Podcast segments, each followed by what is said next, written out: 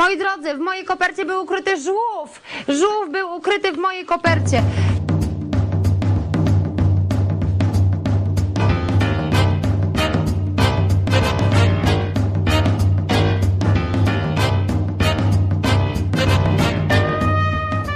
Dobra, e, był Kawalewski, sorry, wyganiałem ekipę z po pokoju nagrań, także Właśnie się skończył kawalerski. Tak. Muzyka muzykanty. Najebany na podłodze. taką, taką miotełką ich tam. A. Muzykanty przyszły we wtorek już grać. Jak, jak Wziął, ta, wzi wziął taką wielką miotłę tylko i takich zmiótł z tego mieszkania. Nie było, nie Tak. było więcej co sprzątać. Do takiej, do takiej równie wielkiej tej. Kurwa, jak to się nazywa? Jest zmiotka? Szufelki. Nie, to zmiotka, zmiotka to jest I szufelka. Szufelka. Szufelka, o właśnie. Do takiej wielkiej szufelki też, tak. Widzisz, jakbyś Potem tak sprzątał, przez, to byś przez wiedział. balkon tak tylko o ten. Łokieć mnie boli. Dobry wieczór Polsko. Witamy w trójkaście numer 27. Za mikrofonami energiczny Konrad Noga Cześć. i jeszcze bardziej energiczny Kuba Smolak Siemanko, witajcie w moim podcaście. I również energiczny Szymon Baliński Dzień dobry! i najmniej energiczny Kacper Cembrowski. Dzień dobry. Cześć. Kacper. Dzień dobry. Dzisiaj jest śniadaniowe wydanie trójkastu, ponieważ jest 7.29. Ja nie wiem, co się wydarzyło, że, że, że tak się wydarzyło, ale jest masakra. Mm. Ale jak to śniadaniowe bez Doroty Wellman? Musimy zaprosić na następny odcinek. Dorota Jeszcze jeszcze Prokopa. prowadzi te? Nie wiem, no kiedyś, Oczywiście. kiedyś prowadziła. Wiem tylko, że Filip Dorota Heiser. Werman jest. Filipa Heisera bym nie chciał zaprosić. To jest ten dziwny etap, kiedy myślisz, że jesteś za dobry na prowadzenie programu śniadaniowego, ale tak naprawdę bez niego jesteś nikim. Teraz mówisz o Filipie Heiserze czy o Dorocie Wellman? Czy... Czy on, O obydwóch. czy o mnie? Okej. A, Tak. Cóż, dobrze. Jako, jako, że to jest odcinek śniadaniowy, to chciałbym zaznaczyć, że mamy tutaj również mm, bardzo specyficzne tematy dzisiaj. E, będzie kącik kulinarny oczywiście. E, Kuba będzie gotował, e, pokazywał chińskie przepisy. Natomiast no, potem porozmawiamy sobie o wpływie mm, TikToka na młodzież oczywiście. Jeju, w ogóle ostatnio, tydzień temu jadłem tak dobrego kurczaka i teraz nie wiem jak to się mówi, pewnie to skaleczę. Gong Bao. Jadłem, Mm, Jezu, w jednej takiej restauracji w Gdańsku nazywa się Chiński Wiatr, ale to było dobre. Like ale to zwykle, co, to taki, mo- moje, robi- moje taki robienie... z orzeszkami? Tak, Czekaj, mówisz chiński wiatr? Ja mam kurwa anegdotę z tym związaną. Oho. proszę. Proszę. Jakiś czas temu wejdę w telefon i wam powiem, bo to było interesujące. Dostaję SMS-a. E, muszę to znaleźć. Alert RCB. To twoje dziecko. Ale to taki z orzeszkami i tam z, z marchewką. Dokładnie tak, dokładnie No. tak. To Bardzo typowe- dobry, typowe słodki, chińskie. ale lekko pikantny, ale nie za ostry. To jest idealne połączenie. O, mam. Od jakiegoś Deligo, Deligu, chuj wie. I właśnie dostaję 7 czerwca o 16.34. Twoje zamówienie od chiński wiatr wyjechało. Numer telefonu kuriera, coś tam. Szczegóły, stronka. No Tak patrzę sobie, myślę, nie, nie wiem co to jest Deligo, więc sobie googluję, jakaś firma kurierska. Myślę, okej, chyba wygląda na legit, nie? E, nie wiem, co to jest chiński wiatr za to, chociaż teraz to żałuję, że nie wiem. Natomiast patrzę na ten link na niezabezpieczony. W myślę, no to taki chuj jak słonia nos, nie? Nie wchodzę. Myślałem, że po prostu się ktoś wycwanił i tyle. No i dzwoni do mnie za tak 20 minut właśnie ten numer kuriera odbieram i to faktycznie był kurier i mówi, że dzień dobry, ja tu stoję pod blokiem, tylko nie mam numeru mieszkania, jakby mógł mi pan podać. Ja tak łelpię, a skąd pan dzwoni?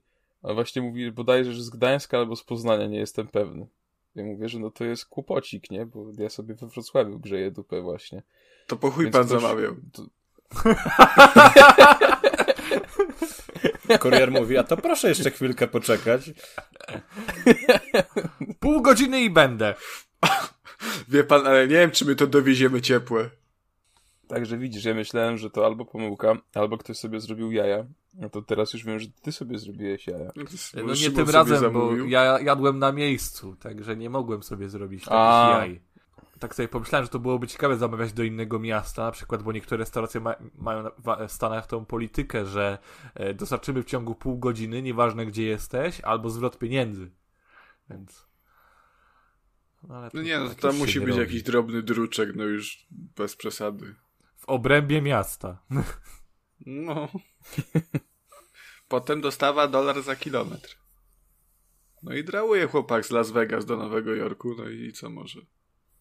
Rowerem. Liczy na tą wielką wypłatę. Dobrze, panowie, walę w kulę. Właściwie powiedzieć, że teraz niech ten chiński wiatr nam przyniesie temat z kuli. Nice. nice, wiemy. Dobra. I dzisiaj porozmawiamy, moi mili, dzisiaj porozmawiamy o. Eee, Pecety czy konsole? Ostateczne rozwiązanie kwestii. Jeśli dobrze pamiętam, to ten temat był podesłany z zewnątrz i było tam jeszcze. Tam jakieś chyba były słowa niecenzuralne, żebyśmy się rozszarpali em, o to, żeby rozstrzygnąć ten spór. Także, no, zaczynajcie, szarpcie się.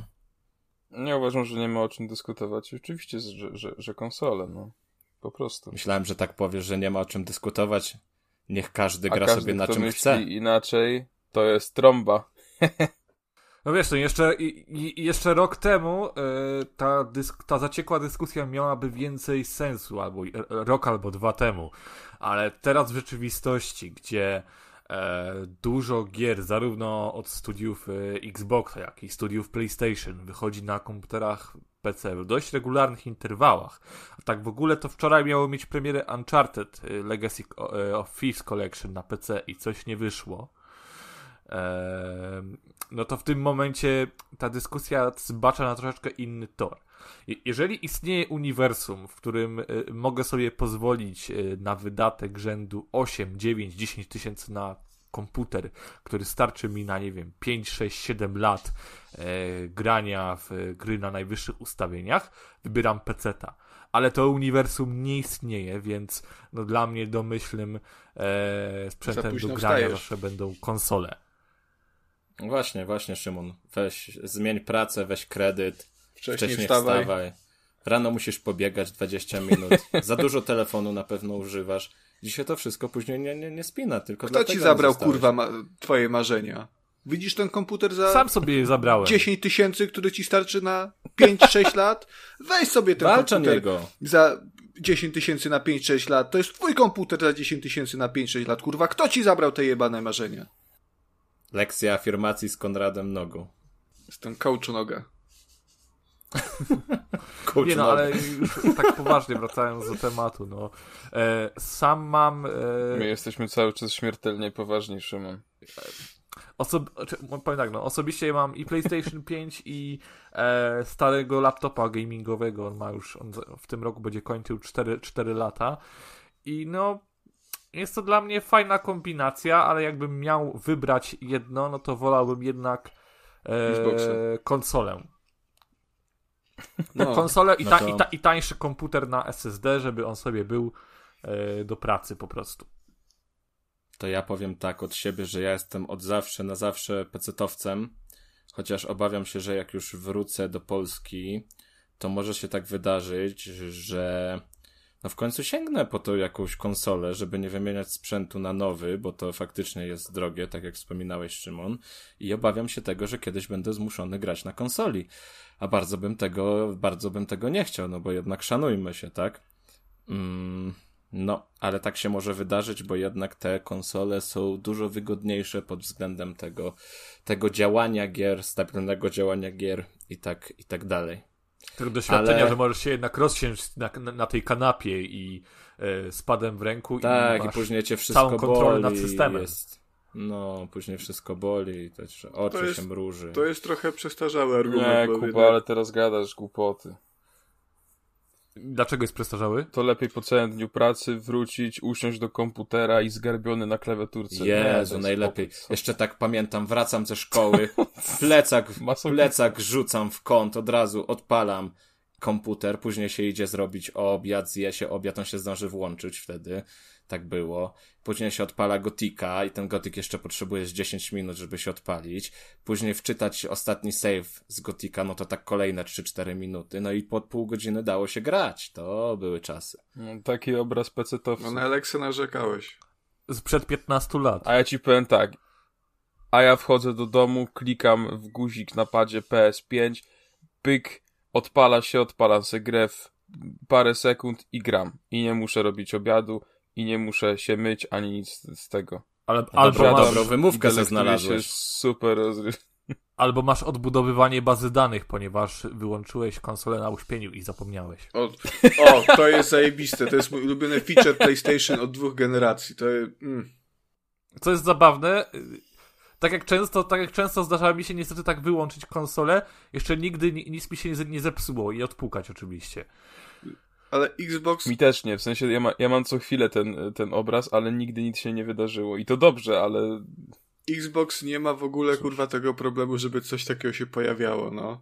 Nawet jak odłączysz od prądu, to przy następnym włączeniu po prostu się uruchamia chwilę, do, chwilę dłużej, bo to jest ten pełen, pełen boot, nie? Eee, a Sony nie. Sony od dwóch generacji, czerwona, ta pomarańczowa dioda, która pizga jak cholera przez, przez całą noc. I no, no tu nie można wyłączać. Tak, no jest. Jeszcze pada trzeba drugi raz włączać przecież przy tym odbudowywaniu. oj tak, oj tak. Super konsola. Dlatego ja uważam, Nie no, w sumie że to ta, jest spoko, ta że dyskusja, przypomina ci, żebyś tak nie robił, bo to tak trzeba też dobrze sprzęt traktować. Jakby wiesz, to, to tylko pokazuje, jak Sony myśli o, o swoich użytkownikach, że trzeba im takie rzeczy przypominać. No ale to Sony w podejściu do klientów. No teraz się czepiam, ja wiem. E, śmieszki sobie urządzam, ale e, wracając do tematu, ja bym chciał tylko powiedzieć, że no oczywiście, że konsola, ponieważ e, jedyną konsolą, prawdziwą konsolą dostępną na rynku obecnie jest Xbox. Nintendo Em, Switch. No nie no, Nintendo Switch to jest zabawka dla dzieci, e, PC to wiadomo to jest, no raz, że nie konsola w ogóle, dwa, że to jest no urządzenie do pracy, natomiast również obecne na rynku Gówno. PlayStation 5 e, to jest to gówno też, e, natomiast e, to jest taka bardzo droga seks zabawka e, dla osób lubiących być dominowanymi. O. Rozwin. Mówisz o PlayStation 5, tak? Tak. No bo tyle, ile, ile Sony pompuje tych graczy, to ała. Znaczy mi się też wydaje, że ja po prostu w te gry, co gram, to mam ich więcej na, na, na PC-cie, na No, ale Steamie. to, bo, czy bo to nie wynika po prostu z indyczków. tego, że masz, że masz peceta? Tylko i jakby poza Switchem, który... No, ale ja sobie Mówmy lubię te, te różne RTS-y sobie grać, także to też jest dużo wygodniejsze na, na No, PC-cie. pewnie. taki, taki gatunek. Mm, Znaczy u mnie No, tutaj, surówki. u mnie tutaj prostu- dwie, y, dwie, jakby dwa czynniki się tutaj splatają ze sobą. Po pierwsze mam bardzo bogatą bibliotekę zbudowaną e, na PlayStation e, od czasów PS3 i PS4, więc y, wchodząc tam do biblioteki na PS5 już mam tam ponad 300 pozycji, mam takiego już Zwłaszcza Prywatnego- PS3, nie? prywatnego. Znaczy, no nie, nie, nie z PS3, ale w sensie no z, z, z PS3 to jest jeszcze więcej, nie? Ale z samego PS4 i PS5 widzę w bibliotece tam, wiesz, 300 pozycji. To jest taki już prywatny Game Pass, nie? Ty w to wliczasz te PS Plusy? Tak, tak, w, w, wliczam te plusy mimo wszystko, No. bo jeszcze. Epic, Epic tygodniowo daje 300 gier na PC-cie. To jest... Nie ma tu co porównywać. No tak, ale tylko chciałem powiedzieć, że to jest ta kombinacja, że raz, że mam tą już bogatą bibliotekę zbudowaną z wcz- wcześniejszych lat, plus, no, gdyby nie praca, to nie grałbym na PS5. Gdyby nie, gdyby, gdyby nie praca, to naj, najpewniej bym e, już myślał o Xboxie, bo jednak, no, trochę, trochę, tr- trochę tych gier do pracy dostajemy, nie? I jakbym miał wydać 300 za każdą takie Gran Turismo e, 7, no to nie. Sorry. No PS5 to jest droga fanaberia, no wiadomo, no Xbox lepszy, no co, co ja mogę. Ale tam słyszałem, panie Konradzie, że chciałeś się pan pochwalić, ile gier jest w bibliotece. Tak, tak 300 nie zrobiło na tobie wrażenia. To, Czy nie, bo to ile chodzi, tam się... u o... pana Dwa kisi. tysiące! Gdzie, ale u kogo? U No ciebie. pana. Ale gdzie? W bibliotece. Na PlayStation? No. Z 30? Znaczy nie wiem, no, mi chodziło bardziej o to, że yy, no nie wiem, no ja bym, ja bym tych gier z PS Plusa nie wliczał do biblioteki swoich gier, bo to nie są moje gry, no cały czas, czas muszę je opłacać. Ale nawet jak, ja- nawet jak je odejmę, to się robi z 200 coś. No pe- to pewnie tak, nie? No jakby jesteś PlayStationowcem od, od bardzo dawna, więc no, no naturalne i to jest jakby no, świetny argument, nie? E, no jakby to okej. Chociaż z drugiej Ja strony przeskok do Xboxa byłby prosty, bo mam Game Passa, nie? I, i A to jest też ciekawa też z potężną właśnie, że- biblioteką. No, tak, tak, tak, tak. Ja osobiście chyba nie mam jakichś preferencji, jeżeli chodzi o granie na konsoli a PC-cie. E, znaczy Wybieram w sumie raczej, raczej konsolę, jeżeli mogę, ze, tylko z tego względu, że mam ją podpiętą do dużego telewizora, plus e, no wygoda użytkowania jednak, nie, nie muszę się martwić, czy czasami mm, mój komputer się, e, znaczy sprzęt, czy się troszkę nie obniżył, jeżeli chodzi o, o, o, swoje mm, zasoby mocy, Mm, tylko wkładam płytkę, tam mi się już, no już nie, nie jest to mityczne, wkładam płytkę, gram, tylko wkładam płytkę, jest aktualizacja i dopiero wtedy może gram.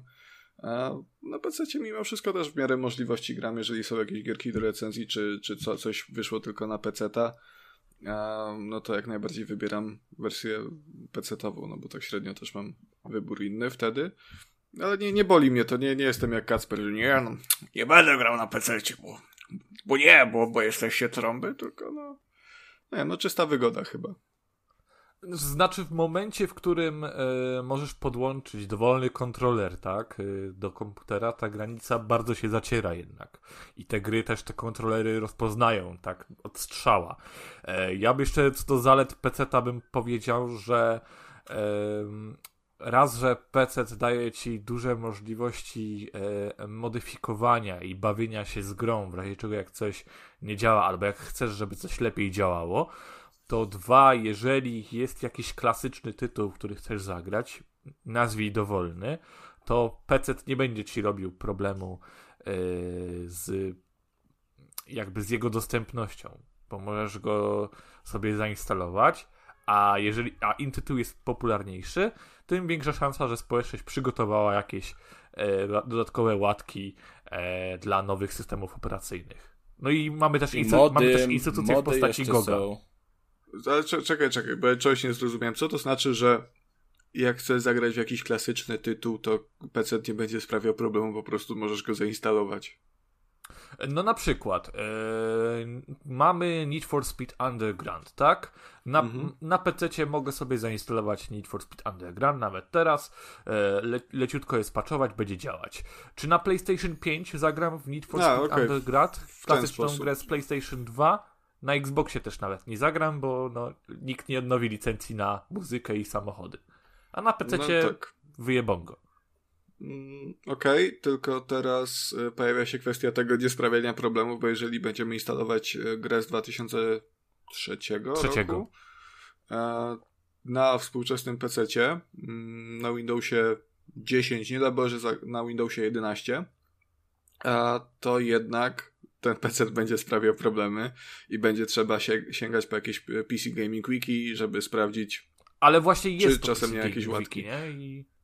No dobra, tylko wiesz, jakby y, jeżeli ja posiadam, nie wiem, PS2, e, bo to mówię z, czysto ze swojej perspektywy, jasne, jak, jeżeli, jeżeli myślimy o gościu, który ma tylko PC i PS5, e, no to jasne, na PS5 nie zagra, nie? Ale jeżeli mam jeszcze to PS2, które, w które w tego Undergrounda grałem lata temu, e, na którym w tego Undergrounda grałem lata temu, no to też wrzucę płytkę i ta konsola pomimo 22 lat na karku będzie tego Undergrounda odczytywała, o ile płyta daje radę. E, Oczywiście. Ale to wiesz, natomiast- Konrad, to można tak samo mówić, że mam starego peceta w domu i podłączę Mhm. sobie tylko tego starego peceta z, z Windowsem XP i odpalę i będzie, i będzie śmigało. No. No, no tak. No To, to No troszkę... ja mam na przykład stare konsole, ale nigdy w życiu ich nie podłączyłem, szczerze mówiąc. W sensie, znaczy no bardzo gościnnie, ale jak chcę w coś zagrać, to raczej szukam możliwości wygodnej i na nowym sprzęcie. E, I nawet obawiam się, że właściwie tak jak ostatnio podłączałem Wii, to musiałem robić mnóstwo fikołków, żeby to zadziałało na normalnym telewizorze. E, I myślę, że to nie jest gra warta świeczki, bo, bo Ale jakich fikołków? tutaj no na przykład muszę mieć specjalny adapter z Cincze na e, HDMI, który musi być zasilany cały czas, więc muszę mieć mm, zasilacz, no, zasilacz obok.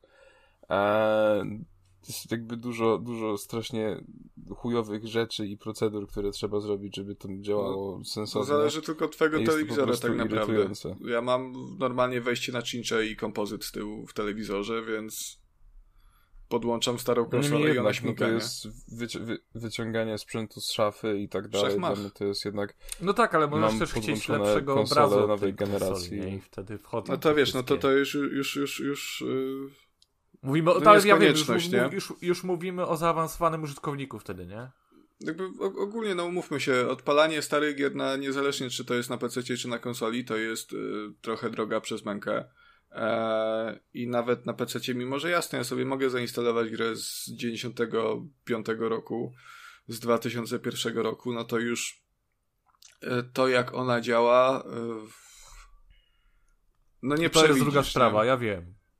A czasami w ogóle nie będzie działać, mimo że instalujesz wszystkie patche i mimo że e, wszystkie tryby zgodności odpala, odpalasz, no to no ona nie zadziała, nie? I na przykład No grałem... to tak samo mnie zawsze irytuje, jak y, ludzie y, nie korzystając z Goga y, ślepo zachwalają tą kompatybilność starych gier, bo pamiętam jak na, jak na Gogu wyszedł notabene stary kangurek KO. I co się okazało? Oczywiście, że wersja, która była instalowana z Goga, e, ja już miałem taki domowy sposób patchowania tego starego kangurka. E, jest taki program po prostu DX Voodoo i tam jakby e, oszukujesz, oszukujesz, że masz inną kartę graficzną. To jest taki ra, ra, raper, nie? I już miałem, i byłem ciekawy, czy ta wersja z Goga za- zadziała bez tego triku, nie? Oczywiście, że nie. Oczywiście, że ona nie zadziałała, bo to nie, bo to nikt przy tym nic nie grzebał, nie? Tak jak mówi się, że GOG e, dużo przy tych swoich starych grach poprawia, tak, ale przy wybranych, nie przy wszystkich. E, no i też musiałem, pamiętam, tam puścić na, for, e, na, forum, e, przy, na forum tej gry e, ten pliczek, który ja używam, żeby, lud, żeby tak chciałem ludziom pomóc. I A, teraz pirat. Słucham? Czyli pirat. No nie pirat. No, Nie, no pewnie, nie. ale mogę jasne, ci pokazać pudełko z ś- światem przygód kangur kakao. Nie chcę, żebyś mi nic pokazywał. Mi możesz, mi możesz, pokaż mi. Przyjedziesz do Polski, porozmawiamy inaczej. Ja ostatnio grałem w Quest for Glory. E, To jest przygodówka Sierry z 92. No i tam w ogóle ciekawa rzecz, bo ona jakby wersja z Goga działa super, nie? E, Natomiast okazuje się, że tam prędkość animacji jest dostosowana chyba do e, mocy obliczeniowej komputera i z jakiegoś powodu w ostatniej cutscence e, gra zmniejsza prędkość gry E, I przez to, że teraz te komputery są dużo, dużo szybsze niż wtedy, e, to ta gra w ogóle praktycznie stoi w miejscu wtedy. I no, trzeba się nakombinować, żeby ją, żeby ją w ogóle ukończyć i zobaczyć to całe zakończenie, bo inaczej będziesz stał i patrzył w statyczny ekran, nie? Także no to no, nie jest to idealne, nie? Także jeżeli, no, to ale takie tak, rzeczy powinny być testowane, nie? Przy tych starych wydaniach, że to powinno być e, plug and play, nie? A, tak po prostu, że, że odpalasz i nie masz z tym żadnych problemów, a u Goga jest z tym różnie. Zależy od wydania. No dobrą sprawę, wiesz, no jeszcze nie miałem chyba sytuacji, kiedy bym coś pobrał z Goga i by mi to nie działało, nie? No to jest raczej taki wyjątek od reguły. E, Raczej te wersje z Goga naprawdę bardzo dobrze działają i nie ma z nich jakichś większych problemów. Mm, Chyba Steam ma pod tym, pod tym kątem większe, większe Steam problemy. jest jeszcze gorszy, to chodzi- prawda. No, także jeżeli chodzi o, o Legacy i, i tak tą prezerwację gier, no to, P, no to PC jasne, nie, no to się nie ma co kłócić, no, no bije, bije konsolę na głowę, e, zwłaszcza PlayStation, e, ale no, ale to no, no nie wiem, no, ka każdy se musi, musi se wybrać, co se woli, no, ja ja se nie staram się nie wybierać, wolę grać tu i tu i, i nie dyskryminować. A jeszcze chciałem powiedzieć, bo wcześniej mi tutaj przerwano śmieszkami. E, pyta, pytałeś się, co, co tam, dlaczego to jest przestarzały argument o tym, że, że na konsoli można sobie elegancko na, na kanapie pograć z padem w ręku, a nie garbić się przy, na taborecie przy biurku.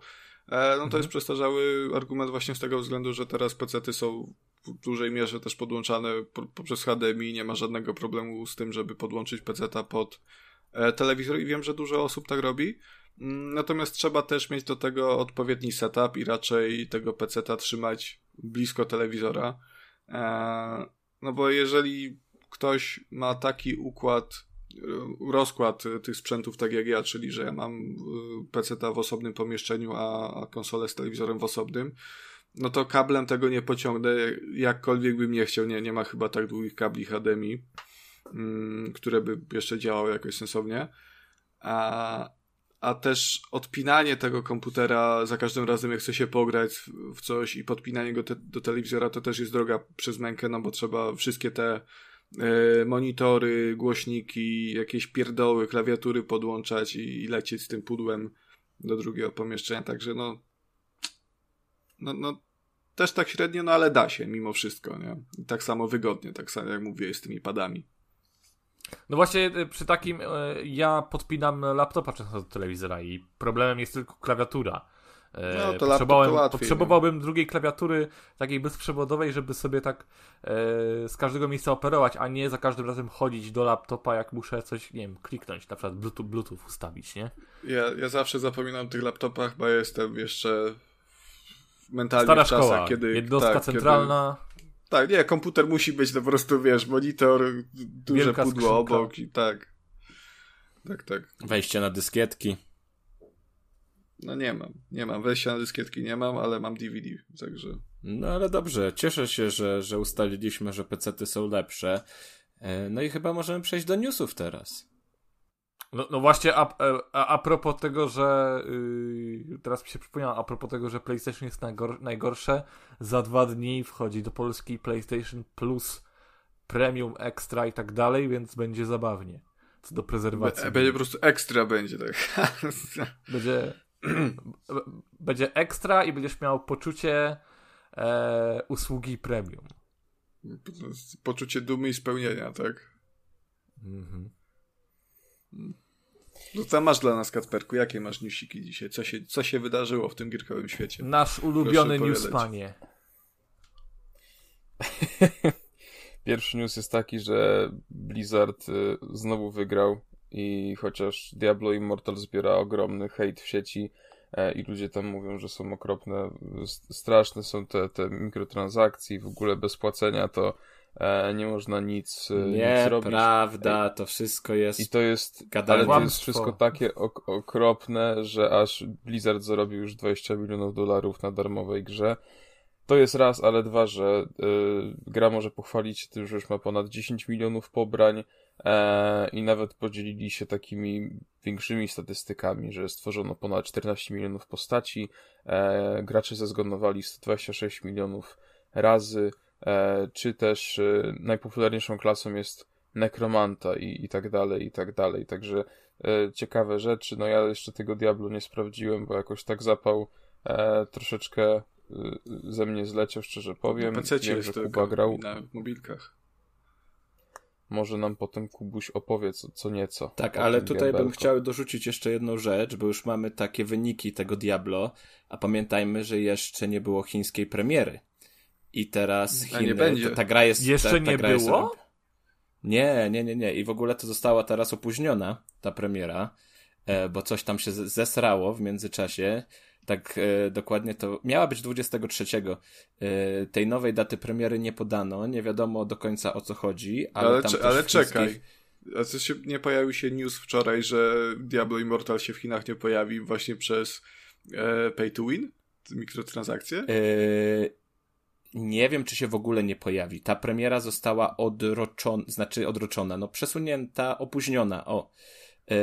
Ale nie podano powodu dlaczego i to mogło być te mikro, mikrotransakcje, że one będą musiały być, no wiesz, no Blizzard prędzej czy później zrobi tak, żeby było dobrze i żeby chiński rząd to zaakceptował, no bo po prostu y, zrobią tak, jak tam y, będą w Pekinie kazali. Mm, ale właśnie powodem mogą być te takie nachalne mikrotransakcje, które gdzieś tam mogą o jakiejś ten hazard i tak dalej być posądzane, ale też coś widziałem, że jakieś było znowu nawiązanie do tego Kubusia Puchatka gdzieś tam chyba w jednym momencie i że to też e, mogło w jakiś sposób To trzeba wyciąć.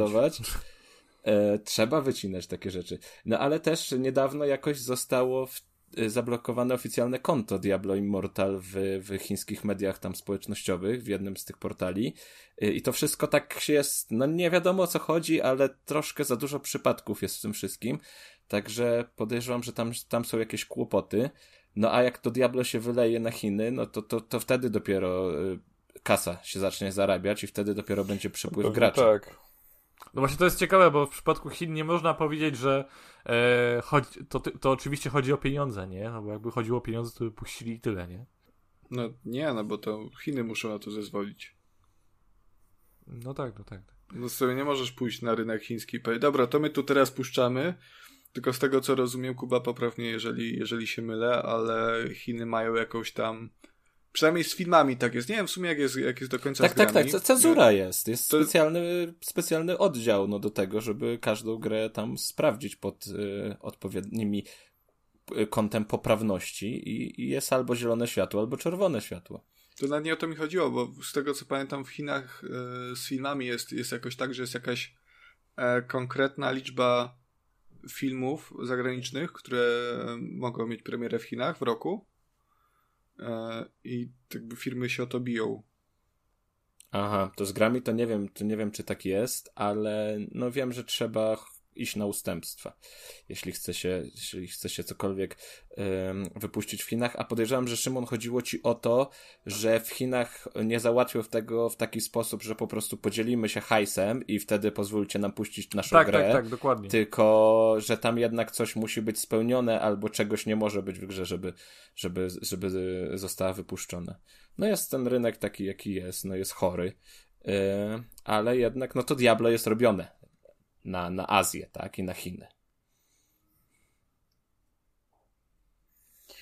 E, no, ale kiedy właśnie Blizzard triumfuje, sukces Diablo Immortal i czeka na wprowadzenie tego na chiński rynek, e, to w tym czasie też uśmiercił Tony Hawk Pro Skater 3 plus 4. E, doskonale.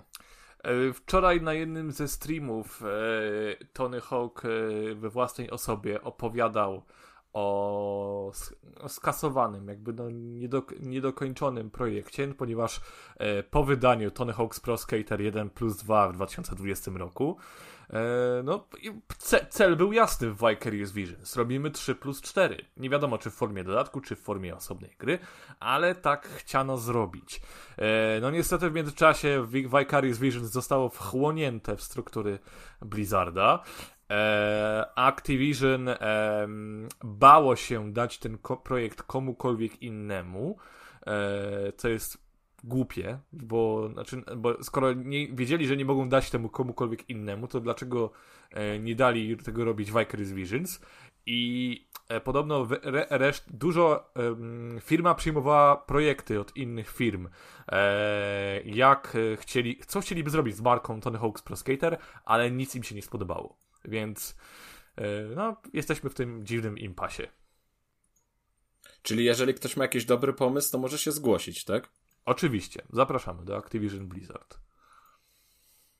No to tam teraz Microsoft przyjmuje, to on tam dobrze zrobi. Ich poustawia.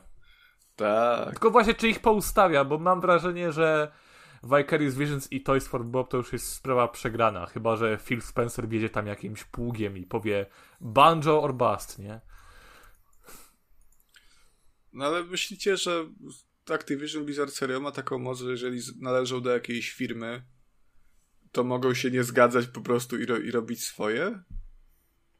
No, ale jeżeli logistycznie już te studia zostały rozmontowane, to ciężko będzie te ekipy złożyć na nowo. No to pod tym względem pewnie tak, to, to faktycznie. Bo wiesz, ten, ta maszyna, ta, ta naoliwiona maszyna, która działała w latach tam 2017-2020, to była bardzo fajna kooperacja właśnie Vicarious Visions, Toys for Bob i Binoxa, ale podejrzewam, że dużo z tych ludzi już nie ma, nie ma w tej firmie. I to, I to będzie największy problem, jeżeli będziemy chcieli wrócić do pomysłów tych fajnych remake'ów. Przecież duża szansa, teraz- że i tak by tych ludzi w dużej mierze nie było, nie? No bo jednak game dev działa w specyficzny sposób i tam jest chyba duży przemiał osób. E, przynajmniej No tych tak, takich... ale dobra firma, mając taki długodystansowy plan, zrobiłaby wszystko, żeby utrzymać ich przy sobie. A tutaj no, nie było takiej inicjatywy, jak skoro sam Tony Hawk nie może nic skórać. A co Tony Hawk może, no, to jest No, bizarne. on, on świeci nazwiskiem, licencją. Ech, No ale co w skóra, no co przyjdzie? No słuchajcie, bo ja tu nazwisko daję, no róbcie tą gierkę, no. Weźcie, zróbcie. Chłopaki. Weźcie, zróbcie gierkę. Widzieliście, jakie, jakie 720 p- ten zrobiłem stopni, kurde? Zróbcie, no. Mam Też takie 50 zróbcie lat, spina. jeszcze mogę. Ja nie wiem, czy on jeszcze może. Coś tam jeszcze może. On ma ile? On ma z 5 dych ponad, nie? To się No. trzeba żony zapytać. Jezu, ja mam 21 prawie i ostatnio mnie tak krzyż już nie może. że Wstać nie mogę. To ja już nie mogę. A on ma 5 dych i kickflipy na pieprze, to jestem pod wrażeniem. Natomiast jeśli jesteśmy już w temacie świetnych remake'ów, to, to The Last of Us remake został oficjalnie potwierdzony i ma wygląda fajnie. The Last of Us Part 1. E, tak, wygląda doskonale. No, zdecydowanie widać, że poprawiono grafikę. E, jest to oczywiście. No, zależy gdzie, no na- jest na brzydka, nie? I, mm, w gra wyjdzie już 2 e, września tego roku, więc bardzo, bardzo szybko. E, I szczerze powiem, że po tym jak e, kupiłem grę na PS3 i potem kupując e, PS4 miałem remaster w zestawie, nie mogę doczekać się, żeby wydać 339 zł na edycję standardową, która zawiera dokładnie to samo co remaster, czyli podstawkę plus e, dodatek Left Behind, który jest bardzo dobry swoją drogą. Ja tutaj ni- niczego mu nie ujmuję, bo to jest jedno z, z lepszych DLC, w jakie grałem. ale to ja mam dla ciebie E, rozwiązanie. natomiast y, Kup sobie tą wersję za Tak? 449 zł i będziesz miał więcej niż wcześniej. 389. Właśnie miałem powiedzieć, 8 że- skórek na bronie. Najlepszą rzeczą, jaka Kolorki. jest dla mnie, to jest to, że istnieje cyfrowa edycja Deluxe, która jest 50 zł droższa, kosztuje 389 zł i poza oczywistą jakby e, fabułą jedynki plus dodatkiem Left Behind jest, e, czytam z PlayStation Store, dwa ulepszenia perków, szybszy dostęp. Ulepszenie pistoletu slash karabinu, szybszy dostęp. Wybuchowe strzały, szybszy dostęp. Filtr Dieter Punk, szybszy dostęp. Tryb speedrunnerski, szybszy dostęp. I sześć skórek broni, szybszy dostęp. Potraktuj E, to jako czekaj. napiwek dla studia. Jakie Czyli- frykasy. Czyli to nie jest nawet tak, że dostajesz y, ekskluzywne skórki, tylko dostajesz szyb- je szybciej szybciej, dostęp, tak? kurwa, do nich. Zajebisty deal, Tak. 10 na 10. Nie no, E, doskonałe, jak kupisz wersję 5 dych taniej, to możesz sobie dać różowy karabin 7 dni później. nie no, nie wiem, czy tak jest. Jakby chodzi mi o, cały absurd w ogóle tej sytuacji i wydaje mi się szczerze, że e, okej, jakby faktycznie ten remake jest ładny, natomiast patrząc na, na to, jak wygląda remaster, e, nadal uważam, że to jest bardzo zbędna rzecz i tym bardziej jestem wściekły, kiedy e, były te plotki. E, oczywiście tego nikt Sony oficjalnie nie potwierdził, natomiast, że The Last of Us e, 1 remake e, powstało kosztem e, Days Gone'a dwójki. Jest to dla mnie decyzja totalnie po prostu niezrozumiała e, i jest to dla mnie już takie odcinanie kuponów wręcz do przesady. Jeśli e, tutaj chłopaki w podcaście mówili, że remake Dead Space jest bez sensu, to dla mnie jakby The Last of Us pokazuje, że jak, to jest jakby książkowy przykład, jakich remake'ów my nie chcemy, Tak. bo to jest po prostu totalnie zbędne i pomijając już fakt jakby tego, że e, Band Studio e, zostało bardzo poszkodowane w ogóle i, i źle potraktowane, e, to ja ogólnie uważam, że po prostu szkoda czasu tych utalentowanych ludzi z Naughty Dog na to, żeby robić znowu tę samą grę. I chociaż The Last of Us jest świetne, to uważam, że oryginalna gra, która nie wyszła wcale tak dawno temu, daje na tyle dobry experience, że taki remake jest po prostu bezsensowny. Z drugiej strony też już to śmiesznie wygląda, że w przeciągu niespełna dekady dostaliśmy e, podstawkę, dostaliśmy remaster i dostaliśmy remake. No dla mnie to jest po prostu bzdura i jest to coś niezrozumiałego. I tak jak się wszyscy śmieją z GTA, że ha, ha, ha jest na PS3, PS4 i PS5, to The Last of Us w tym momencie jest takim samym powodem do, do, do śmiania się, a nawet i większym, bo przynajmniej GTA 5 z PS4 do, do PS5 ma, e, jeśli się nie mylę, darmowy upgrade. Nie, Także, nie. y, Ten upgrade nie, Nie jest ma. darmowy. No ale- W promocyjnym okresie możesz go zakupić za 40 zł, ale to wszystko. Już, już chyba nie możesz. Się skończył chyba ten. Już się Nie- Nie skończył, wiem, no, czy dzisiaj no to- nie nawet. No, także to teraz chyba też ponad 300 kosztuje ten e, remaster, remastera. a, to w ta, a to w takim razie Rockstar sobie może przybić piątkę z, z Sony. Mm, Nie, Nie, no ja czy, mówię, tylko poprawię, ja nie jestem- 300, tylko 180 albo 160, coś takiego. A, no to, to lepiej. To, to lepiej. E, tylko Mimo wszystko, no ja jestem ogromnym sceptykiem takich e, zabiegów i ja naprawdę przede wszystkim uważam, że po prostu szkoda czasu e, tych deweloperów na, na, na robienie czegoś takiego. W sensie ja kumam, że to z pewnością jest rentowne, że to się na pewno opłaca. A natomiast z perspektywy jakby po prostu gracza, który by chciał now, nowych doznań, no to mm, tym bardziej, że jeszcze GTA to jest trochę może inna para kaloszy, natomiast The Last of Us i ogólnie gry Naughty Dog to są gry typowo jakby pod experience. To są gry, które jakby zawsze e, niosą ze sobą taki spory bagaż emocjonalny i dużo jakby, no, grając w nie przeżywa się mm, to wszystko na swój sposób. No tutaj po prostu robienie tego samego po raz trzeci dla mnie się po prostu nie godzi, ja jestem oburzony e, i, i cóż. No tylko niestety ten remake nie jest dla nas. Ten remake jest e, dla osób, które obejrzą serial HBO i będą chciały zagrać.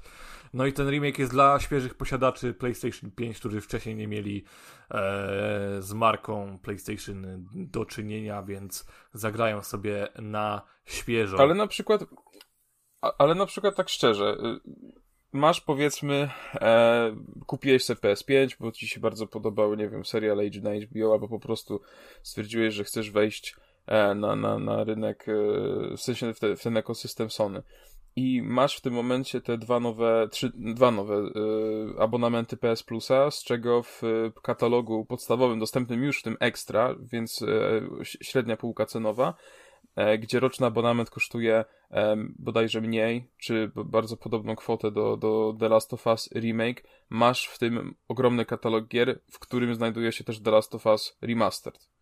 No to Mm. dla mnie y, jakby no-brainer brać abonament i poza The Last of Us Remastered, które nadal jest ładne i fajne, tylko nie będzie twardych triggerów i super wibracji, e, masz po prostu dodatkowo, nie wiem, jeszcze do ogrania Returnal, e, whatever, no Valhalla, tak, nie wiem, ale Red Dead nie Redemption nie 2, jest no jest wykluczone, tych że ten remake nie zadebiutuje w tej usłudze. Remake nie, ale e, znaczy nie wiadomo może za x lat, natomiast no masz w tej chwili remaster i to jest jakby nadal ta sama gra, to samo doznanie. Mówię, może gorsza delikatnie grafika, e, brak wsparcia dla tych funkcji PS5, ale nadal to jest ta sama dobra gra, więc jakby nie wiem, no z mojej perspektywy to... Znaczy masz rację, to na pewno zadziała, nie? Ten serial na pewno to nabustuje i to na pewno się dobrze sprzeda, natomiast Ale nawet fani The Last of Us osobiście- kupią. Ten fandom jest. e, Ten fandom e, lubi, lubi nienawidzić, a jeszcze bardziej lubi wydawać pieniądze na Naughty Dog, więc e, zobacz, była ta edycja No jest- kolekcjonerska ale- z, ze Steelbookiem, ona się wyprzedała w, trymi, w Trymiga. No i pamiętajmy o tym, że to też chyba będzie na PC-tach ten remake, prawda? Będzie na PC. Ma być, ale on nie będzie już teraz. Będzie opóźniony. W sensie ma być później podobna sytuacja do tej właśnie kolekcji Uncharted, co mówił Szymon wcześniej. No to tu mamy Tylko, kolejne, jakby- jakby... kolejne całe, podejrzewam, że kilka milionów potencjalnych klientów. Znaczy okej, no to jest na pewno faktycznie, w sensie pod względem wydania na PC to jest spoko ruch, bo na pewno rynek PC, PC-towy się ucieszy. Zresztą słusznie, bo to jest naprawdę fenomenalna gra. Sony Eee, niszczy markę i Sony no. niszczy ekskluzywność. Znaczy nie, no... Niszczy znaczy, ekskluzywność. Sony, Sony to- nie ma gier, so, PlayStation już nie ma. Znaczy no. czy The Last of Us jest już trochę zamkniętą marką, więc e, no tam, więc to będą ją Widać e, po tym remake'u, doić. Szymon, no. Ale wie, właśnie chodzi Zara o to, że... będzie czy, Zara będzie czy, wspomnisz moje słowa, będzie czy. Na pewno będzie trójka. 2020, dwa- 2029, here we go. Nie no, To proszę się, proszę się ogólnie ja jestem bardzo, bardzo, bardzo rozdarty lubię tutaj, bo tak jak Kacper, y, uważam, że jest to marnowanie czasu i deweloperów, którzy mogliby się zająć y, bardziej owocnymi, świeżymi projektami. No już tutaj nie chcę wnikać, czy to poszło kosztem Days Gone 2, czy nie. E, no Days Gone było su- Znaczy, i, jeśli, jeśli nie, to i tak jest chujowo, a jeśli tak, to jest jeszcze gorzej.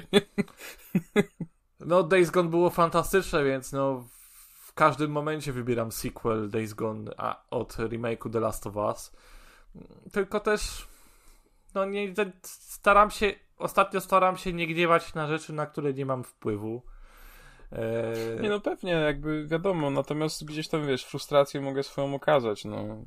Nie, oczywiście nic to nie da, ale, ale tak czy siak, no. Mnie gdzieś tam ten, ja, ja mimo tego, niby człowiek wiedział, a jednak się łudził, nie? Ja cały czas miałem nadzieję, że to jest jednak nieprawda, że ten remake nie powstanie i że, że... No ale jednak, no niestety, cóż. Ja się dziwię, że ten remake już we wrześniu będzie, bo spodziewałem się go na gwiazdkę bardziej. A kiedy ten serial od, od HBO wychodzi? Coming soon. A, okej.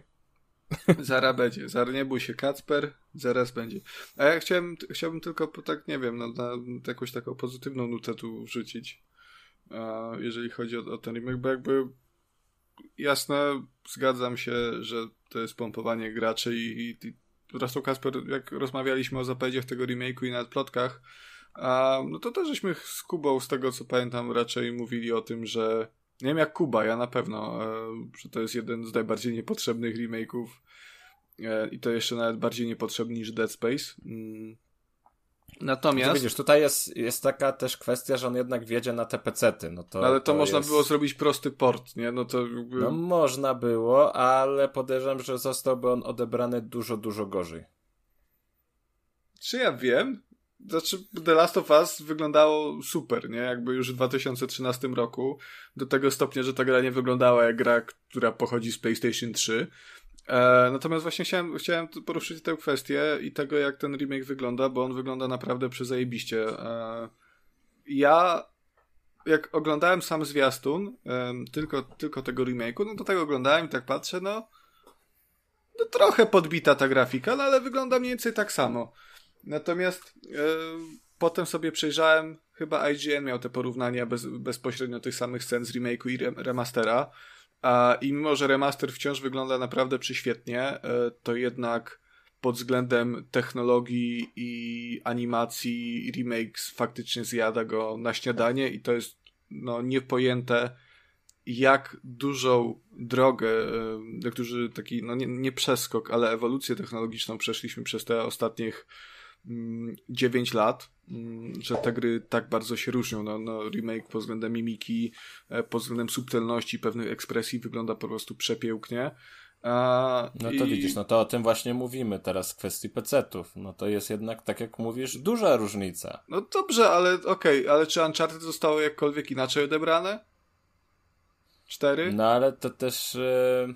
Ale Może... Uncharted 4 wy wygląda też lepiej niż The Last of Us z PS3. I musisz też pamiętać, że e, The Last of Us na PS3 było pisane też nie, nie na żadnym Unrealu czy na Unity, tylko na customowym silniku Naughty Dog. Więc podejrzewam, że ta konwersja byłaby też droższa niż zrobienie takiego remake'u na wszystkie platformy od nowa. Zwłaszcza, no że dobra, oni mają to... już gotowe, gotowe to... asety z The Last of Us Part 2 że tam dużo, dużo jest recyklingu jednak. Bo te niektóre sceny były przecież powtarzane w The Last of Us Part 2. No Więc tak, tak. Ale wiesz, jak cię Szymon dojebał? Ha, ha, ha, ha, ha cwaniaczku. Okej, okay, e, czy, czy Horizon Zero Dawn, które ma mi, mimikę e, drewna, było gorzej od, odebrane po wypuszczeniu na pecety? No nie, ale ono zostało no. wydane, wiesz, jako praktycznie nat natywne wydanie z PS4, nie? No to no właśnie, o tym mówię. No, no to mniejsza różnica lat jest jednak. No tylko okej, okay, tylko że The, Last of Us naprawdę wyglądało zajebiście, na, nawet wtedy jak wyszło w 2014 jako re remaster gry z 2013, nie? Eee, wydaje mi się, że to no, ja, jakby, ja, ja, to, ja, tego nie podważam, ono wygląda fantastycznie, nawet ta wersja z PS3, tylko próbuję to jakoś, wiesz, biznesowo usprawiedliwić sobie w głowie. No to biznesowo, no jasno, no, pieniądze, y, asety, dorzucimy coś ekstra i, i spoko, skórki za 50 Skórki zł więcej, szybszy dostęp do skórek. E, natomiast wiesz, no mi chodzi o, o, o, o samą tą jakąś graficzną, że, że to wygląda absolutnie przepięknie i no jest to nie miały. E, natomiast pojawiły się w internecie, to mi się podobało, bo internet się zesrał e, w, na dwa sposoby. Pierwszy to był taki, że z czego się śmiałem na początku, że test wygląda teraz brzydko, bo po prostu wygląda e, starzej. Ona ma jakieś chyba w grze 34 do 44 lat, według tam wyliczeń fanów. No i w oryginale wyglądała zdecydowanie młodziej niż teraz, faktycznie, natomiast no nie wiem, jak dla mnie takie życie, kurwa po- apokalipsie? w trakcie apokalipsy trochę, kurwa, ten stres postarza, nie? Jakby nie Może wiem, czy to ludzie tego nie człowieka. łapią, ale... Ty ale... teraz przed weselem to wiesz jak to jest, tak? To jest... Weź, kurwa, no... Pierwszy taniec, polecam, kurwa, to jest najlepsze. Em, tak, Apokalipsa Zombie jest jak pierwszy taniec na, na weselu. To jest, to jest to porównanie, które e, trzeba zapamiętać.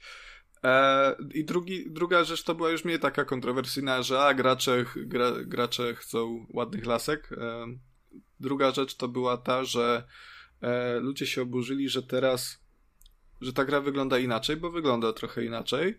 E, I że bohaterowie przez to, że mają e, bardziej wydatną i ekspresywną mimikę, wyglądają w niektórych scenach trochę inaczej. E, i to trochę, trochę tego nie rozumiem, bo jakby styl graficzny nie do końca się zmienił. Ta gra wygląda po prostu bardziej szczegółowo, więc ta, jak już mówiłem, ta mimika jest pełna tych mikroekspresji, które tam gdzieś są i te wszystkie emocje, bo, bo była taka klatka z Eli, która e, trzyma bronię, nie pamiętam, czy tam była uczona przez Joela czegoś, ale, ale trzyma tą broń tak od boku i patrzy e, mniej więcej w kamerę. Widzę tę klatkę chyba. Tak, no i e, jakby kto, zarzucono twórcom grze, że w remake'u e, ta Eli nie wygląda już na taką przestraszoną i tylko wygląda na taką złą, bo ma te, bo ma inaczej e, brwi umieszczone, że one są tak Eee, i wiesz, ja tak kurwa patrzę na to i sobie myślę, Jezus, czy ci ludzie naprawdę nie rozumieją, że ludzka mimika i sposób wyrażania emocji jest dużo bardziej skomplikowany niż po prostu y, angry face one, sad face one. No przecież jakby ta mimika, ona była w pierwszym The Last of Us, oryginale była spoko, nie? Jak na tamte lata. No tak. Natomiast ona dalej była, zwłaszcza z perspektywy 10 lat później, z 2020 roku, ona była bardzo prosta. Te emocje e, były tak troszkę topornie z dzisiejszej perspektywy patrząc przekazywane. Natomiast w The Last of Us i to w The Last of Us remake jako, że tych, tych, tych mięśni na twarzy jest dużo, dużo więcej, te emocje można, wiesz, przekazywać yy, nawet tym, że powieki się inaczej układają, że nie wiem, no usta są troszkę delikatnie bardziej roz, rozchylone, gdzie się pojawia zmarszczka, te brwi, wiesz, to też nie, nie są tak, że ci opadają jak, jak klapki w pinballu, e, tylko troszkę się, bardziej się ruszają, więc chodzi o subtelność, tu- nie? I ta, Ktoś tu ma ewidentnie za, za dużo wolnego czasu to, to jest na takie analizy. No, co, mi się wydaje, że to nie chodzi o, o, o zbyt dużą ilość wolnego czasu, tylko bardziej o to, że ludzie przyzwyczajają się do konkretnego wyglądu gry e, i potem, kiedy wychodzi ten remake, no on zmienia trochę ten wygląd, faktycznie, nie? E, I wiesz, i jako, że, że to, to nie wygląda tak, jak oni to zapamiętali, jak się przyzwyczaili do tego, to przez to przyzwyczajenie automatycznie są oburzeni, że to nie jest ich gra, że i, i krzyczą, że w ogóle tam było, że, że cały. Mm, y, ja- nie jak to wiem. było? Czy, dla mnie to nie ma sensu. Cały nastrój ponieważ... się zmienił. Ale to tak, Konrad, pamiętasz jak z Diablo było, y, tym nowym, odświeżoną dwójką, że tam o Amazonkę coś, Tak, że tak, już tak, tak, nie jest... A to był, gadaliśmy o tym w tym y, odcinku i tam było, że kilka pikseli, tak? I ludziom te kilka pikseli przeszkadzało, bo kiedyś to były piksele, a teraz to jest faktycznie postać, że widać, No tak. że to jest, to jest postać. I jest problem, bo nie wygląda tak samo, bo inaczej, bo zmienili. Wiesz, ja to, ja to na przykład rozumiem, nie? Bo no też wielokrotnie, jeżeli coś tam było zmieniane w jakimś remake'u czy remasterze, to tak byłem taki, no, no nie wiem, nie wiem, no trochę mi się to nie podoba, nie? Ale takie zarzucanie w przypadku The Last of Us akurat zarzucanie, że zmienią kompletnie nastrój scen, bo postać wyraża emocje w dużo bardziej subtelny sposób, to jest dla mnie jakieś takie, no nie wiem, no trochę głupie, no. I... Znaczy dla mnie to upada o tyle, że ta cała stylistyka jest spójna z part 2, więc... No tak, więc jakby... Ale najbardziej mi się podobało to, że akurat yy, ta konkretna... Że wiesz, że ludzie oceniają te rzeczy i to i nastrój scen i tą mimikę kurwa po klatkach zdjęciowych, nie nawet, nie, nawet nie był film, tylko była wrzucona no wiesz, zdjęcie klatki z, z remake'u i z remastera i jedna klatka, wiesz, w ogóle zero ruchu, a to właśnie przez to, że jakby cała siła tej mimiki jest właśnie w tym ruchu, no bo tak każdy może u... Wiesz, no tak mimika nie będzie się pokrywała jeden do jednego, bo inaczej się będą te mięśnie ruszać, bo jest po prostu więcej, nie? Ale nie na podstawie jednego zdjęcia, na podstawie stop klatki. Zmieniony. No ludzie kochani, no, no szanujmy się. Ja wiem, że e, Sony trzeba jebać i to e, miękkim kutasem, bo twardy to jest tylko z miłości. E, natomiast no, akurat po oprawę graficzną The Last of Us Remake bym się nie czepiał. Ta, ta gra ma dużo więcej za uszami, o czym no, mówił Kacper emocjon emocjonująco bardzo. I, Mi teraz i, do głowy i... przyszło coś zupełnie innego. Zauważyliście, że ta gra wychodzi tylko na PlayStation 5, nie? Tak. W sensie, dla, y, y, w którym uniwersum to nie może wyjść na PS4? No, słuchaj, no, no może, no myślę.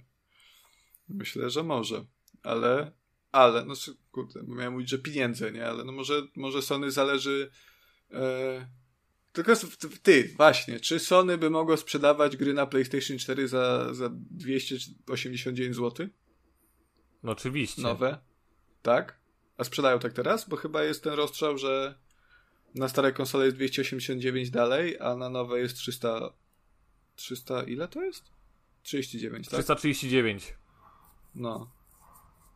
Więc może no, no, to, to właśnie mogliby taniej tak, je sprzedawać. W sensie, no w sensie, wiesz, no to. Ja wiem, że od, trzeba odcinać starą generację, ale mówimy tu o remake'u na silniku The Last of Us 2, więc szkoda by sobie te 100 milionów posiadaczy PS4 odciąć. To jest ciekawe znaczy, dla mnie bardzo. Osobiście mi to nie przeszkadza, bo ja uważam, że powinniśmy już przejść do tej nowej generacji na pełnej, a, a stojąc tak w rozkroku, no to jednak e, no już mijają mi dwa też... lata prawie, no dobijamy do dwóch lat od, od premiery nowych konsol, nie? I jakby Wiesz, mi też to nie przeszkadza, bo mam PS5, ale tak po prostu ciekawi mnie to, tak e, ponownie, bardziej z ujęcia biznesowego, bardziej mnie, mnie, mnie to ciekawi. Gdzie, gdzie ta decyzja zapadła? No nie wiem, no mówię, no może może o te 50 zł chodzi więcej. No, nie mam pojęcia. I tak patrzą, no, no, no, nie, nie dałoby nic, nic by nie dało. Albo Sony stwierdziło, że nie, no, no, nie wypuszczamy na PS4, bo znowu będą chcieli darmowego upgrade'u. I znowu będzie gówno burza. Jo, a jo, to o to może chodzić w ogóle, no. No to przez tego Horizona. inba. No, masz rację. Horizon, Horizon Forbidden West narobił, narobił Sony mnóstwo smrodu i gówna. Ale to jest ich wina, bo obiecali, że będzie, a potem... No, a jak już jesteśmy przy Sony, ja, ja, ja pozwolę sobie przejąć Kacper pałeczkę, bo Kacper chyba śpi. E, natomiast pozostając przy Sony, Sony podjęło kolejną fantastyczną de decyzję związaną z PlayStation Plus e, i w ogóle swoją polityką prokonsumencką e, w ogóle. I zdecydowało, że od teraz y, karty z te takie fizyczne, sprzedawane w sklepach y, na PlayStation Plus, y, prawda, wciąż będą dostępne, natomiast tylko od 240 zł. Także jak chcecie sobie kupić PS Plusa na miesiąc, no to przykra sprawa chyba. A nie można kupić po prostu do zwykłego doładowania za 100 zł i. Pewnie można. można. Na pewno można. Pewnie można. E, natomiast no. No nie wiem, no. Znaczy, nie wiem, czy to jest taki problem, w sensie jakby, no przy tym, że, że teraz ceny sięgają 500, no to ja nie mówię, że to jest świetne rozwiązanie, w każdym razie, no z drugiej strony, ile znasz osób, które kupiły e, PS Plus Essential na, na, na miesiąc stacjonarnie, bo ja nie znam nikogo. Jak już to i tak każdy brał abonament roczny. I tak w sumie mm, większość osób kupuje kody na Enebie czy Kinguinie, jak są za 160 zł, więc No teraz tak, Bo tak się najbardziej że opłaca. No. to się m- mówi, że nie fajne, nie fajne, ale w istocie nikt tego nie odczuje i tak myślę, że to takie trochę marudzenie dla... Ja nie mówię, że to jest super taktyka, ale też nie uważam to za jakiś największy, najwię... Najwię... największą, jakby największe złe Sony w ostatnim czasie. No nie, no największe zło Eee. nie jest na pewno. Natomiast przechodząc już dalej, to zrobimy sobie taki bardzo szybki e, przegląd e, State of Play czerwcowego i Xbox and Bethesda Games Showcase, natomiast bez większego raczej rozgadywania się, bo e, na, na State of Play pokazano, że będzie Resident Evil 4 remake i wygląda naprawdę fajnie i takie remake'i właśnie chcemy. Do tego na PlayStation VR 2 będzie, zmierza e, Resident Evil Village, także to na pewno będzie też świetne e, świetne doznanie, szczególnie biorąc pod uwagę wszystkie doniesienia a propos jakości tych nowych gogli e, rozszerzonej, wirtualnej, przepraszam, rzeczywistości od, od Sony. Na PlayStation VR 2 też zmierza No Man's Sky oraz ta gra Horizon Call, of the, Call of the Mountain, także to, to wygląda też fajnie. E, zakładam, że to będzie tytuł startowy na, na, na goglaski i czekamy na pewno, to mi się wydaje, że to będzie naprawdę fajna e, fajna rzecz. E, do tego warto wspomnieć, że Spider-Man e, dostanie remaster, który również trafi na PC, e, także PC-towcy zyskują Sony, Sony niszczy ekskluzywność, Sony niszczy markę, PlayStation już nie ma, z PlayStation nie ma gier i no, Niestety. zdra Sony zdradziło E, lojalnych też- fanów. Nie pierwszy raz zresztą.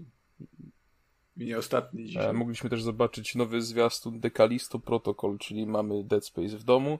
E, wygląda intrygująco i też te porównania do Dead Space'a nie biorą się znikąd, gdyż za tę grę odpowiedzialna jest jedna z osób, która tego Dead Space'a tworzyła. no właśnie, ja mam E, wrażenie, że ten remake pewnością- Dead Space'a to będzie ten Dead Space w domu.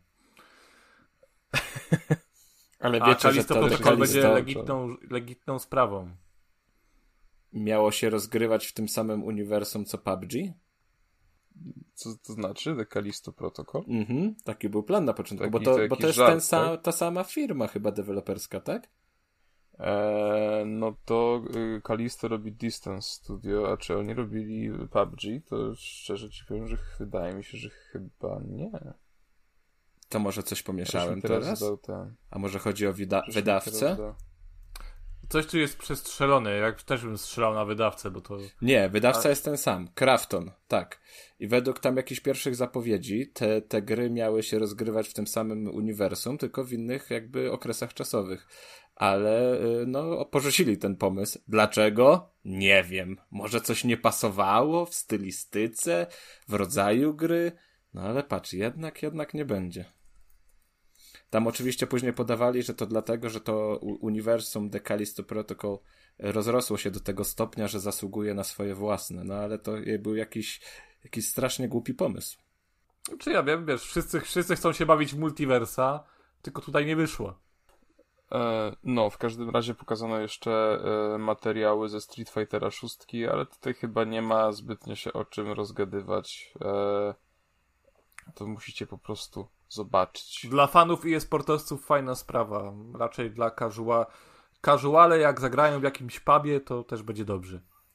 Tak, no i pokazano też nowy materiał z Final Fantasy XVI, no i trzeba przyznać, że e, no grafika i ogólnie to jak ta gra wygląda, to wgniata w fotel, nie? Naprawdę pod względem wizualnym to, to robi ogromną robotę i już 15 była ładna, a 16 zapowiada się jeszcze, jeszcze lepiej, także z pewnością czekamy, no i to wbrew pozorom w ogóle było bardzo dobre state of play. Jeszcze pokazano e, gameplay ze, ze Stray, czyli tej gry z kotkiem, która też jest niesamowicie intrygująca. Także ogólnie to uważałem, że to jest bardzo dobra, była to bardzo dobra konferencja i z pewnością mięsko dla, dla fanów Sony. Ja trochę nie mogę się doczekać tego Stray. To będzie fajna A gra. propos coś czuję. Stray, to ja dzisiaj sobie, a propos Stray, to ja dzisiaj sobie rzuciłem na Steam okiem na tę grę i ona tutaj na chińskim Steam kosztuje jakieś tak w przeliczeniu 60 zł. To czy to jest normalna To- cena? Nie, znaczy ty w Chinach zawsze masz te gry No tanie, tak, ale na to jest jak na nową grę. Ona, ona, ona nie jest, ona nie jest pe pełnej cenie, bo ona nie, jeśli się nie mylę, ona nie będzie kosztować tych 100, e, ty- pu, 340 zł, e, ale, ale to też nie będzie jakaś taniocha na, na poziomie 60 zł. Myślę, że to będzie price tak jakoś blisko dwóch stówek. Jak zobaczymy, zaraz wygoogluję w tym, zobaczę w PlayStation Store, czy może już jest y, w przedsprzedaży i jak to stoi cenowo, żeby się nie okazało, że gadam teraz straszne głupoty. Eee, nie, ceny widzę, że chyba niestety... Nie, nie ma ceny niestety jeszcze w PlayStation Store. Ale myślę, że to będzie. Myślę, że to będzie chyba ten sam price tak co na przykład Kena, nie? Ma Ja myślę możesz- 189, to jest mój strzał. No, no. Też bym właśnie powiedział, że coś takiego. E, także ty masz Kuba po prostu farta. No to ja teraz tak patrzę, że jest już teraz w, w przedsprzedaży jest z 10% zniżką. I z taką zniżką to ona będzie kosztowała, moi mili, przeliczam was według Google'a, 56 zł. Ja się zdziwiłem. Uczciwa cena. straszliwie. Zdecydowanie No, uczciwa Chciałbym, chciałbym, żeby zawsze w takiej cenie były, były gry na premierę. cena. I to jeszcze takie fajne, o kotku. E, no, także teraz przejdźmy na, do, do Xbox and Bethesda Games Showcase. Pokazano tam całe mnóstwo rzeczy, e, mnóstwo ciekawych rzeczy. E, warto zaznaczyć, że wszystkie gry, które zostały tutaj e, poruszone, na których temat został tutaj, tutaj poruszony, mają się pojawić w przeciągu najbliższych 12 miesięcy, także e, wszystkie te zapowiedzi są dosyć gorące i wkrótce e, trafią na nasze konsole, tudzież komputery. Przede wszystkim pokazano na początku nowy gameplay z Redfall, czyli tej gry od studiu, e, od twórców e, Dishonored czy Deathloop i wygląda całkiem ok, chociaż e, po tym e, gameplayu wygląda to na taki humorystyczny hero shooter. Ja się spodziewałem troszeczkę bardziej poważnej narracji, szczerze mówiąc, natomiast to wcale nie znaczy, że jest źle. E, wygląda to całkiem intrygująco, no i na premierę będzie w Game Passie, więc, że tak powiem, e, e, kasy się nie wtopi raczej, nie? Natomiast też warto tutaj powiedzieć, że e, premiera miała odbyć się e, w tym roku, a jak wcześniej już Bethesda ogłosiła, Redfall wraz ze Starfieldem zostaną przełożone na rok przyszły, także tutaj nie dostaliśmy żadnej dokładnej daty, tylko to, że po prostu będzie 2023. No, ale nie Na co nie mieliście, nie, pokazano? mieliście wrażenia, że wizualnie to taki trochę Deathloop? Mi się jakoś tak bardzo, bardzo skojarzyły te. Wiesz co, ja bym powiedział, że troszeczkę nawet brzydsze, bo Deathloop był taki jakby miał taką jakby komiksową nieco oprawę, wiecie o co mi chodzi, mam nadzieję. Taką stylistykę. Bardziej stylizowaną. stylistykę, o, a, a ten Deathloop po prostu, wy, e, fu, e, ten Redfall po prostu wygląda jakby był taki sprzed czterech lat. E, natomiast no, mam nadzieję, ma, znaczy mogę się też mylić. Nie? A Nie czy wiem, myślicie- zobaczy, zobaczyłem gameplay tego Redfalla i mi tak wszystko odpadło, nie? Tak czułem, że... No, To nie ja, jest gra w sensie dla mnie. dla mnie. Ja, ja, ja trochę liczyłem, że to będzie jednak. E, wiecie, ten zarys fabuły naprawdę fajnie się zapowiada i e, ja spodziewałem się, że trochę to będzie takie nie tylko mroczne, ale też jakby będzie utrzymana taka intrygująca narracja. To mówię, wygląda jak taki po prostu tu rzucimy żarcikami, tutaj będzie taki hero shooter, to będzie takie wybijanie po prostu e, potworków, z, znaczy tych, nie zombiaków, tylko wampirów z pierwszej osoby. No zobaczymy jeszcze dokładnie, w każdym razie, no troszeczkę ja też nie ukrywam, że gdzieś tam na tę grę czekałem, a po tym zwiastunie troszeczkę mi te wszystkie emocje e, opadły, natomiast na pewno sprawdzę, no bo będzie w Game Nie wiem, czy to nie jest moje wrażenie, ale bardzo chciałbym, żeby robiło się więcej takich zwykłych, singleplayerowych shooterów. A tutaj, no zawsze jak jest jakaś strzelanka, to ona musi mieć kop, jakieś asymetryczne coś, jak, jakiś komponent na multi nastawiony. Nie wiem, mam wrażenie, że to wszystko jest przekombinowane teraz i wolałbym, żeby wychodziły takie duże, może nie AAA-owe, ale double-A-owe strzelanki dla typowo singlową kampanią. Tak jak kiedyś, nie wiem, sta, Ja w- stare Call of ja, Duty ja na w ogóle uważam, że, że, powinno się dostawać więcej singlowych gier bez trybów sieciowych, bo ale to już to No, ale ja już wiemy, jak, chwilę. jak one się sprzedają, tak? No, No, wiemy, niestety no wiemy. Jedi Fallen Order Natomiast, bardzo y, dobrze się sprzedało.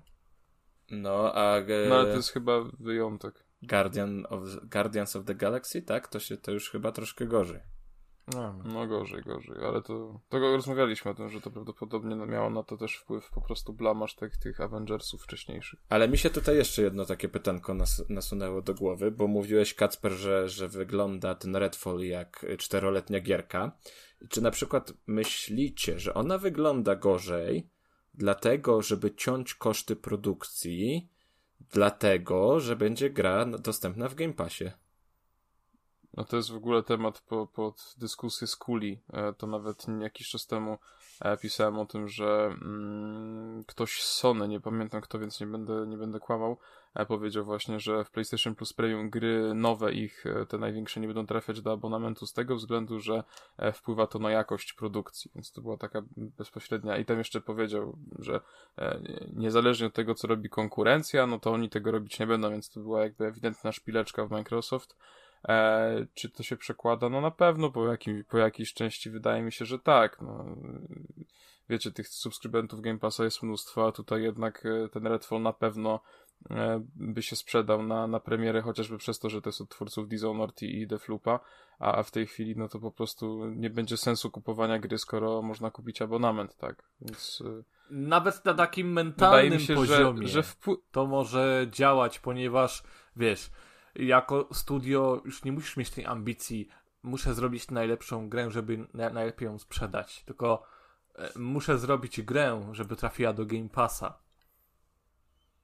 To jest zupełnie, mówimy o dwóch innych poziomach ambicji. Zdecydowanie tak. I myślę, że to może wpływać faktycznie na koszty produkcyjne. Myślę, że raczej tylko niektóre gry, które trafią do Game Passa, e, mają taki pełny budżet, jaki miałyby i tak, na przykład, wydaje mi się, że Starfield będzie taką produkcją. E, chociaż też mogę się mylić, w każdym razie, no, no myślę, że tak, że to wpływa, wpływa na to. Dobrze, to ja dorzucę ten temat do kuli na, na szerszą dyskusję, podpiszę, że to od słuchacza Kacpra i będzie, będzie w przyszłości kiedyś do tego wrócimy. Podejrzewam, że to się może Dobrze. zrobić gorący temat w pewnym, w pewnym momencie. Tym bardziej, że no teraz konkurencja odpaliła też swój abonament, który jednak ja wiem, że tam ludzie w internecie krzyczą, że to nie jest odpowiedź na Game Passa, że to są dwie inne rzeczy, ale ja uważam, że to jest odpowiedź na Game Passa i będę się... Zaczęło na przykład takie Stray zadebiutuje w tym PlayStation Plus Extra. Tak, więc... tak. To ja, ja myślę, że właśnie takie y, te double A mogą trafiać do tego, do tego e, premium. Natomiast no, no, na, na pewno God of War Ragnarok do tego, do tego premium nie trafi. No tego możemy być pewni. Zresztą nawet The Last of Us Remake nie trafił, to już jest wystarczające. No właśnie co do tego The Last of Us Remake, jak gdzieś widziałem grafikę promocyjną tej usługi z tym, z artami z tego remake'a, więc e, nie wykluczałbym tego. Tak na 100%, ale zobaczymy. No zobaczymy, nie ma co na razie y, prorokować, że tak powiem. W każdym razie, dalej pokazano jeszcze zwia- e, fu, gameplay z e, Hollow Knight Silksong. Ja co prawda muszę przyznać, że w Hollow Knighta nie miałem okazji grać. W każdym razie no widziałem, że, że fani tej produkcji byli zachwyceni i nie mogą się tego e, doczekać. E, gra również w dniu premiery będzie w Game Passie, więc e, świetna informacja. E, dostaliśmy też zajawkę High on Life, czyli e, FPS-a od twórców Ricka i Mortiego, chociaż wydaje mi się, że to jest taki po prostu e, tekst bardziej marketingowy. W każdym razie całość zapowiada się dość ciekawie. Będziemy chodzić po jakimś kosmicznym świecie i spluwy do nas będą gadać. Będzie dużo kolorków, dużo jakichś dziwnych kosmitów, więc typowo klimat po prostu Rico i Mortowy. No właśnie mi się wydaje, że w przypadku tej gry o sukcesie zadecyduje to, jaki będzie ten humor. Jeżeli on będzie dobrze napisany, to będzie super, a jeżeli tam będzie jaka, jakiś, jakaś sztampa i cringe, to. Tak, to, to, to, to będzie gra do pominięcia raczej. Tu poczta pantoflowa może zadziałać, bo jeżeli się okaże, że jest dobre, no to ludzie się rzucą do Game Passa sprawdzić, nie? Natomiast ja jestem bardzo zaintrygowany i chociaż. Yy Myślę, że to jest gra, że preordera bym nie zamówił, na premierę bym nie kupił, to z ciekawości na pewno sobie na nią, e, na nią zerknę. Dowiedzieliśmy się też o współpracy Game Passa z Riotem i, i wszystkie gry e, z jakimiś tam dodatkami, nowymi postaciami od Riota, czyli halo, halo. LOL i tak dalej. Halo? Halo, halo, halo. nie? Bardzo źle. Bardzo słabo. Że ja jestem, ja jestem teraz na internecie mobilnym, bo mimo, że mam internet normalny, to Discord twierdził, że, że nie mam. E, także, także tylko na mobilnym łapie, e, ale spoko nagrywam na, na normalnym mikrofonie, także chujowsze słuchawki no tak brzmisz, brzmisz jakbyś, jakbyś na innym sprzęcie nagrywał. Jesteś pewny, że jest wszystko ok? No ale to Discord. Tak, Discorda mam mhm osobno. Czy teraz mnie lepiej słychać? Tak samo. Trochę lepiej niż jak zacząłeś mówić. No ciekawe. Dobra, to proszę kontynuować. Ja sobie tu poszukam. Dowiedzieliśmy się również o współpracy Xboxa, Game Passa z Riotem i wszystkie gry e, Riota razem z tym dodatkowymi rzeczami trafią na, właśnie do Game Passa, czyli to jest oczywiście LOL, e, ten LOL na, na, na smartfony, Valorant i inne tego typu rzeczy. No ja, ja nie jestem zbytnio mm, odpowiednią osobą, żeby o tym mówić, bo w LOLa i te inne gry Riota nigdy nie grałem, e, ale ludzie, ludziom się to spodobało, to ogłoszenie, więc z pewnością jest to coś fajnego. Właśnie mam wrażenie, że wielu y, graczom i portalom ten news uciekł, ale to jest bardzo ważna wiadomość, bo jednak te gry zarabiają ogromne pieniądze i benefit e, od blokowania wszystkich postaci, chociażby w takim League of Legends czy Teamfight Tactics to jest coś niewyobrażalnego, zwłaszcza dla osób, które albo zaczynają grać, albo są gdzieś tam w połowie odblokowywania tych postaci. No to jeśli wiesz o tym więcej, to bardzo, bardzo zachęcam do, do wytłumaczenia, bo ja totalnie nie, nie siedzę e, w tym. Znaczy ja mówiąc, też nie, więc nie, nie nie gram, e, nie, nie, nie gram w te rzeczy, ale z tego co, z tego, co rozumiem, e, uruch- uruchamiając pierwszy raz League of Legends, masz e, tylko kilka postaci dostępnych. No i musisz sobie je, e, żeby, żeby, musisz bardzo dużo grindować, żeby je odblokować, albo możesz je po prostu sobie kupić za realną walutę. Więc w momencie, kiedy przychodzi taki Game Pass i mówi, że słuchaj, no masz wszystko odblokowane, idź próbuj, baw się, no to dla osób, które grają w League of Legends, no to jest to ogromny benefit i boost do rozgrywki. Ale mi się wydaje, że to No tak, działa w no dwie strony. To też jest dobre dla nich, bo to jest y, gra już o tak długim stażu, że teraz jak jako nowy gracz pomyślisz sobie, że o, może bym spróbował, no to no wiesz, że już nie nadążysz za tym, co się tam dzieje teraz, że już nie będziesz miał dostępu do tych wszystkich postaci i tak dalej. A tak jednak pokazują graczom, że chodźcie, my jesteśmy przyjaźni, tutaj wszystko dostaniecie, nie będziecie musieli tam za, za długo cierpieć. E, Więc to, to, to jest taki benefit y, dla obu stron, wydaje mi się. Może właśnie to była linia negocjacyjna Microsoftu. No na pewno, na pewno do wielu graczy to trafi. Jest to, mówię, informacja świetna. No ja się nie potrafię tym jarać, ale to, to wynika z tego, że nigdy w tego Lola nie grałem, ale po tym, co mówią ludzie, którzy w to grali, to chyba dobrze się dla mnie stało. E, Microsoft szykuje również odpowiedź na Gran Turismo 7 i zapowiedział, za- zapowiedział i pokazał nową Forza Motorsport, która faktycznie wygląda bardzo ładnie. E, cała gra ma mieć e, moc nowej generacji i zapewnić ray tracing w czasie rzeczywistym na torze, także ja bym chciał sprostować tutaj. bardzo- Bo Słucham. kłamiesz perfidnie. Raz, Forza Motorsport została zapowiedziana z dwa lata temu. Dwa, okazało się, że no tak Microsoft trochę w chuja poleciał i ten e, ray tracing w czasie rzeczywistym w wyścigach to jednak e, to będzie tak samo jak Gran Turismo, czyli, e, czyli tylko w przypadku replayów. Przykra sprawa. A jest to potwierdzone info? No niestety. A chyba kto, ktoś z Microsoftu się na ten temat wypowiadał. Bo ja cały czas słyszę wersję, że będzie re- real time y, w trakcie wyścigu.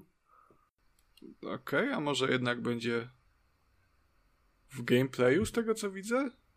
No wiem, właśnie. Podeślesz to na szybkości? E, znaczy wiesz co, bo znalazłem z, thegamer.com informacje na ten No temat. dobrze, to, to rzuć, rzuć linka. Daj mi moment. A, nie wiem, jestem przekonany, że widziałem gdzieś tam jakąś informację właśnie o tym, że to nie wrzucę linka, bo nie mam, nie mam Discorda na komputerze, więc Aha. więc trochę średnio. E... Także, no, no nie wiem, no w sumie sam już nie wiem, co o tym myśleć. E... Chyba to widziałem może wcześniej, cztery dni, temu pojawiły się inform... y, odpowiedzi na chyba na te za zarzuty, że to będzie aktywny replay e, nie tylko w przerywnikach, ale także w trakcie wyścigu i to potwierdził jednak pan, który się nazywa Esaki.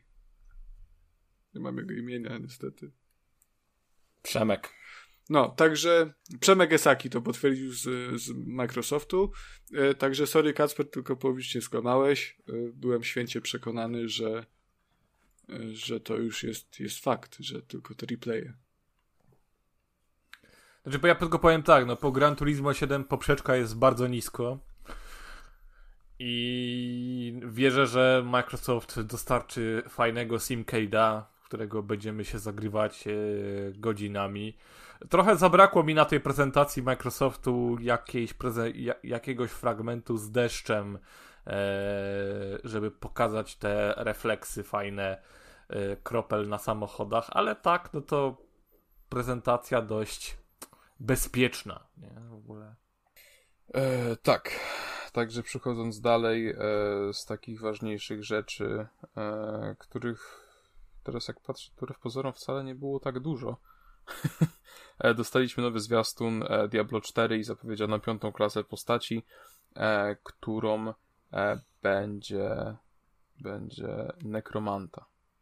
To jest, to, jest bardzo za, to jest e, bardzo zabawne, bo oni się chwalili tą nekromantką, tak jakby to była zupełnie nowa e, klasa w serii. No a przecież e, ja nawet, który nie gram w Diablo, wiem, że nekromanta był zarówno w trójce, e, w dwójce, więc nie wiem o co tyle No, hałasu. w trójce, w trójce był dopiero z dodatkiem.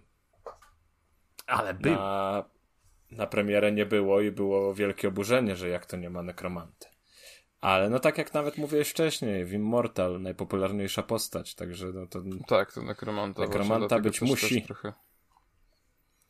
I będzie, i będzie, także na pewno, na pewno fa- fani Diablo się bardzo ucieszyli, bardzo czekają. Eee... I zapowiedziano też Wolong Fallen Dynasty, to jest nowa gra od Team Ninja e, i to jest e, takie e, Ghost of Tsushima z, z domu. szczyptą Niocha. tak. E, Generalnie zapowiada się to ciekawie, ale mam też trochę wątpliwości. No też nie pokazano na tyle dużo, żebyśmy mogli cokolwiek prorokować i cokolwiek mówić. Też nie do końca wiadomo w ogóle, czy to będzie właśnie gra bardziej e, soulsowa, stawiająca na, na duże wyzwanie, czy to po prostu będzie taka mroczna e, przygodówka. Wygląda fajnie, natomiast no z jakimikolwiek ocenami bym się wstrzymał do, do, do jak, jakichś większych, większych informacji. Ale Phil Nie. Spencer z Japonii przywiózł nie tylko Wulong Fallen Dynasty, ale przywiózł też personę. I KitKaty. to nie jedną, nie dwie, a trzy odsłony. Tak, tak, dokładnie. To, które y, też trafią do Game Passa, jeśli się nie mylę, prawda? Tak. I, i, i tak, też e, ale ja chciałbym tylko zaznaczyć, że y, po raz kolejny y, zniszczono tutaj markę Sony, PlayStation już nie ma i, y, i to jest zdrada y, wiernych fanów i ciekawe ile Microsoft tym chujom za plusa zapłacił, że tak, tak lojalnych fanów z PlayStation zradzili i tak ich wypompowali w tyłki. No, no straszna rzecz, straszna rzecz się stała i to jest potwarz, potwarz dla, dla wiernych fanów. No, mnie persona nie interesuje, więc mogą ją sobie zabierać.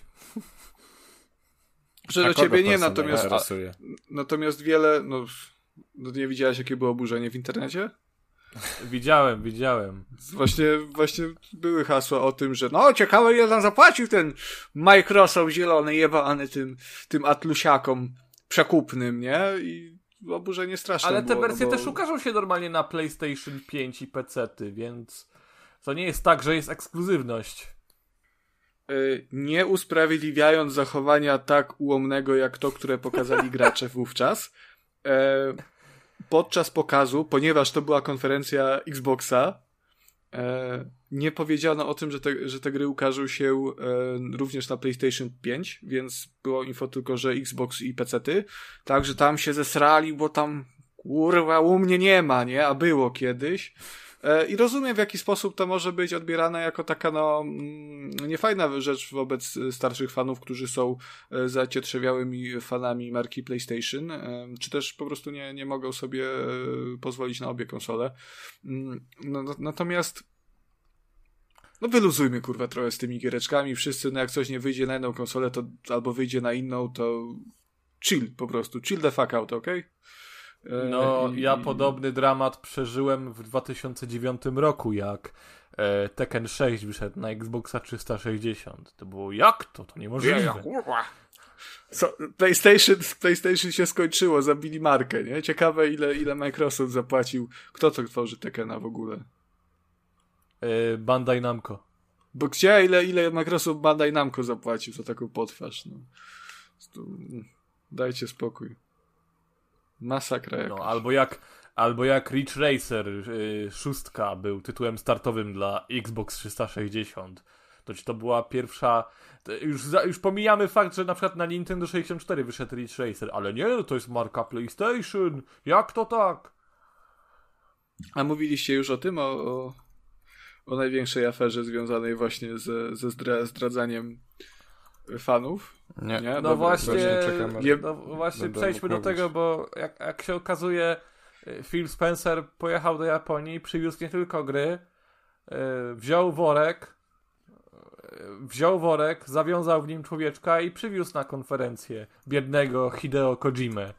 Nie, no przecież on nie został, Hideo Kojima nie został porwany, tylko Hideo Kojima w okrutny, obrzydliwy, ob, najbardziej obślizgły sposób, jaki tylko można sobie wyobrazić, zdradził wiernych fanów marki PlayStation i będzie teraz robił grę dla Microsoftu na Xboxa jeszcze. Fu, kurwa, ja nie wiem, był Mesjasz, jest teraz Antychryst.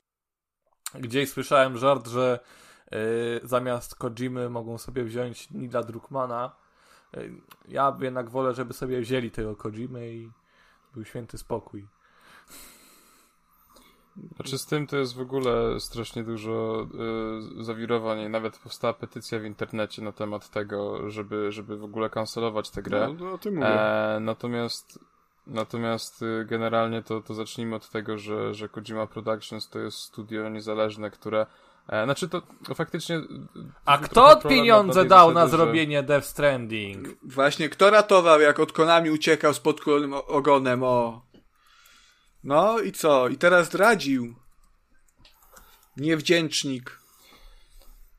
Judasz. No, znaczy, z tym był ten problem, że po prostu Sony go chciało i też fani Sony bardzo go chcieli w Sony, ale i on przy faktycznie tworzeniu pierwszego projektu, podejściu z Konami, z tym Sony się tam podpisał na zasadzie właśnie partnerstwa przy tym Death Stranding, ale nigdy do tego, do tego Sony nie należał.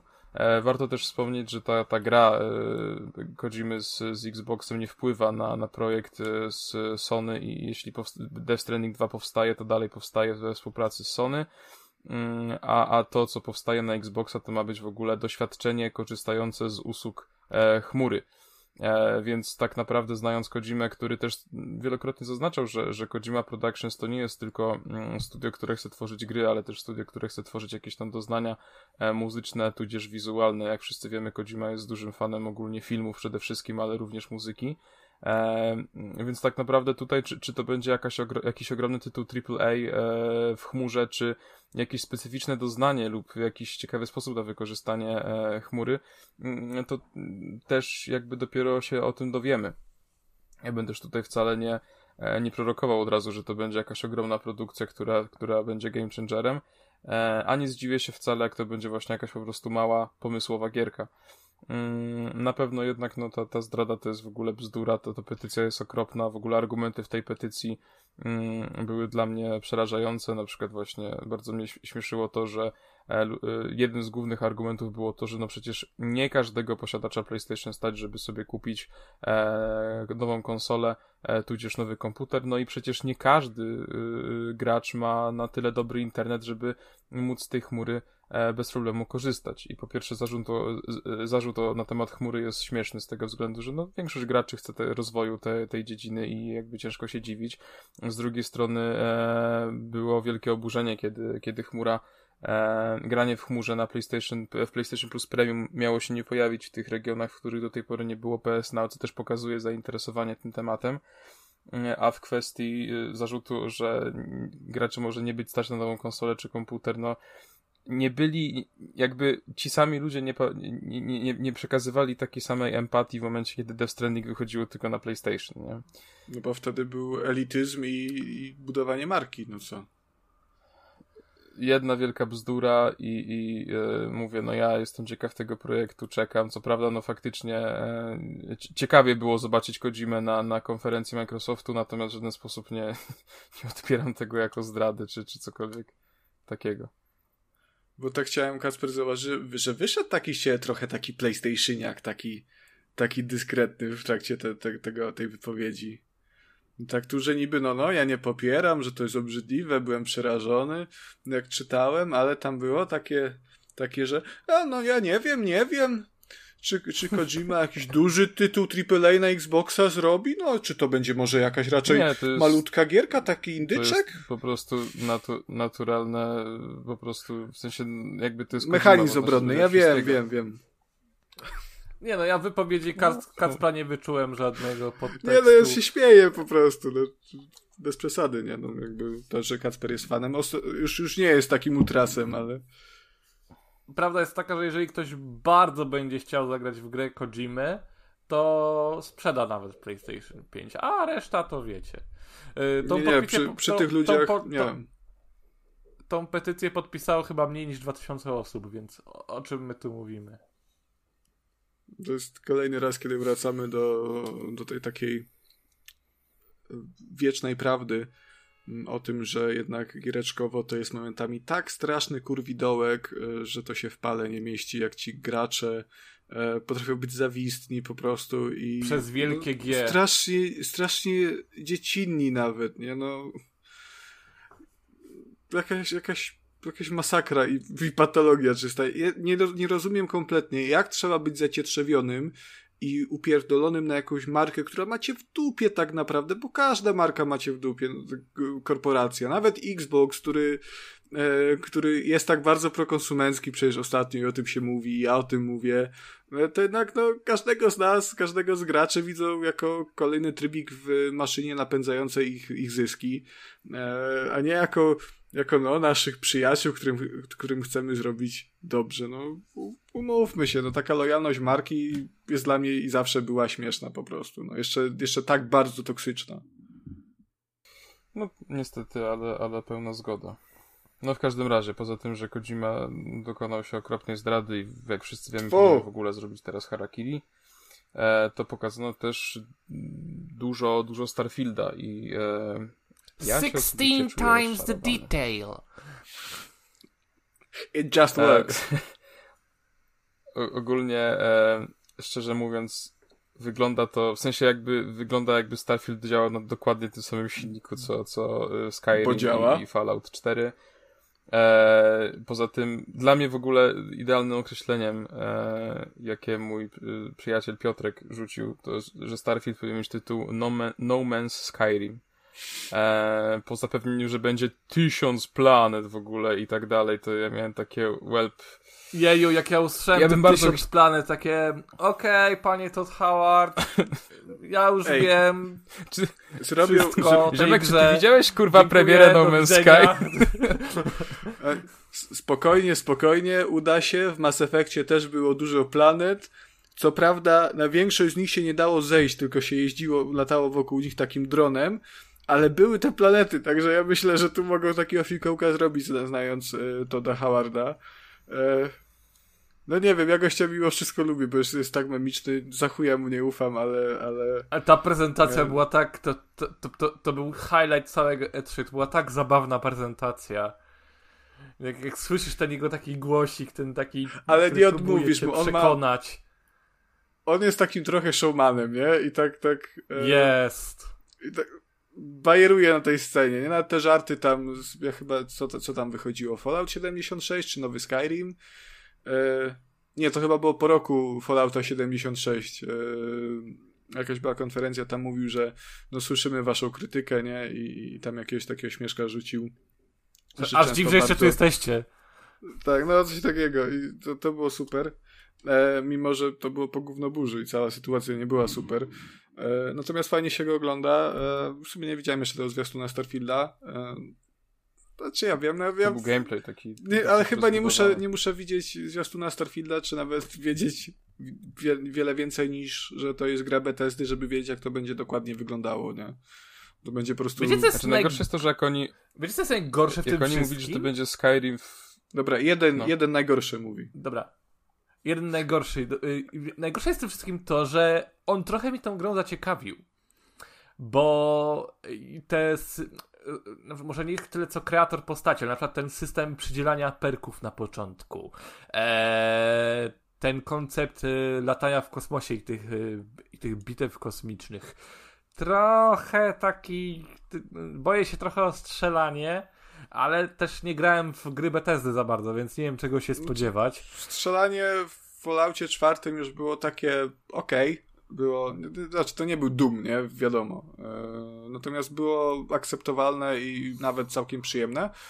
E, także jeżeli chodzi o strzelanie po Starfieldzie nie oczekiwałbym jakiejś fenomenalnej strzelanki, natomiast pewnie strzelać się będzie przyzwoicie. I tak myślę, że jeżeli cię to zaciekawiło, bo tak słyszę w twoim głosie taką nutę e, nutę trochę jakby wstydu, nie? Że no, no trochę mnie zaciekawił, przyznam się szczerze, e, to nie ma się czego wstydzić tak naprawdę, bo Bethesda, mimo że mają renomę jaką mają, że są kłamczuszkami, że e, te gry Bethesdy, czyli te Skyrimy, te, te Fallouty mm, są pełne błędów, to jednak mimo wszystko to są dobre gry. E, Niedopieczone, często nie, niedociągnięte, ale to są dobre gry z bardzo ciekawymi światami, e, z przepasnym lore, e, także po Starfieldzie tak naprawdę spodziewam się dokładnie tego samego, co było w Falloutie, tylko że w kosmosie, nie? Znaczy ja się tylko boję dwóch rzeczy, że ta gra będzie za bardzo przestarzała technologicznie i tak. że ona będzie, ona, ona będzie za duża dla własnego dobra. Czy to jest kolejna, kolejny y, ten konstans e, w przypadku Bethesdy, czy ich, ich gry to są tak z generacji do tyłu co najmniej, nie? Y, To już na, też jak Fallout 4 wychodził, no to y, te animacje postaci, no to tak no to był taki I moja tak, trzy- 2008 rok, nie? Więc I hat trick obaw, boję się, że to będzie pierwsza gra, która będzie próbować usprawiedliwiać e, 30 klatek w e, trybie tym performance. Boję się, że to będzie tak działać źle, że oni przepchną Myślisz, te że 30 będzie- klatek i zacznie się nowy trend. e, Myślisz, myślisz że będzie z 60. 30, ale 30 klatek w trybie performance? Już prędzej uwierzę w to, że, że po prostu będzie jeden tryb w 30 klatkach i tyle. No, bo mo- może to tak, być, ale nie widzę 60 w tej grze. Jakoś tak boję się, że to ta gra No. przełamie ten fajny trend. Jestem, jestem w stanie to, to zobaczyć swoimi oczyma wyobraźni. E, Faktycznie Bethesda, jeżeli chodzi o aspekt techniczny, no to tak jak już, już e, mówiliśmy, no, no tak średnio bym powiedział. E, Zresztą Skyrim na PlayStation 3 to był jakiś ewenement pod tym względem. Bo to przecież chodziło tak w 15 do 20 klatek, a Bayer jeszcze polegał na tym, że przy premierze był Były błąd, tam ostre że... ścinki. E, no to ostre ścinki 15-20 klatek, ale najlepsza akcja była, to ostre ścinki przy tym to jest niedopowiedzenie, e, bo, bo save gry na samym początku jakiś tam miał błąd, że jego rozmiar rósł bez końca, więc im dalej zachodziłeś w grze, tym więcej tym więcej ważył ten save, tym więcej chyba schodziło go, żeby odczytać, plus więcej zajmował na dysku. E, I w efekcie e, gra zaczynała chodzić tak już w trzech, czterech klatkach, w porywach do zera, więc e, bardzo fajnie. No. Ale zostało to załatane, czy ten błąd dalej istnieje? E, tak, tak, tak, tak. No, za, załatali to chyba w końcu. Skyrim na PS3 dalej działa do dupy. Natomiast no nie aż tak do dupy, jak działał wcześniej. Nie? Jest, jest chyba w miarę grywalny, chociaż no w 2022 roku, kiedy Skyrim jest nawet na lodówce, no to nie ma, nie ma to większego wpływu. Mówię, trochę jestem tym Starfieldem kupiony, ale z tych wszystkich obaw, które najbardziej po- powiedziałem, przeraża mnie najbardziej wielkość tej gry, że jeżeli, je, jeżeli jest uniwersum, w którym spędzę z nią więcej niż 20 godzin, to, to znaczy, że piszę jej recenzję. Inaczej jakoś tak nie, nie widzę siebie tam. No ale zobaczymy. No, najpierw niech to wyjdzie, potem będziemy rozmawiać. Modami się poprawi i będzie dobrze. Tak, także ja tylko chciałem jeszcze zrobić wrzutkę, że jak mówili, że to będzie Skyrim w kosmosie, to nie myślałem, że to będzie dosłownie e, wyglądać jak gra sprzed e, dekady, w, tylko że w kosmosie. E, a jednak. Co jest, naj, co jest najlepsze, to co zobaczyłem, nie spodziewałem się zupełnie nic innego. Jakby, już zobaczyłem już ten Creation Engine pod spodem, mówię, aha, this is it. Tak, tak, tak, tak, tak. Ni niestety tak. E, I ostatnią rzeczą, e, o której warto wspomnieć, to jest fakt, że po cichu przeniesiono Stalkera 2 na 2023 rok, chociaż później, e, parę dni e, po, po tej konferencji była e, konferencja Extended, w której pokazano też nowy trailer. E, oczywiście, no, jak wszyscy wiemy, Stalker 2 miał się pojawić bodajże w kwietniu tego roku, e, ale przez, e, na początku w ogóle przełożono premierę na, na grudzień, z tego względu, że deweloperzy postanowili więcej czasu poświęcić rozwojowi gry, to też były wtedy plotki, że e, to też może zwiastować premierę gry na, na PlayStation 5, tego na razie nie potwierdzono i nie wiadomo, czy tak się w ogóle stanie. E, no w każdym razie e, za Stalkera 2 odpowiada studio ukraińskie i przez, mm, jak wiadomo, względy e, mają teraz duże, duże trudności w, w tym, żeby spokojnie móc zająć się e, tworzeniem gry wideo. Także trzymamy oczywiście kciuki i mamy nadzieję, że że gra faktycznie się pojawi na początku tego 2023, no bo chyba wszyscy, wszyscy jesteśmy zgodni w tym, że, że czekamy. Ja tylko mam małą prośbę, nie łagodźmy tego wątku. Nie przez wiadome względy, tylko przez inwazję Federacji Rosyjskiej na, Ukra- na niezależną, niepodległą Ukrainę. Bo ja wiem, że wojna już trwa kilka miesięcy, ale mam wrażenie, że downplayujemy to bardzo. Ja, ja bym ja bym, Szymon, też chciał tak e, poprosić, żebyśmy tego e, nie ugrzeczniali i nazywali rzeczy po imieniu, że na inwazję chujów na Ukrainę. E, A jeszcze ostatnio wam mogę polecić, bo ym, jest to drugie y, duże ukraińskie studio, Frogwares. To są ci ludzie, którzy zrobili Sherlocki Holm, y, Sherlocka Holmesa, no całą serię i tego ostatniego Chapter One. I ym, jeden YouTubeowy kanał, którego nazwy teraz nie pamiętam, bodajże People Make Games, y, oni nakręcili taki krótki materiał na temat tego, jak teraz to studio pracuje. Oni mieli siedzibę w Kijowie, między innymi. Ym, No i tam są wywiady na przykład z członkami, jest wywiad z panią, która, która uciekła do Francji, jest y, wypowiedź y, jednego z deweloperów, który ruszył na front. Także, no też ym, CEO studia opowiada o tym, jak, jak zarządza teraz w ogóle całą, całą ekipą. Także to jest takie, w ramach ciekawostki można sobie to obejrzeć i zobaczyć, jak to wygląda z tej drugiej strony. to tam chyba zdjęcia właśnie tych e, devów z GSC Game World e, widziałem. Tam by, były, były zdjęcia żołnierzy po prostu i, i z podpisami, nie kto, kto jest kim e, w studiu, e, także no trochę to, no nawet nie trochę, no to było przerażające po prostu tak pomyśleć, że e, no umówmy Że się. jednego dnia robisz gierki, a drugiego Tak. dnia idziesz w kamasze? E, no, No. No, ale tak najstraszniejsze jest to, że już cztery miesiące, nie? Myśmy tu w zasadzie, umówmy się, w Polsce przeszli trochę do porządku dziennego z tym wszystkim.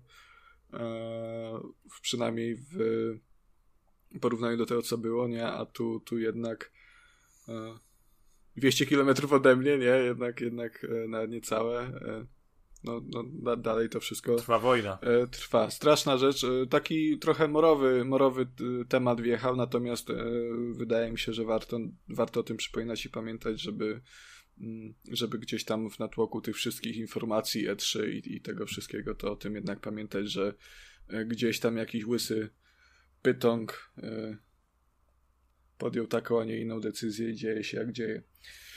E, No, W ogóle to także... się, to się ja, ja tylko panie tylko przypomnę, e, e, w tłusty czwartek to się zaczęło w lutym i no pamiętam, że nie zapomnę długo tego dnia. Cały dzień praktycznie z dziewczyną siedzieliśmy i, i telewizję oglądaliśmy i nie dowierzaliśmy jakby, że w 2022 roku jakiś chuj może wywołać wojnę na, na drugim państwie. E, europejskim, do, do, dodajmy, nie? Okej, to dobrze, że to dodałeś w sumie. nie? No, bo to ciągle jest na świecie dużo złych rzeczy się dzieje, tylko my tutaj w naszej Europie e, o tym nie słyszymy. Tak. Dobrze, no, No, ale może jakieś dodałem, bo tak, bo tak potem przyszła mi taka refleksja, że jednak jest dużo, jest dużo konfliktów na świecie, ale Kacper, to, to kogo tam Sony wyruchało jeszcze? To już koniec mojej działki, teraz yy, oddaję głos Kubie. Zapraszamy Dobrze. do burdelu w przyszłym o tygodniu. indyczkach. Wow. E, z, kartą, z kartą stałego klienta. E, e, to ja biorę na warsztat indyczki. I dzisiaj będzie skromniej, bo jakoś tak mam wrażenie, przeglądałem Steam i, i nie widziałem e, ciekawych, wartych po, polecenia tytułów. Może już się trochę zaczynają po prostu wakacje i będzie ten mm, sezon ogórkowy, jak to się mówi. Także dzisiaj chciałbym polecić coś e, dla miłośników RPGów, hack and slashów. Dzisiaj coś byś chciał polecić. Dzisiaj, tylko dzisiaj. Jutro nie. wyjątkowo. Wyjątkowo. Em, mowa tutaj o grze Alaloth Champions of the Four Kingdoms. Em, I to jest gra, która 30 czerwca zadebiutuje w Early Accessie na PC-tach, rzecz jasna. Ja już miałem okazję widzieć tę grę mm, w ramach pokazu i ona zapowiada się A, dość, dość ciekawie. Ale się pochwalił. Ale się pochwalił. No, czy jakoś trzeba, trzeba markę wyrabiać, tak? E, I prezentuje się ciekawie i to jest takie, no to też umówmy się, w trakcie pokazu widzisz to, co, co masz zobaczyć, tak? Czyli widzisz samo najlepsze, samo mięsko, tak to jest wszystko zrobione, tak jakbyś w gruncie rzeczy oglądał reklamę, także ciężko nie, nie mieć dobrego wrażenia e, po takiej, po takiej prezentacji, no ale zapowiada się jak takie połączenie, nie wiem, no... Mm, Diablo z, z, z, z jakimiś starymi izometrycznymi To z RPG-ami. Baldurem, i- powiedz to, to z Baldurem, Kuba. No. No tak, no tak, no. Trzeci Troszkę albo tak. czwarty odcinek z rzędu po prostu porównujemy coś do Baldura. No to jest Baldur, E, tak. no ten rzut izometryczny, no to, to robi, robi robotę. Chociaż pod Dla względem rozgrywki mógłbyś nie. powiedzieć Icewind Dale. No, ale Konrad by mi tego nie przepuścił. Znaczy w sumie Icewind Dale, jeżeli chodzi o takie połączenie ze slasherem, to by był chyba bliżej nawet. No, on był, on był bardziej, Tak, tak, bardziej tak. na walkę nastawiony. Ym, no i trochę tu jest takiej stolsowości, jeśli chodzi o ten, o ten system S- system walki e, jest jak w Soulsach, tak? walki. Jest zręcznościowy. Nie jest hack and slashowy, taki jak w Diablo, tylko jest bardziej zręcznościowy, ale nie ma rolów. Są, są bloki, e, także te, te, też jakieś ogniska są, takie przygotowania do walki. Troszkę interfejs jest podobny, bo też tam masz e, jakby cztery przedmioty jednorazowe do użycia i tak dalej, no to się tak, tak troszkę e, kojarzy. No nie będę tutaj streszczał całego pokazu, bo to nie ma sensu, ale no to będą takie dynamiczne walki. Mm, ta, ta, ta, ta, ta strona fabularna nie będzie tak rozbudowana jak w Baldurach i tak dalej. To jest jednak bardziej nastawione na, na tą dynamikę i efektowność e, rozgrywki. Mm, I takim, takim fajnym elementem, który zapomnia- zapamiętałem, jest to, że będziemy sobie mogli grać sami w tę grę, tak jakby normalny single player, ale też będzie specjalny tryb rywalizacji, gdzie w trakcie kampanii komputer wygeneruje, jeśli dobrze pamiętam, czterech innych jakby bohaterów, będzie nimi zarządzał i my będziemy rywalizować o to, kto wygra. Także to, to takie dość fajnie się zapowiada. Jak A to, to tak w praktyce- zajawiłeś, zajawiłeś, że to jest ta- taki, że niby koop będzie rywal, znaczy nie koop, Nie, nie, nie, to będą wszyscy, no. to będzie wszystko, wszystko przez komputer sterowane, to będą nasi rywale. No tak? właśnie, a chodzi Mi mi to, o to, za, tak mi to mówiłeś, zabrzmiało że, jak że jest- Igrzyska Śmierci. Ja wiem. Ale to, to, E. to co, będzie po prostu chłop jakiś cię, cię ganiał jak te, jak w Solsach te, te, te, te, Nie, nie, nie, duchy, nie bo co? jeśli, jeśli dobrze pamiętam, to tam, żeby mm, osiągnąć y, wygraną, będziesz musiał wypełnić określone cele. I każdy z nich będzie wypełniał określone cele, i to może być na zasadzie, kto pierwszy, ten wygrywa. No ale też tam będzie sobie można przeszkadzać i tak dalej. Także wiesz, to zależy. Będziesz musiał mieć to z tyłu głowy, że jednak z kimś tam rywalizujesz w tym trybie, że nie tylko robisz sobie to, co chcesz sobie sam robić, ale jednak będziesz musiał tam zwracać uwagę na jakieś dodatkowe, dodatkowe aspekty. Ale, ale z tego. Coś takiego trochę jak, nie wiem, jak... E... To jest, nie wiem, mi się to jakoś trochę z grą planszową kojarzy. Taką jakąś bardziej rozbudowaną, Ja mam, fabularną. ja mam skojarzenie z Heroesami trochę, jeżeli chodzi o ten tryb, w sensie, że tam są ci inni bohaterowie sterowani przez komputer na tej mapie. Ja wiem, że to nie jest jeden do jednego, e, natomiast chciałbym zauważyć, że tak jak patrzę na, na stronę Steama, to będzie multiplayer e, PvP. Tak, tak, widzę, że jest kooperacja na wspólnym, dzielonym ekranie. A to tak, oni to Nawet. nazwali Arena Mode wstępnie, bo tam jest, że name to, to be changed. E, natomiast Natomiast czyli to będzie chyba taki po prostu no, taka bijatyka. Nic takiego Jeszcze ma być remote play together, także, także tam no, może się trochę dziać. A w ogóle jestem zdziwiony, że to się będzie pojawiało w Early Accessie, bo w trakcie tej prezentacji nikt o tym nie mówił, a ta gra w sumie wyglądała na, na, na skończoną. No troszkę może tam szata wizualna, troszkę bym się tam trosz poprawek jakiś um, dopatrywał, ale to, Widocznie... jest, to się nazywa Early Access, a nie. E, no, wydaje mi się, że, ten, że ta gra jest skończona, bo ona w ogóle długo powstaje. Już tam jakieś pierwsze, pierwsze zapowiedzi w 2020 ona się już miała chyba ukazać, ale tam był problem z, z, z no, od strony tej wydawniczej i tak dalej. Także to wszystko się rozciągnęło w czasie. Mm, ale też wydaje mi się, że to po prostu jest potrzeba trochę czasu na balans tego wszystkiego, bo ten świat faktycznie ma być duży, tam ma się dużo dziać, yy, świat ma być żywy, czyli wiesz, jak będziemy my sobie szli z jednej lokacji do drugiej, to w międzyczasie na tej mapie ważne punkty, tam się będzie coś działo i wszyscy się będą poruszać. E, także to, to pewnie wymaga balansu i dopracowania, żeby to wszystko ładnie śmigało i wydaje mi się, że to tym jest podyktowany ten early access.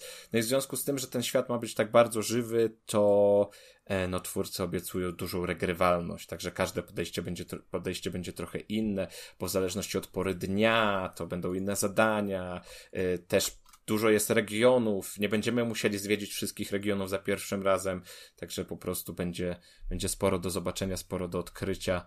Mm, no ta walka jest zręcznościowa, wydaje się wymagająca, ale zobaczymy, zobaczymy jak to będzie. Nie ma żadnej taktycznej pauzy, ani nic z tych, rzeczy, co moglibyśmy znać z izometrycznych RPGów, także to jest taki bardzo, bardzo wyraźny akcyjniak. Mi się podoba. Mi też, mi też się podoba i czekam. Czekam, czekam. No, pewnie pogadamy sobie o tym w przyszłości. To jest takie 95%, tak mi się wydaje. Mm, a, co ciekawe, to jest studio, robi to studio Gamera Interactive i to jest, nie wiem czy pamiętacie mm, Midnight Caravan to się nazywało? Mhm. O dziwkach. Taką okr taką no. okrutnie zepsutą, takiego okrutnie zepsute, zepsutego visual novela. To jest to studio. E, także, no to nie, to także, bardzo dobrze to... to ten ludzi. early access może być potrzebny, prawda? Mhm. Znaczy ja, ja Midnight Caravan dalej chcę zagrać, bo jakby zaintrygował mnie ja też, ten tryb graficzny. E, tryb gra, styl graficzny. E, pomysł w sumie na, na historię, że to jest ten, ten karawan który jest tam e, burdelem na kółkach, dosłownie. E, I że goła baba jest to wiadomo, wartość dodana. 10, 10 na 10.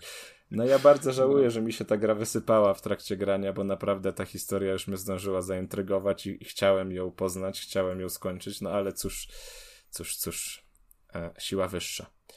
E, no dobrze. I teraz tak, drugiego indyka nie mam dzisiaj, ale Wiem, że pan Szymon coś przygotował. I też chciałbym się dowiedzieć od Konrada, jeśli już jesteśmy przy indykach. Aha. Co to jest ten cookie clicker? Dlaczego cookie... ty w to ciągle grasz? Zajebisty jest cookie clicker. O, to jest coś, co, co też to mnie jest? ciekawi. Co to jest? A czy wiesz, że sobie odpalę, Jak kiedy nie, nie spojrzę na Steam, Konrad cookie clicker. Ta, to patrz teraz.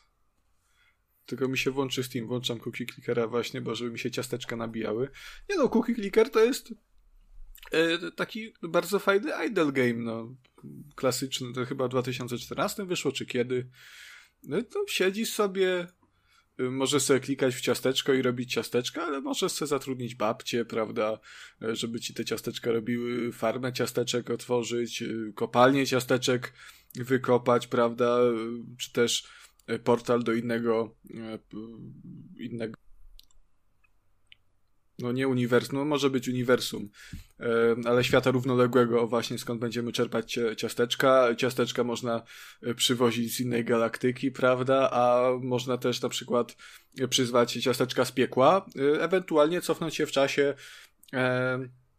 gdzieś tam do, do prawda, wstecz do przeszłości, no bo dokąd by indziej mm, i stamtąd e, ciasteczka prawda, przy, przynieść żeby były. Nie? No, Ale nie, no to jest taka. Powiedz mi, czy to jest, czy to jest taka gra, która nie wymaga, żeby tam coś robić, że to jest, ona się sama gra w tle, Tak, bo tak, to, tak, tak, tak, jak tak, patrz, tak. Tak jest- jak patrzę, ile ty masz w to wygra... Ty masz już w to wygrane 128 godzin, Konrad. No słuchaj, ciasteczka same się nie zrobią. Ale to jest gra, która, yy, która gra się sama właśnie. To jest stąd nazwa, nie? Idle Game. E, Możesz to... mieć ją w tle odpaloną po prostu. Tak, i tak, ona tak, robi tak, rzeczy. tak. Przykład jak montuję podcast, jak, jak piszę y, y, teksty na, na pograne czy na swojego bloga do, do odwiedzenia obu stron zachęcam, prawda? E, Czy nawet jak w pracy siedzę, nie? To, to ten, to sobie gdzieś tam puszczę y, w tle i to mi leci. Mm, Ja tam nie muszę Szef zaglądać. No ale to wiesz, to jest idle game. Mam odpalone na innym monitorze i, i nic nie robię, nie zaskupiam się, się na pracy, a po zmianie sobie, prawda, y, wydaję ciasteczka na, prawda, na przed kondensator antymaterii, który kondensuje antymaterię wszechświata do postaci ciastek. E, na przykład. E, nie, także... Ty z fizyki się No podszkoliłeś, tak, w prawda? ogóle wiesz, tu moja ekonomia jest teraz taka, że z nowości ciasteczkowe, ciastkowe pożyczki, co, kurwa, no mi uciekło. E, ja tu sobie kliknę. O, nowości. Doszliśmy do miejsca, gdzie gospodarka jest nierozerwalnie złączona z ciastkami, twierdzi ekonomista. Jeśli przerzucimy się na jedzenie czegoś innego, wszyscy pomrzemy, nie? E, to jest przyjemne po prostu. Tak na początku to bardzo wciąga, teraz już tam po 120 godzinach odrobinę mi się to zaczęło nudzić. E, Czego? Ale no, Ale fajne lore jest zbudowane z tego, co mówisz. tak, tak, tak, tak. Właśnie to mnie zachęciło, bo wbrew pozorom ta grała jakąś fabułę. E, I tam, i tam e, niezłe akcje się od Janie Pawła, jakieś tam wirusy, inne dziwne rzeczy, e, bunty babć, nie, jakichś tam tych, także polecam. polecam. także fajne. E, sporo jest takich idle game'ów. A to jest darmowa Katama- gra, czy to jest... Yy, na komórkach, grosze na kosztuje. jest darmowa, e, natomiast e, komórkowa wersja jest wykastrowana właśnie z tej warstwy fabularnej, tak naprawdę i z, z wielu mechanik, e, zwłaszcza w endgame'ie, bo ta gra ma kurwa endgame i A ma ty- new game A plusy ty już nawet. jesteś w endgame'ie po 100, ponad 120 godzinach, czy jeszcze nie? E, nie, bo ja sobie dobijam do tego, do, jak to się nazywa, do, do kolejnego poziomu dziedzictwa, chcę sobie 200 poziomów dziedzictwa wbić i wtedy sobie przejdę e, na kolejny e, poziom, to się nazywa jakieś tam w niebo wstąpienie, bo wtedy Wiesz, jak dostanę... masz tyle godzin w to wygrane, to możesz co najwyżej wbić kolejny poziom dziewictwa. No na razie to- mam po, po, po graniu przez 20 dni, czyli, czyli te 120 godzin, no to mam poziom piąty dziedzictwa, a no to jest 195 i wtedy sobie prze, przejdę i wtedy będę miał, to mi da e, 200% produkcji ciastek e, i 200 niebiańskich żetonów do wydania na jakieś tam upgrade'y. E, Dobra, ja żał, żałuję, że zapytałem. To może, może Nagra- Szymon, przejdziemy do tych twoich gier, bo coś tam fajne dema ogrywałeś. Ale jeszcze nie odpowiedziałem Szymonowi e, do końca. Na, na telefonie jest darmowe. Yy, pełną taką wersję na Steamie trzeba kupić, no ale ona kosztuje tam chyba 18 zł, więc jakby No to Casus Among w sumie- trochę dużo, ale, ale, ale jakby, no nie wiem, no ja jestem zadowolony, jest to przyjemne takie. Dobra, niech mi Myślę, ciasteczka że lecą. 128 godzin za 18 zł to brzmi jak e, deal życia. Mm, No, to jest na 120 godzin niegrania, nie? Tym Także bardziej. Ku, Kuba, jakbyś chciał gameplay, to powiedz, nie? Będziesz to z tego kleił, nie? To ja ci, ja ci zmontuję. Kuba jest naszym tutaj monterem. Ty widzę, że już go chcesz jeszcze bardziej wygryźć. Tak, na, każdym, na każdym froncie. To nie? Uważaj. Wyczuł, wyczuł, że ja jestem najsłabsze ogniwo i teraz już to... Ty, Szymon, uważaj, bo Kuba, Kuba już wraca niedługo do Polski. Nawet ci mówił, że w Gdańsku będzie niedługo, także Będę, ty, będę ty na tam się pilnuj.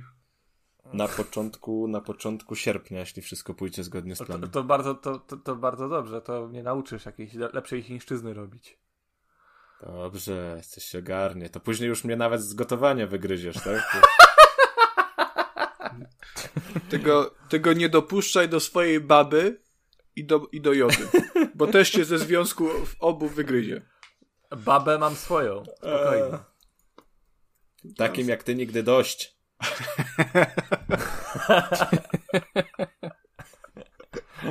Dobra, co, co tam grałeś, panie Szymonie? E, No jakoś tak wyszło, że ten okres e, E3 był bardzo płodny pod kątem również wersji demonstracyjnych i przyjrzałem się dwóm, które najbardziej mnie interesowały. Yy, postaram się dość krótko, żeby nie, nic będzie nie przedłużać. Pierwszą z nich było Midnight Fight Express, polska produkcja, która swoją premierę będzie miała już w sierpniu. E, wydawcą jest e, Humble Games, e, producentem głównym jest Jakub, Jakub Zwinel, chociaż pewnie ma tam kilku freelancerów pod sobą. Jest to bardzo prosty beat'em up z rzutu izometrycznego. Jesteście, tak? Jesteśmy, jesteśmy jak Dobrze, najbardziej. dobrze, dobrze. E, Nie, bo tak coś mi się na chwilę zawiesiło. E, Jest to bardzo prosty beat'em up, e, złożony, w, w którym akcję obserwujemy z rzutu izometrycznego. I całość jakby konceptu polega na tym, że on jest bardzo krwawym beat'em upem. E, Jest bardzo, jest bardzo szerokie wykorzystanie środowiska, podnoszenie beczek, e, broni od y, przeciwników, którzy nas atakują, a przy tym jednocześnie tytuł utrzymuje bardzo minimalistyczną stylistykę, e, co jednak nie ma nie ma zbyt wielkiego znaczenia, ponieważ rozgrywka jest bardzo wciągająca. Demo udostępnia aż trzy poziomy z y, dostępnych około 40 w głównej grze. E, I mamy, I mamy w nim podgląd chociażby na to, jak e, łatwo naszą postać będzie e, modyfikować poprzez nie tylko skórki i stroje, ale również punkty, punkty umiejętności są jak na, jak na to, że mówimy o bijatyce chodzonej, drzewko umiejętności jest niesamowicie rozbudowane, co tylko e, napawa optymizmem na podstawową, e, na podstawową i pełną grę, bo to oznacza, że będzie można ją przechodzić na wiele sposobów, skupiając się na e, różnych e, odłamach rozwoju postaci. E, bardzo miałem pozytywne skojarzenia z tą grą, bardzo mi się przypomniały takie tytuły jak e, Fighting Force, chociażby przez to intensywne wykorzystanie środowiska. E, jest bardzo szybko, dynamicznie. E, demko dostępne jest ciągle na e, serwisie Steam, więc jak najbardziej polecam sprawdzić. Drugą produkcją, jaką ogrywałem, jest strzelanka rytmiczna o nazwie Metal Hellsinger. E, Tam z kolei pojawił się e, dość intrygujący koncept, ponieważ twórcy postanowili przepalić trochę pieniędzy, e, wydać je na najlepszych artystów, może nie najlepszych, ale bardzo rozpoznawalnych artystów metalowych, takich jak zespoły Arch Enemy, czy chociażby Serge Tankiany z zespołu System of a Down. I postan... Zen- Zenek jest? Nie, nie, nie ten adres, przyjacielu. Eee, to gówno. Ale, ale będzie następny, sequel będzie Disco Polo Helsinger. Disco Polo Singer. E, I tak, i cały koncept polega na tym, że y, jest to normalna, jest to, jest to normalny arena shooter, w którym y, w stylu Duma po, pokonujemy kolejne hordy potworów, tylko że y, na górze ekranu jest umieszczony mnożnik. E, im, I ten, to rozwiązanie polega na tym, że e, normalnie słyszymy tylko określoną partię piosenki. Gra nawiązuje dialog tutaj z graczem, e, że jeżeli chcesz usłyszeć cały kawałek z wokalami, to musisz sobie na niego zasłużyć. Musisz strzelać rytmicznie, w rytm, e, w, rytm, w rytm perkusji, a jeżeli będzie ci to szło dobrze, to nie dość, że usłyszysz więcej piosenki, to jeszcze, e, to jeszcze będziesz zadawał więcej obrażeń, więc twoje strzelanie oraz ciachanie potworów będzie bardzo, e, będzie bardziej efektywne. Mm, Mi ten koncept bardzo się spodobał. Jak tylko zacząłem rytmicznie trafiać, to e, głowa tylko mi skakała, znaczy gło, głowa, głowa tylko headbangowała w klasycznym e, metalowym stylu, więc z pewnością będę przyglądał się tej premierze. Graficznie wygląda dość dobrze, choć demo nie było jakoś super zoptymalizowane, więc musiałem trochę zjechać z ustawieniami, żeby na swoim starym laptopie zagrać. E, aczkolwiek miałem mnóstwo fan, miałem mnóstwo fanu, czułem, że muszę zasłużyć na te piosenki.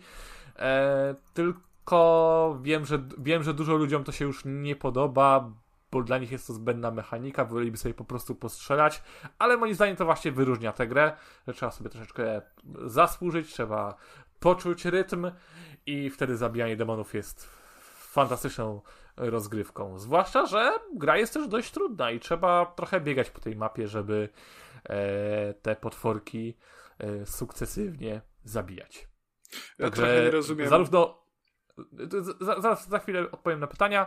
E, Także Midnight Fight Express oraz Metal Hellsinger jak najbardziej polecam sprawdzić wersje demonstracyjne dostępne na e, serwisie Steam.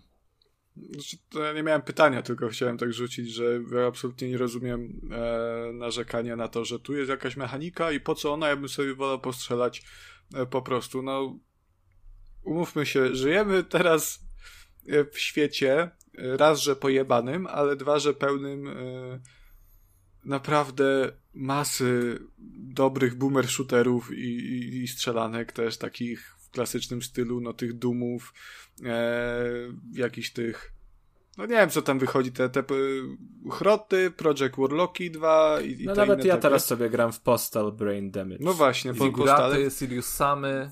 Tak, więc wychodzi tych klasycznych strzelanek, w których można sobie po prostu postrzelać na pęczki, więc po jaką cholerę robić kolejną taką samą strzelankę, jeżeli można coś zrobić, zrobić ciekawego. No, To tak E? to samo jak z tymi Warhammerowymi taktycznymi strategiami. no to właśnie, nie? Także... Turowymi. Także, także jak, jakieś nowe rzeczy i takie drobne bariery e, są fajne. Mi się osobiście ten koncept podoba, mimo że słuchu muzycznego absolutnie żadnego nie mam. E, więc e, każde zagadki, jakieś na przykład logiczne w, w, w przygodówkach związane z odgrywaniem nut albo wygrywaniem pewnych melodii, e, to jest e, mój ark Nemesis. Mm, Tak tutaj, no, no, no to wydaje mi się, że to będzie fajne, zwłaszcza, że e, już Doom w, pe w pewnym sensie robił to samo, że grało się do tego rytmu, właśnie przez tą, przez tą fajnie skomponowaną muzykę do niego e, wpadało się w ten taki, w taki trans, że grało się do tego rytmu. To, to samo przecież Ghost Runner. Także sporo jest takich gier, Oj to ta, oj na ta, to bardziej. Mm. Mhm. E, No tylko także- tu- tutaj jeszcze gra to premiuje, nie? No tak, tak, tak, tak, tak. Tak, także nie wiem, jak dla mnie, dla mnie bardzo fajnie. Nie jestem może przekonany do, do końca do stylu e, graficznego, bo on wygląda ok. Natomiast trochę mam takie wrażenie, że e, to robi jakiś taki mroczny licealista, który słucha metalu, bo te pistolety mają czaszki na sobie, nie? I są takie z kamienia.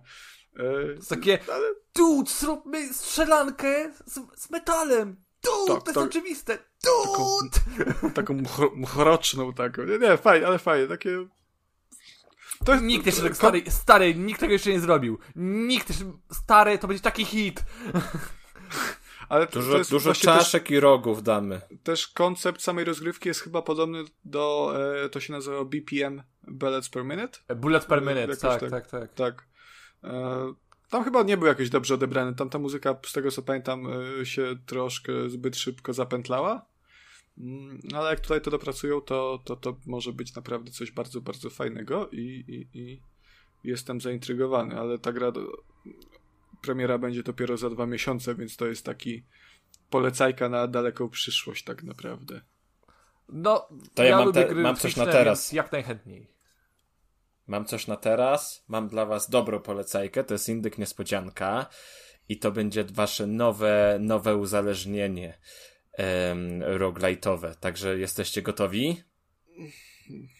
Jak najbardziej. Proszę sobie, proszę sobie odpalić tam wyszukiwanie na, na Steam i gra nazywa się FOG, czyli chyba, no nie wiem, to są drukowane litery duże, także to chyba skrót, albo po prostu FOG. Tyle? Tak. Fakt, teraz to znajdź, że w Google wpisałem. Mówiłem, że na Steam. Nie I The to Fog, jest... po prostu Fog. Nie. Nie, Fog, Po prostu. mam już. Mhm. Wygląda jak Już jesteście za- PS1. Już jesteście uzależnieni? Cześć, znalazłem jakieś Sick Girl Fog One, to jest chyba, sądzę, Dobrze, że jakiś to ja porno, już- to nie. O, jest, dobra. O, wow. Tak, tak. Jesteście gotowi Piękne. na tą bitwę. Dziewięć leveli.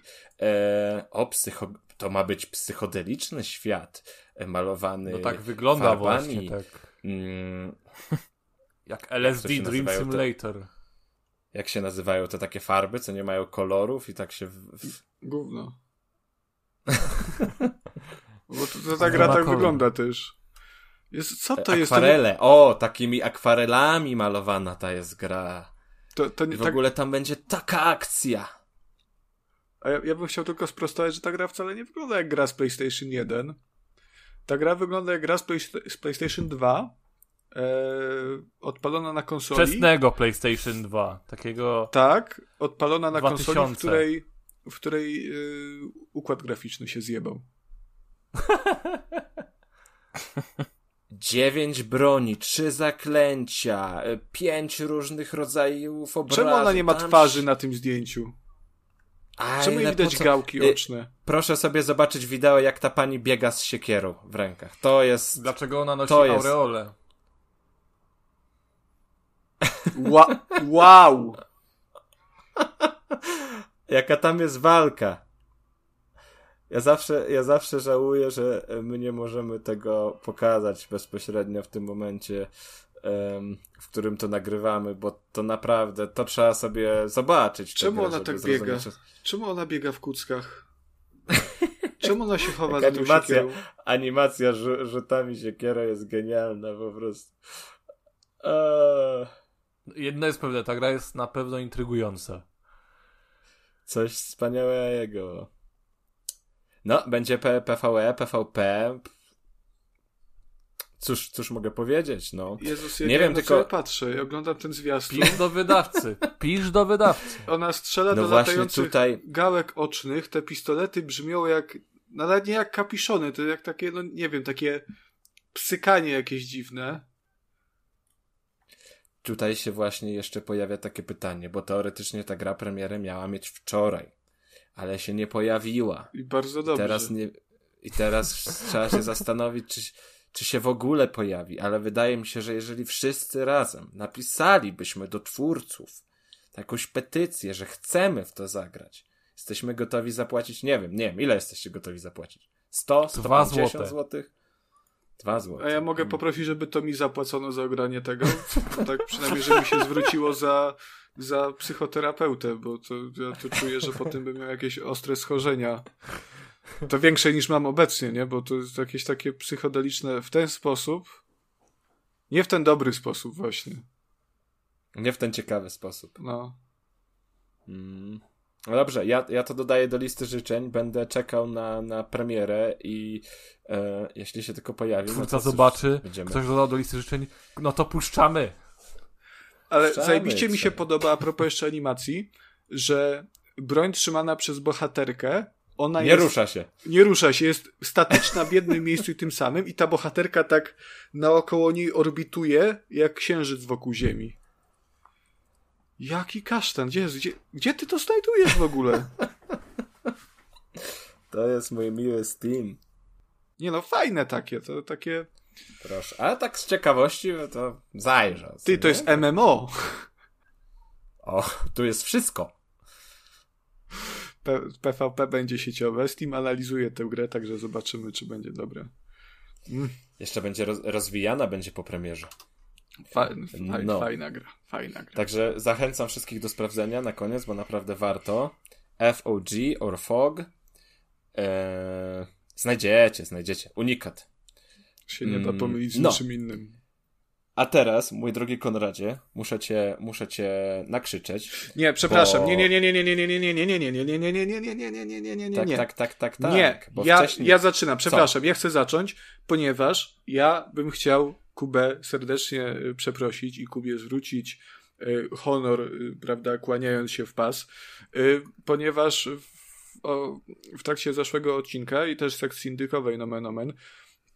trochę żeśmy sobie z Kacprem urządzali podśmiechujki y, z jednej z polecanych przez Kubę y, y, gier e, i gra ta nazywa się e, Card Shark. E, Natomiast, także gra się okazała, że jest naprawdę jest wpyte, nie? E, tylko trochę Kuba, ja przepraszam, ale, ale twój opis tej gry na zeszłym odcinku jej nie oddawał honoru, bo to no gra sobie w karty i se oszukujesz, nie? Ale, ale to no jest... właśnie, ja też się kompletnie zdziwiłem, bo ta gra jest zupełnie czymś innym niż ja się spodziewałem. Mhm. E, ale właśnie chciałem też na ciebie nakrzyczeć nie tylko a propos tych podśmiechujków z ostatniego Oho, odcinka, oho. ale dlatego, że jak Szymon opowiadał o tych indykach, które ogrywał, to mówiłeś, że wszystkie gry takie same, nie ma ciekawych mechanik, no to masz takiego Kart Sharka, który ma bardzo ciekawe i oryginalne w ogóle podejście do, do gameplayu. E, no bo to, jak dla mnie, to troszkę taki unikat pod względem tego, o co w tej grze chodzi. A zdecydowanie, zdecydowanie, bo to jest gra karciana, w której nie gra się w karty, faktycznie, nie? E... E, a czy ja takiego czegoś nie mówiłem ostatnim? A ty, ta, to taka karcianka, co się nie gra w karty, to wcale nie karcianka.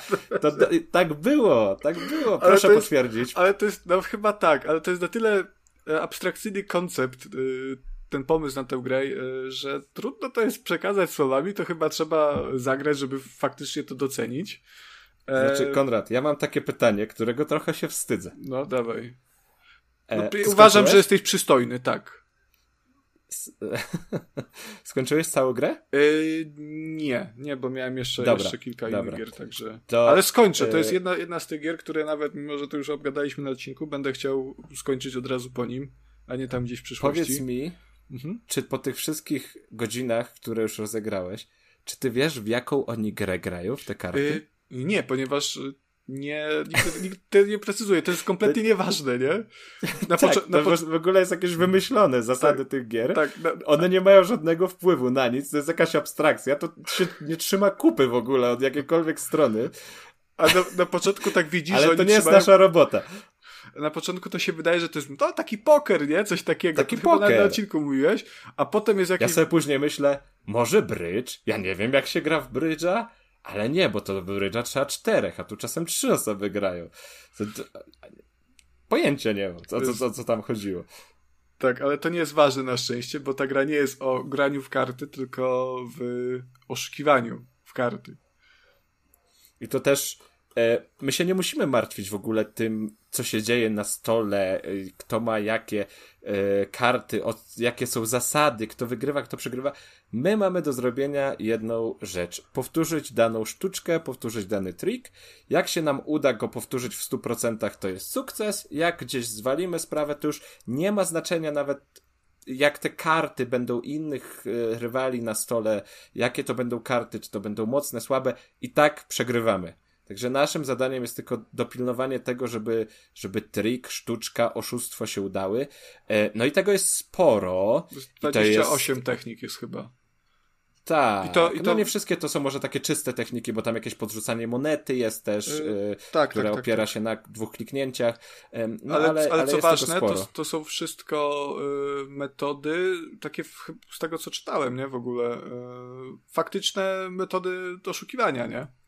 E, więc... Znaczy, ja nie wiem, wydaje mi się, że mm, nikt o zdrowych zmysłach na część tych sztuczek by się nie nabrał na przykład na to, na to e, wychodzenie do innego pomieszczenia i tam gdzieś no to, znaczenie to, kart. No to to tak, to już takie było naciągane, nie? Natomiast cho Chociaż są te takie sztuczki, że gdzieś tam ta karta ci, wiesz, gdzieś się chowasz w ręce, tak, że nikt jej nie widzi i czy przy tasowaniu, że możesz manipulować tym, jak będzie, mhm. um, jak będzie dany deck ułożony. Też na przykład jest ta taka sztuczka, że zaglądasz karta, jaka jest na górze, jaka jest na spodzie. To też wydaje mi się, że no nikt, nikt przy stole, szczególnie, że tam mówimy o profesjonalistach, bo my gramy z, z, ze śmietanką, która gra w karty całe życie, e, no nikt by się nie dał na to nabrać, tak mi się wydaje, ale na potrzeby gry jak najbardziej jestem skłonny uwierzyć, że to, że to działa i, i dobrze się przy tym bawiłem. No nie, to są bardzo dobre, ale zapominasz o tym, są bardzo dobre wymówki, e, bo tu, tu należy nadmienić, że e, fabularnie podróżujemy po Francji e, z panem, który ma na imię Comte, jakimś, jakiś tam, jakiś tam, który jest właśnie... W ogóle taka postać była. Tak? Poważnie? Tak, tak, tylko ten w grze jakby nie odpowiada... Mm nie odpowiada w 100% tej postaci prawdziwej, bo to też była taka dziwna, taka zagmatwana, tajemnicza postać, z tego co czytałem, no ale to jednak nie na tych płaszczyznach. No, e, w, ka w, każdym razie, e, do samego tam jakby aspektu fabularnego chcę przejść później, nie? Bo to jest też warte osobnej e, dyskusji. Natomiast jeżeli chodzi o, o, ten taki zarys fabularny, no to podróżujemy po Francji chyba XVIII-XIX wiecznej, XVIII wiecznej najbardziej chyba, nie? E, mhm. jakoś tak, e, wraz z tym Comte, e, który gdzieś tam nas uratował po tym, jak przez niego praktycznie zginęliśmy, bo nas namówił do, do właśnie oszustwa. i się wydało. No i podróżujemy z nim po tej Francji, gramy sobie w te karty w jakimś tam celu. I właśnie w tym miejscu potrzebowałem to zarysować, bo zapominasz, Kuba, że w trakcie tych oszustw Comte wymyśla bardzo, bardzo dobre e, wymówki, żebyśmy wyszli do pokoju. No na przykład mówi, że no o, skończyło się wino, musisz pójść dolać, o, jakiś taki blady jesteś, idź sobie odpocznij trochę tam na zaplecze, także to są wszystko fenomenalne wymówki. I to nic, że no chłopak trzy razy w trakcie jednej rozgrywki e, lata po to wino, trzy razy wygląda blado, nie? I za każdym jak wraca, to wszyscy poza, poza kątem, który go wysyłał do innego pomieszczenia, przegrywają. No, no, no jak to się stało? Nie wiadomo, nie? To taki... Nie wiadomo, jak do tego doszło? Nie wiem. Nie wiem. E, no ale ta fabuła jest na tyle fajna i na tyle mocna, mi się tak dobrze w to grało, tak dobrze się czytało to wszystko i śledziło. Nie wiem na którym etapie jesteś, ale tam pod koniec się całkiem sporo dzieje, jeśli Y, chodzi o jakieś takie... Ja jestem jakoś na początku chyba e, drugiego rozdziału, czyli wróciłem z Korsyki. E, O, Okej, to jeszcze, jeszcze się... To tam dopiero jeszcze się zaczęła jeszcze- ta fabuła rysować, tam się jakieś pojawiło Tak, 12 tak, tak, butelek tak, tak. mleka, nie, ja nie wiem o co chodzi. No, no w ogóle ta historia się kręci wokół tego, tych Ale- 12 butelek mleka, co tam się wydarzyło. E, Super to jest, Tak, super tak, to jest... bo- e, Bo to jest taka okryte historia, taką tajemnicą, która się odkrywa w trakcie gry. bo to jest związane z jakimś spiskiem królewskim, coś takiego, nie? E, To jest polityką. No, ach, co ci będę, super, co ci jest- będę jest- zdradzał. Jest naprawdę, jest, byłem zaskoczony tym chyba najbardziej, jak, jak fajnie napisana jest ta fabuła, jest jakim humorem ona jest napisana też. E, w ogóle to, że, że nasz bohater nie mówi, jest niemową, e, poza tam kilkoma momentami bardzo specyficznymi, których nie będę spoilerował, ale fajne jest to, że mimo wszystko, mimo że on jest niemową i tutaj on jest fabularnie niemową, e, to mamy opcje dialogowe, które nie wpływają absolutnie na nic praktycznie, ale, ale on się porozumiewa z innymi bohaterami mimiką i te rysunki e, towarzyszące tym opcjom są tak komiczne, jak on kręci tym ryjem w takie sposoby, po prostu jakoś się nadyma i wszystko. No coś absolutnie, absolutnie przepięknego. Mm, no, zgadza się. E, no i jest chłop za babę przebrany. Jest, jeszcze, jest nie? chłop No to za babę. też A, się jest chłop śmiałem. Ale to dobre było. E, No, ale dobra, to jeszcze tak. Te sztuczki to już mamy umówione mniej więcej, że one są, to są fajnie zrobione. Ja bym raczej ich nie próbował. No nie wiem, część z nich może by działała, jeżeli by mieć faktycznie jakiegoś tam skilla, skilla i zręczne palce. E, albo pijanych przeciwników. E, ale, ale, ale jeszcze co? A, że chciałem powiedzieć, że trudna jest ta gra. E, Ty grałeś na kontrolerze, czy, czy myszka, klawiatura? E, Ja grałem na kontrolerze, bo gra mi powiedziała. Chciałem myszką, bo myślałem, że to będzie taka bardziej przygodówka. E, Ale tu włączam, gra mi mówi, no tu zalecamy jednak, rekomendujemy, to tak mocno pada. No ja jak widzę to powiadomienie, to zawsze mówię walcie się i se gram myszką i Ale, ale tutaj, tutaj faktycznie ten pad jest ten pad jest potrzebny, bo no to jest takie QTE the game, nie? Więc Mhm, ale z drugiej strony niektóre sztuczki wymagają tego, żeby gdzieś szybko kursorem yy, się ruszyć w randomowe miejsca i kliknąć. Także wydaje mi się, że tutaj myszka dużo lepiej się sprawdzała. Chociaż mam wrażenie, że to sterowanie pod myszkę i klawiaturę troszkę jest niedopracowane i trochę tam to jest znaczy w, ja- w jakich problem ze momentach strefami. w jakich momentach musiałeś coś kliknąć i szybko, bo jakby w ogóle tego... Yy, no jest taka na przykład, jest taka na przykład sztuczka, że musisz yy, udać to, że przekładasz karty i wtedy musisz odwrócić uwagę przeciwnika i to wymaga od ciebie kliknięcia na kieliszek i potem szybkiego kliknięcia w jeszcze jedno albo drugie miejsce. A, to do tego nie doszedłem chyba. Ale wiesz co, wydaje mi się, że to, To albo może nie być doszedłeś, prostu albo to jest inaczej jako, zrobione. jako y, wiesz, kliknięcie przyciskiem y, na, na, na A, no kontrolerze. to, to, to, to w takim razie ja polecam granie na... A, a jest coś na myszce, bo to się fajnie robi odskocznie od innych y, trików, gdzie faktycznie tam wszystko się opiera na klikach. A jest też taka była jedna sztuczka, w której musisz powtórzyć jakby wzór dany. Mm, to to też przy pomocy kursora się, się robiło u mnie. I to, co to jest wymagające, to trzeba zrobić tak szybciutko bardzo. Ale to są, to są te, te, sz- te sztuczki są wymagające praktycznie wszystkie. Te początkowe może są trochę łatwiejsze.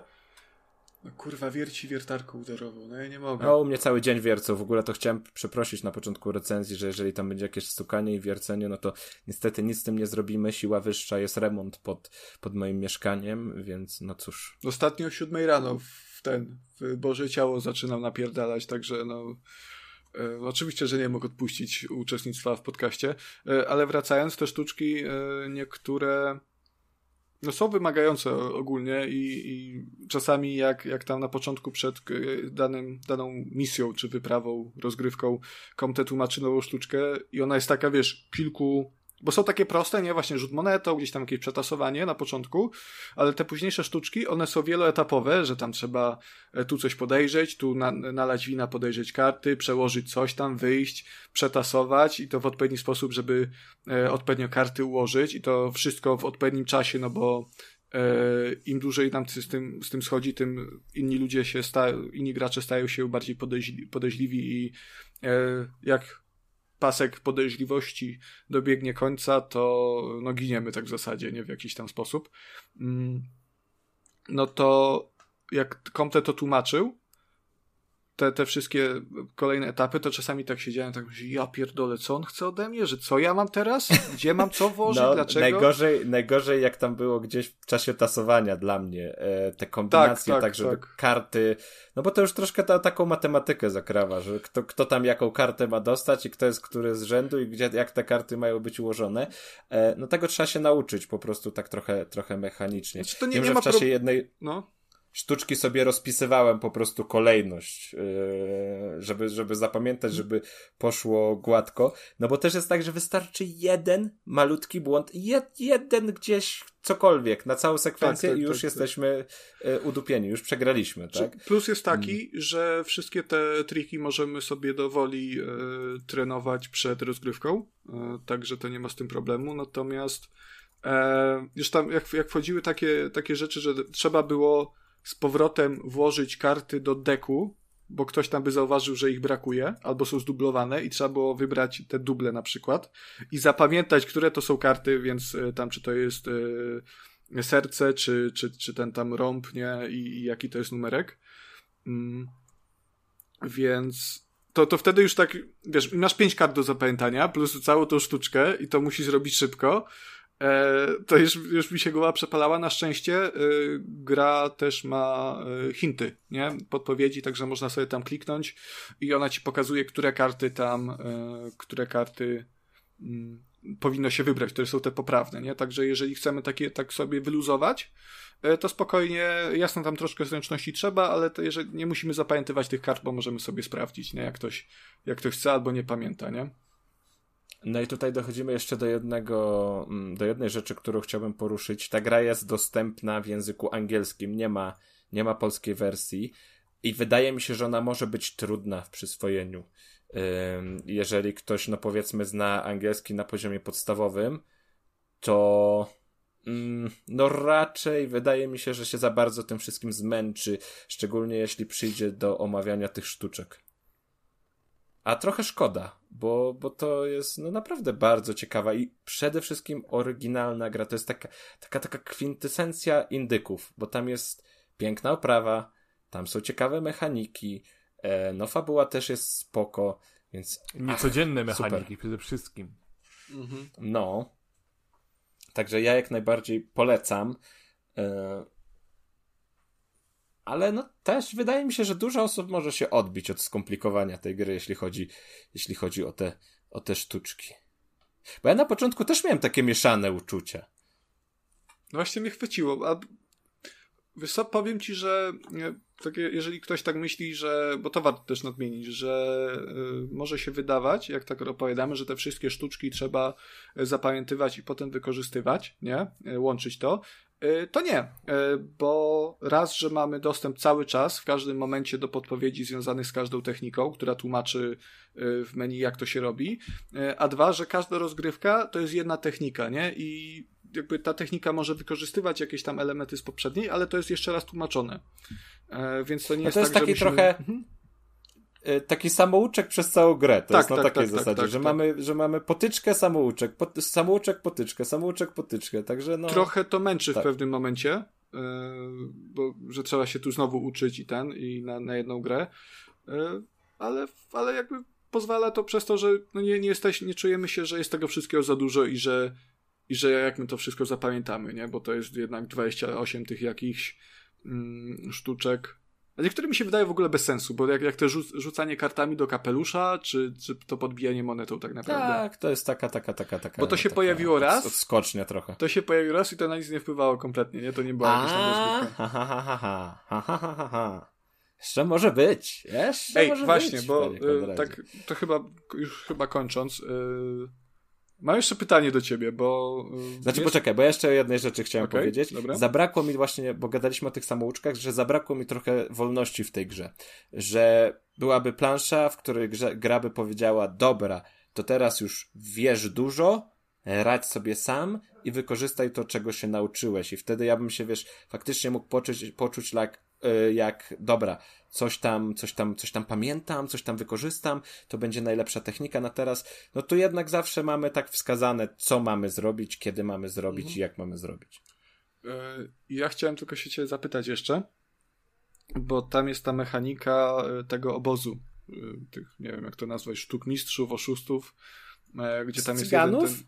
Cyganów w sumie chyba tak, no. No. Gdzie tam jest ten, w tym, tym wozie e, na kółkach jest, jest jeden gość, który, który jest chyba szefem tej bandy, e, Mhm. do którego, czy tej gildii oszustów w sumie, nie? Bo to jest jakaś tam organizacja tak w zasadzie, mm, do którego się chodzi i można mu przekazywać pieniądze z wygranych, e, przynajmniej część, Mhm. i że on No, tam nawet mówi, że trzeba. Nawet trzeba. Yy, No bo on tam mówi, że no, no tutaj ja znam dobry tam jakiś tam sierociniec, że tam pieniądze przekażemy. I te, tak jestem ciekaw, bo absolutnie teraz, nie wiem, po pierwszym rozdziale, a są chyba trzy rozdziały w tej grze, e, nie czuję absolutnie, żeby to miało wpływ na cokolwiek. E, I to potem wraca w takim razie, jeżeli mówisz, że trzeba? Mm, dobra.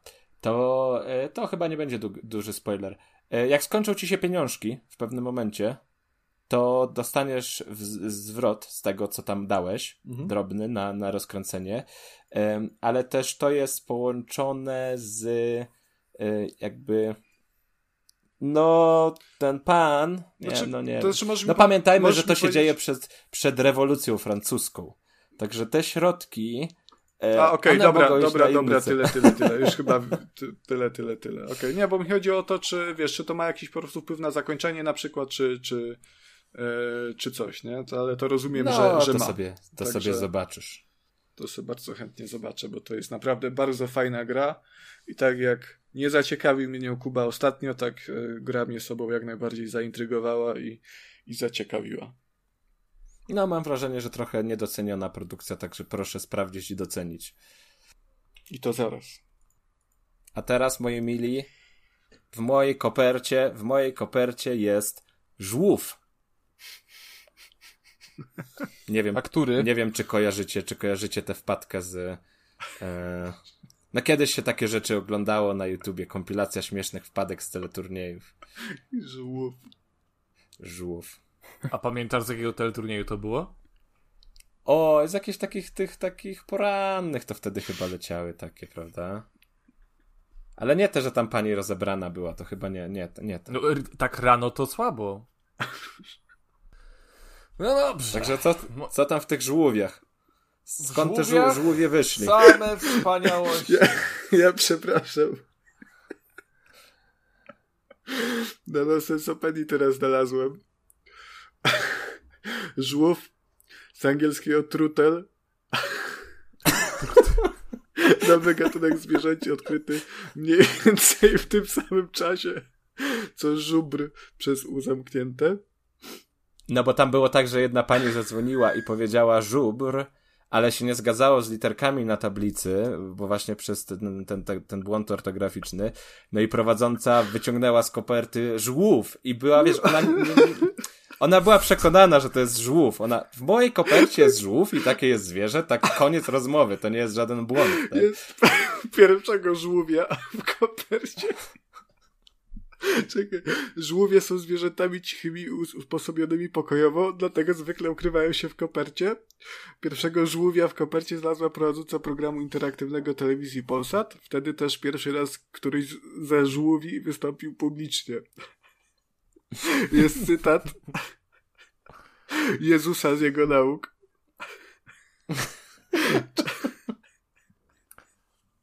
Czemu to widzisz Czy to- żółwia czy to- wokół swego brata, a żubra we własnym oku nie dostrzegasz? To jest strona non- nonsensopedii? To, to jest to sensopedia, no. Bo tak... Tylko jedna strona pasowała do tego, co czytasz. Ja pierdolę, zabiję mnie tym żółwiem. Aż się osmarkałem, Jezu.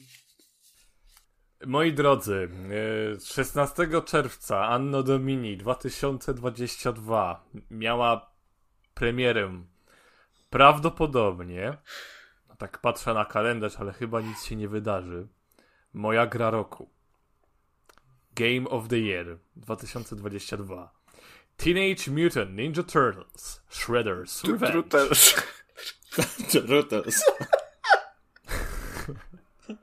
czyli e, po, po, niemal, po niemalże 30-letniej ciszy follow-up do klasycznych chodzonych bijatyk e, wydawanych przez e, studio Konami na licencji wojowniczych żółwi ninja.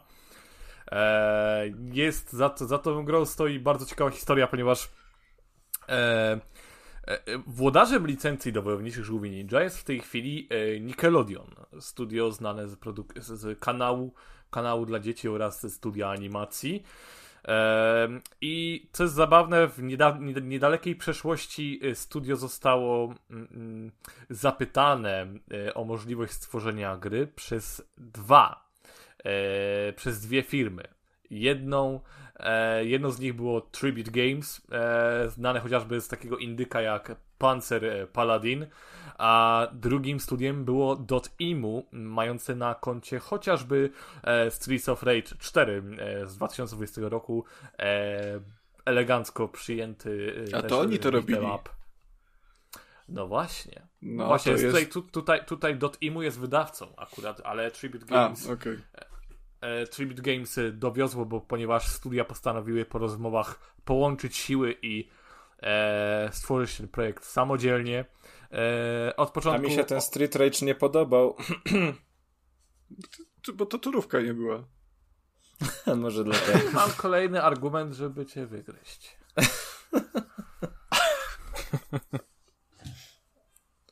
E, wtedy też wyszło, co to wyszło? Te, te, te, te, te, te, te, te żaby. Battletoads. O, i one były dużo lepsze, tak, tak, tak.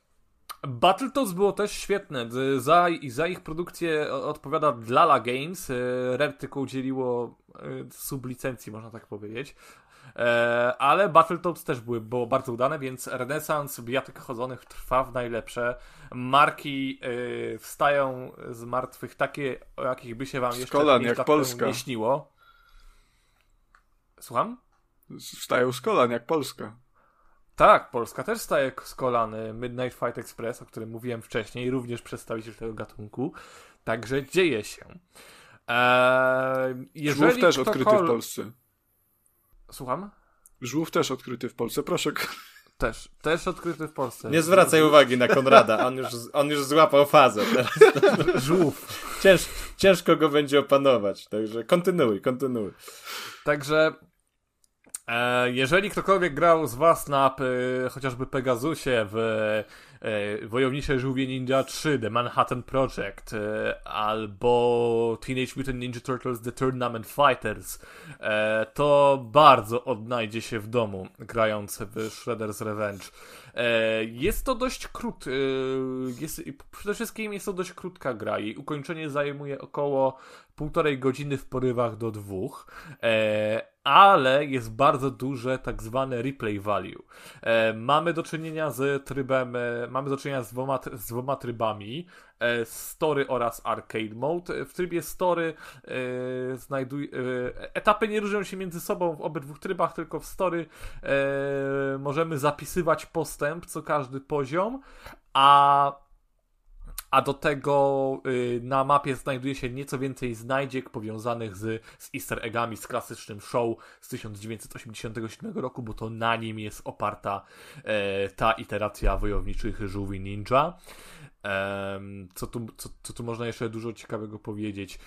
E, każdy, e, przejście każdego etapu zajmuje w okolicach e, 4 do 7 minut. E, każdy etap kończy się e, walką, e, wa, wa, walką z bossem, ale nie ma tutaj żadnego recyklingu.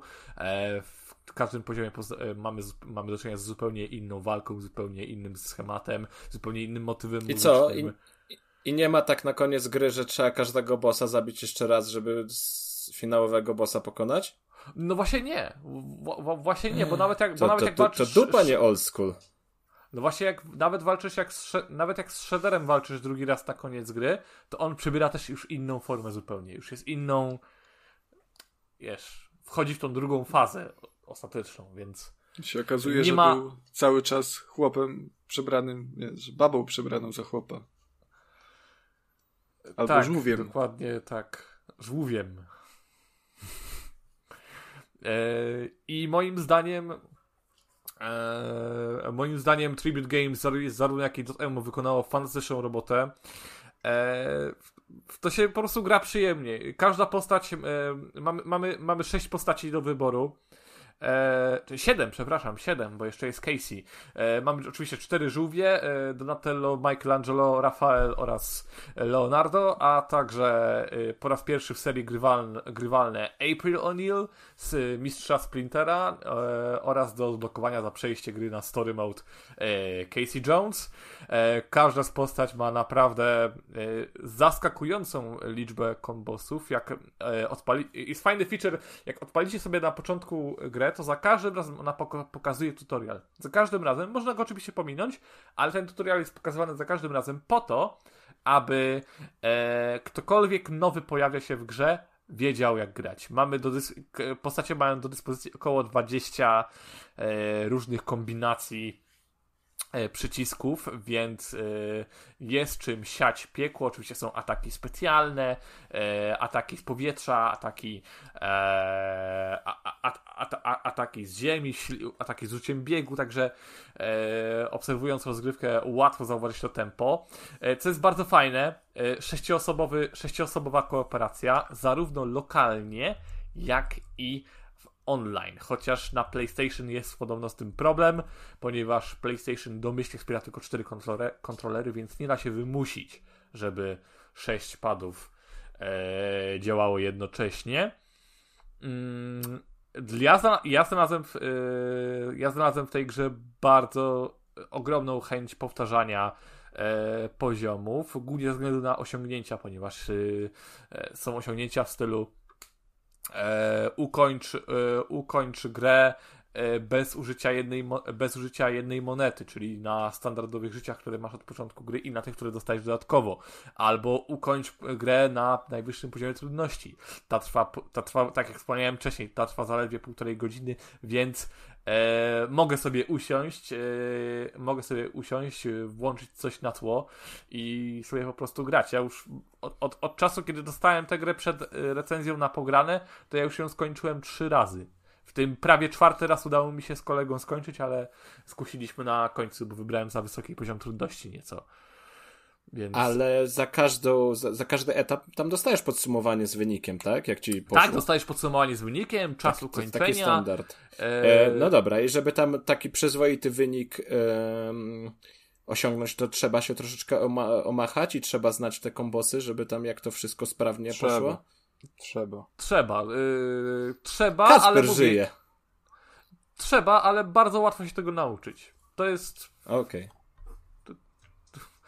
To jest naprawdę prościzna i, i, i nawet możesz wykonywać proste, pro, proste kombosy, ale jeżeli będziesz unikać yy, żołnierzy klanu stopy efektywnie, to nawet tymi prostymi kombosami możesz yy, sprawnie działać. Znowu, yy, wspomniałem o bossach, że są yy, różnorodni, tak samo przeciwnicy, yy, tak samo przeciwnicy. Yy, etapów jest 16 i gra tak fajnie rozkłada wszystkie, ro, wszystkie, wszystkich, wszystkie rodzaje przeciwników, że nawet w ostatnich etapach pojawiają się jakieś nowości.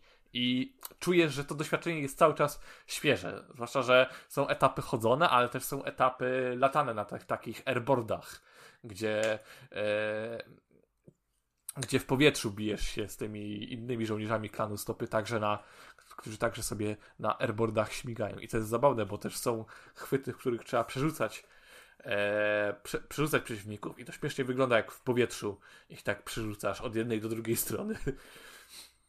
Dobra, to takie pytanko ode mnie, które może trochę nas naprowadzi na, na, na zawartość gry. Bo na ogół jak się robi takiego, no, taką oldschoolową grę teraz, em, to starasz się zawrzeć jakąś innowacyjną mechanikę, coś takiego em, no, oryginalnego, nowszego, bardziej współczesnego. I czy coś takiego w tych, w tych żółwiach jest?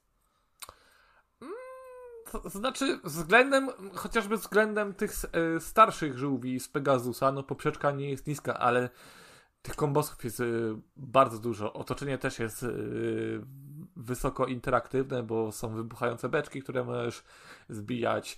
Eee, kurczę, takiego, od, właśnie w, te, w tej grze nie ma nic takiego super odkrywczego, czego nie widzielibyśmy wcześniej, ale egzekucja e, ale egzekucja licencji, e, poste, jakby e, przywiązanie do detali, zarówno w poziomach, jak i kreacjach bohaterów, jak i, mm, e, i liczbie przeciwników, e, jest tak ogromna, że ty nie potrzebujesz tej innowacji tutaj, bo ten produkt jest tak dopracowany za, yy, za tą cenę, którą oferuje, bo jednak yy, to na Steamie ta gra kosztuje 80 zł, jest dostępna, X, a jest też dostępna w Xbox Game Pass. Względem takiego yy, kangurka, kangurka K, o którym rozmawialiśmy e, no, na ostatnim odcinku, to jest ogromna różnica podejścia do tematu. Wiadomo, mamy, mamy do czynienia z grą dwa, dwuwymiarową, pixelartową, ale ciągle to przywiązanie do detali jest na wspaniałą korzyść wojowniczych żółwi ninja. Dobra, to jeszcze jedno. Ty w ogóle jesteś zaznajomiony z tą serią, Szymon, nie? Bo, nawet widziałem, że, że był retro strzał o, o żółwiach ninja. No, w pierwotnych, w, pie, w, pie, w, pie, w, pierwotnym okresie działania był. Ja jestem ogromnym fanem tych starych e, bijatyk, więc Yy, dla, no dla ja mnie ta seria to jest. Nie miałem z nimi. Cudo. Ja na przykład nie miałem z nimi styczności, więc, więc kontakt z tą grą był dla mnie trochę nowym doznaniem i nie ukrywam, że podchodziłem do niej dosyć sceptycznie. W sensie sceptycznie, z taką rezerwą, na zasadzie po prostu, że. Jak pies do żółwia. To będzie raczej taka. tak. Że to będzie takie po prostu taka, taka bijatyczka 2D bez polotu. Natomiast bardzo się zdziwiłem właśnie i według mnie ta innowacja, o której Kuba, o którą Kuba się pytał, to jest właśnie ilość tych kombosów, bo ja na początku, szczerze mówiąc, że jak pierwszy raz grę odpaliłem, wybrałem sobie tam Michaela Angelo, e, to, to jakby po prostu pominąłem całkowicie ten samouczek, twierdząc, że no przecież co tu mnie mogą uczyć, tak? Kwadrat wciskasz i jedziesz. To, tym, to i to wszystko. No, a, a okazało się, że, że na średnim poziomie trudności gra mnie bardzo szybko zweryfikowała i okazało się, że bez odpowiedniej wiedzy, jak, jak, jak grać efektywnie, no to i efektownie również zresztą, no to wcale to nie jest takie proste. I też uważam, że ten poziom trudności jest tutaj bardzo, bardzo fajnie, fajnie zrobiony, bo e, jeśli jesteś nieuważny i faktycznie nie, nie pouczysz się tych kombosów, no to możesz naprawdę mieć kłopoty, uważam, bo faktycznie są te pizze porozstawiane, które cię, cię leczą. Tam jest chyba dwie czy trzy na etap. E, natomiast one też to właśnie nie jest ich tak, nie ma ich tak wcale gęsto. Tych, tych przeciwników jest na tyle dużo, że spokojnie mogą ci to, to HP zbić, nie? W tym czasie. Więc ogólnie to, to ja jestem w ogóle oczarowany, że to jest w, te, w teorii tak prosta gra, a w praktyce tak rozbudowana. W sensie nie spodziewałem się, że może być jakby tyle mechanik w tak banalnej grze. Tak, i, i, i, i, to jest bardzo fajne, jak ta gra używa różnych kombinacji przeciwników, żeby cię e, wyprowadzić trochę z równowagi. Niektórzy, nie wiem, e, rzucają w ciebie telewizorami i musisz bardzo szybko do nich podbiec, bo inaczej, e, bo, bo, bo, inaczej cię trafią. Niektórzy używają broni dystansowych, niektórzy krótkodystansowych, niektórzy rzucają w ciebie w ogóle kunajami z, dal, e, z daleka, pojawiając się tylko, e, pojawiając się tylko na chwilę. Cały czas czujesz, że dzieje się, że, że dzieje się coś świeżego i nowego. E, mamy trzy poziomy trudności do wyboru, więc też e, twórcy zostawili, zostawili jakby miejsce na uczenie się tej gry. I moim zdaniem e, tu tkwi też jej, e, tu właśnie tkwi też jej długożywotność, że e, jeżeli ktoś nie jest zaznajomym z bitemapami, ale na przykład uwielbia, żółwi, uwie- uwielbia tą, tę markę, to będzie miał naprawdę ogromną satysfakcję z uczenia się tego na, u- uczenia się tego na pamięć. Bo mówię, dop- mi dopiero po czwartym przejściu niemalże gdz- gdzieś tam zaczęła się nudzić, nie? No tak, ale, ale wiesz, wydaje mi się, że jednak większość graczy, szczególnie z Game Passa, do tego podejdzie, że tak powiem, na raz, nie? Więc y, w tym momencie to jest według mnie świetna frajda i, i naprawdę e, mówię, chociaż ja, ja to, totalnie nie jestem zaznajomiony i nie mam żadnego sentymentu do, do tej serii, e, no to ja osobiście jestem bardzo zdziwiony i chociaż może, może nie nazwałbym tej gry moją grą roku, Natomiast na pewno pozostawia po sobie bardzo miłe wspomnienie i naprawdę mówię, jestem, jestem zszokowany, że, że w takiej prostocie jest tyle, tyle wbrew pozorom e, różnorodności. I naprawdę szapoba, bo, bo mnie też skutecznie zachęciło do, do całej serii. No ja też, ja pamiętam jak to cię pierwotnie, y, pierwotnie napisałem, y, że tak, tak, się, tak napisałeś, y, o, aż takie dobre? I tak to sobie myślałem, a, to ty nie jesteś ty żółwiowy. napisałeś, że moja gra roku i ja tak sobie myślę, dude, jakby wiesz, Bo, wiesz, co bo ty Kacper mówisz, to nie? tylko AAA je. Nie no, dla, tak, tak szczerze, ja wiem, Tak. że i, i prawdopodobnie jestem jedyną osobą, ale dla mnie to jest AAA. Jakby w mojej głowie Żółwie Ninja to jest dalej AAA, więc więc takie wydanie jak dostałem to e, mówię, no ktoś mi zrobił gwiazdkę przedwcześnie i bardzo się, bar, bardzo cieszę się, że ta gra się ukazała. Mam ochotę, ka, mam ochotę każdego z tego studia wyściskać. E, to jest, mówię, I zaprosić na coś pizzkę. niesamowitego. I zaprosić, no właśnie, grałem też, e, jed- jedną grę udało mi, jedną grę udało mi się e, odbyć w kooperacji. E, troszeczkę tam się, w kooperacji troszeczkę się skaluje jedynie HP e, wrogów. E, I wiadomo, im, im więcej graczy, tym więcej, więcej hapsa mają przeciwnicy.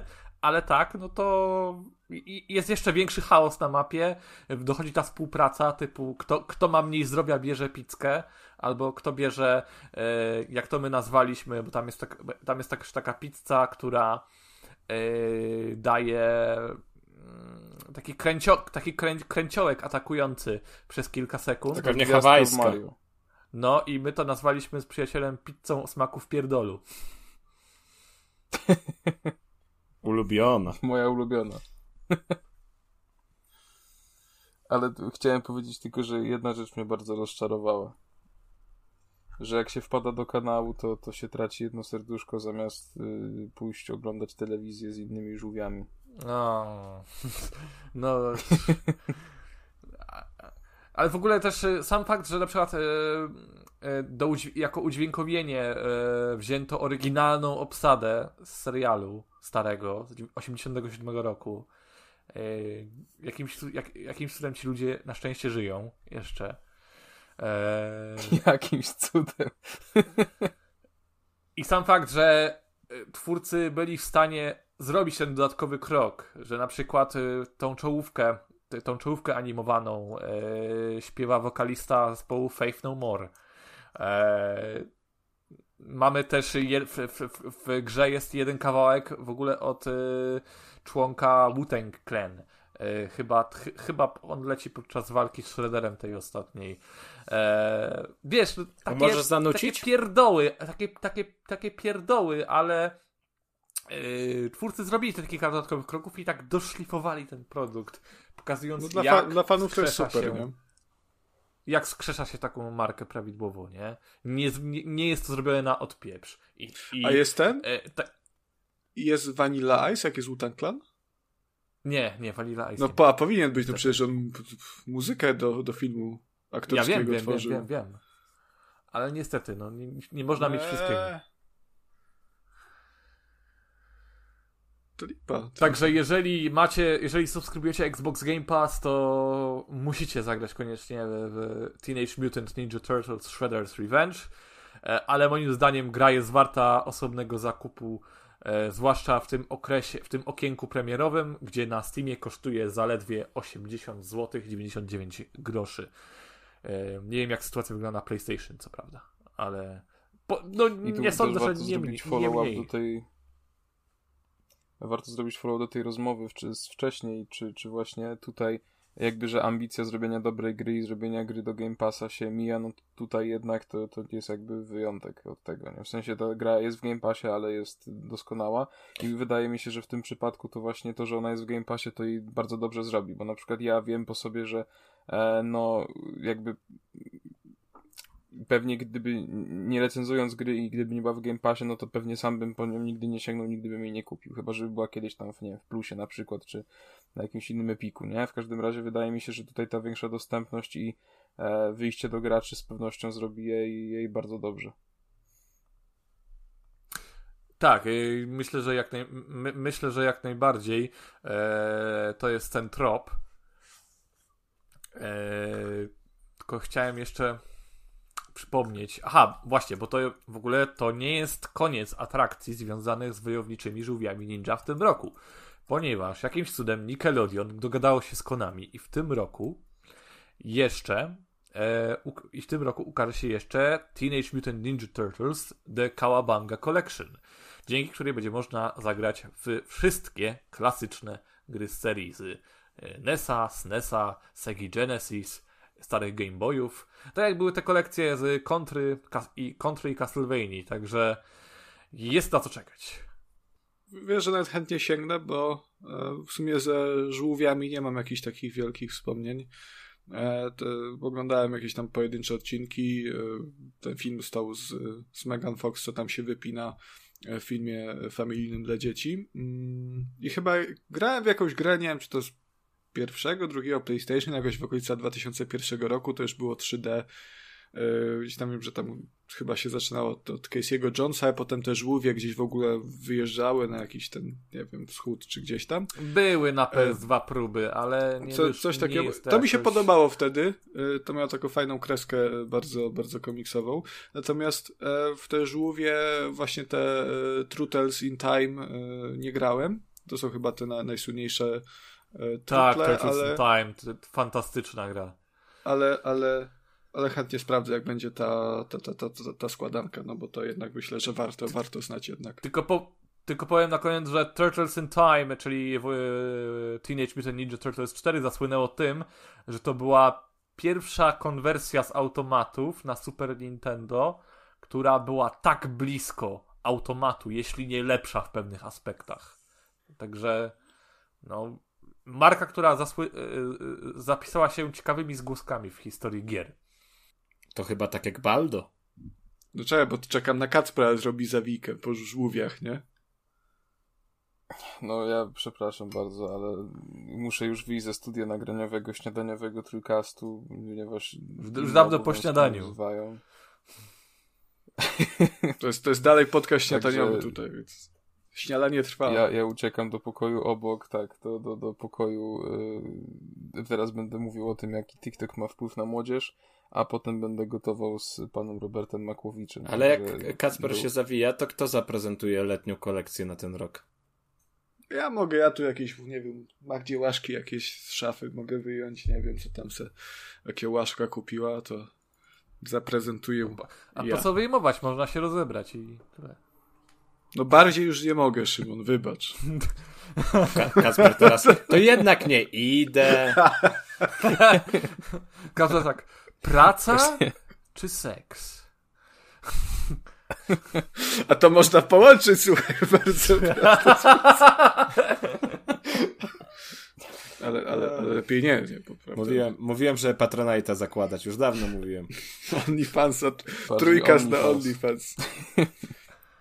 Dobrze, Kacperku. Premium. Mi jest, mi jest bardzo przykro, że y, nie będziecie na recenzji następnej gry ponieważ to jest również. gra... I, I domyślam się, co zostanie tam powiedziane, natomiast jeśli padnie moje imię podczas tej recenzji, to jest to kłamstwo. Nie, nie, nie planowałem, ale jak się wsypałeś, to będzie wiadomo o co chodzi, bo chciałem zajawić klimat, w którym to, ta recenzja powstawała. E, no ale to w takim razie, Kacprze, pozwól, że ja przejmę twoją pałeczkę e, prowadzącego. Nie zrobię tego mm, tak wspaniale jak ty, natomiast będę e, starał się nie zepsuć pożegnania, bo w sumie tylko to mi zostało, nam zostało do ogarnięcia. Zresztą sobie poradzimy, tu płynne przejścia będą, słuchaj, będziesz dumny, jak będziesz słuchał, będziesz tak zadowolony, że jak te chłopaki pozostałe z czwórka trójkastu yy, dały sobie radę beze mnie. Także Kacprze, miłego dnia. Dziękuję bardzo i przepraszam za taką sytuację. Wyjątkowo w ogóle, przepraszam, ale żegnam i, i do, do usłyszonka. Papatki. Pa! Papa. Papa. No. To jak niestety straciliśmy e, jednego A, w końcu zawodników. poszedł. Boże. Nic nie straciliśmy. Jest przecież trójkast. Jest właśnie, był czwórkast, jest trójkast. E, Kasper uciekł przed recenzją jakże wspaniałej gry, która przypadła mi. Ona się nazywa e, Boldo The Guardian Owls. E, I tu uprzedzam e, śmiszki hiszki, które e, padły mm, kiedyś, kiedy Kuba e, zajawiał w, indy, w indyczej polecance e, tę grę. Bohater nie jest łysy, wbrew pozorom ma bardzo bujną blond czuprynę, która chyba nie jest pe peruką również. Ten rzecz także uprzedzę.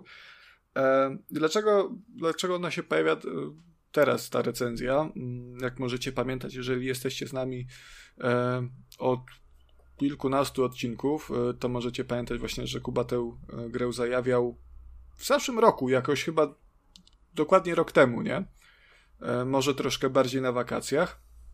E, Kacper był bardzo e, zaintrygowany tą grą, mm, prawda? No ja tak troszkę mniej, no bo chińskie bajki. Jakby zgłosiliśmy się jak, jak, jako biedaki po kod recenzencki, czy by prawda nie ten, no i dostaliśmy Takim ten kod. wabikiem chyba oprawa graficzna była. Tak, była oprawa tak graficzna. Faktycznie bardzo, bardzo ładnie, bajkowo wygląda. Y, tak, y, zgłosiliśmy się ten po, po ten kod. Kodu nie dostaliśmy, y, y, także, także nie mieliśmy okazji w to zagrać. Natomiast około chyba w okolicach poprzedniego odcinka nagle na naszej skrzynce pojawił się y, kod, że spoko, zaakceptowaliśmy waszą prośbę o, o kod recenzencki, a to jest klucz. I trochę byliśmy skonfundowani, bo, bo dlaczego Szybko teraz poszło. nagle po roku od, pre, od premiery, nie? E, I chyba Ale to dlatego, że my się przez ten rok staliśmy sławni. Teraz już warto nam było dać. To Jest- Dlatego. Jest to, jest to jakaś, jakaś alternatywa mm, i myśl, natomiast e, wydaje mi się, że, że bardziej chodzi o to, że w, chyba w zeszłym miesiącu do gry został wydany darmowy dodatek, on się nazywa e, Three Fairies e, i to jest około 10-godzinna kampania. E, No ja wziąłem recenzję tej gry na, na swoje barki, jako że Kuba to zajawiał, no to warto e, rozliczyć się z tym, co zostało powiedziane w przeszłości, że to zachwalano jako taką grę, e, po którą warto sięgnąć, obiecujący indyk. Tutaj ta oprawa graficzna przypominająca mm, animację studia Ghibli, czy Ghibli, na, nigdy nie wiem, jak to się czyta, czyli no bardzo ładnie to wygląda, nie? Mm.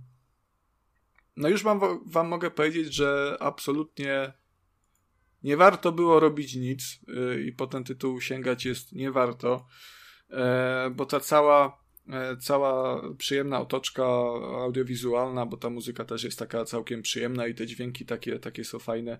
E, No to poza tym ta gra nie ma w sobie absolutnie nic interesującego i to też nie jest tak, że to jest tytuł mm, absolutnie doszczętnie zepsuty i nie działający, bo on działa, on w miarę okej chodzi na Switchu, tam się zdarzają jak klasycznie spadki klatek na sekundę, ale to nie jest jakoś tak, żeby to e, chodziło jak ten, jak ten wspominany wcześniej Skyrim na PlayStation 3. E, problem bardziej w tym, że to jest taka, taka e, Zelda dla ubogich, nie? E, jeżeli graliście w, jak, w jakiekolwiek The Legend of Zelda, no to e, no to wiadomo, tam są jakieś, jakieś w tych nowszych zwłaszcza questy, chodzi się po tym świecie, schodzi się do dungeonów, tam są jakieś e, zagadki środowiskowe e, i na końcu jest boss, oczywiście tak się chodzi od, od, jednego, od jednego bossa do drugiego, e, pomaga się tym ludziom, mm, żeby gdzieś tam to pradawne zło pokonać.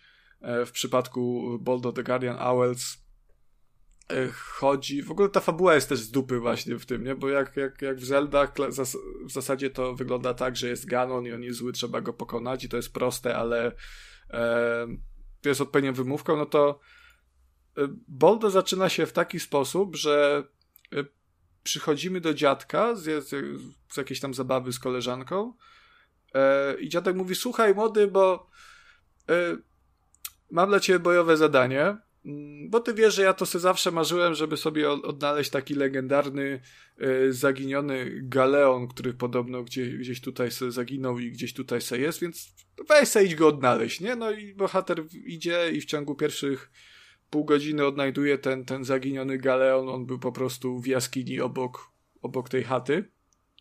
To jest totalnie z dupy, a potem się nagle okazuje, że wyruszamy na jakiegoś questa, bo jak żeśmy znaleźli ten galeon, to nagle zleciała do nas e, magiczna gadająca sowa i ona mówi, że słuchaj stary, ja jestem sowa i ja jestem z pradawnej rasy e, tych, tych słów strażników i tam jest jakieś zło, ono, ono jest i ty Słów. jesteś chłopakiem z przepowiedni i musisz, słuchaj, musisz odnaleźć y, sowią wioskę gdzieś na północy i, i gówno, ja ci nie pomogę. Ja wiem, że jestem sową, sam sobie znajdź drogę, nie?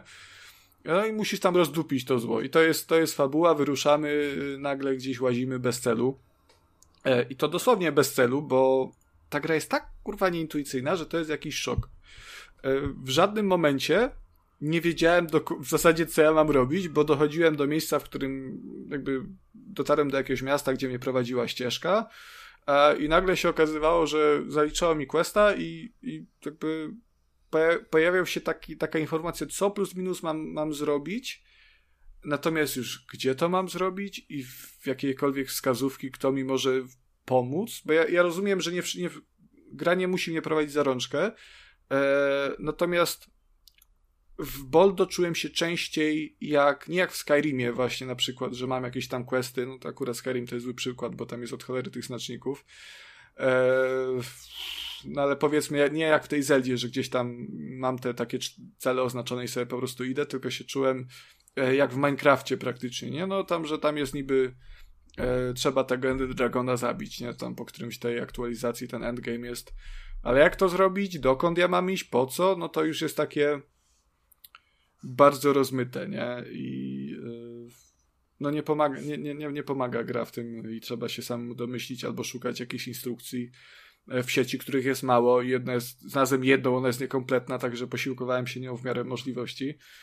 E, bo absolutnie nie wiedziałem, gdzie ja mam iść, nie? Ta mapa jest też tak skonstruowana, że wszystko jest podobne do wszystkiego i do niczego zarazem. E, jest pogmatwana.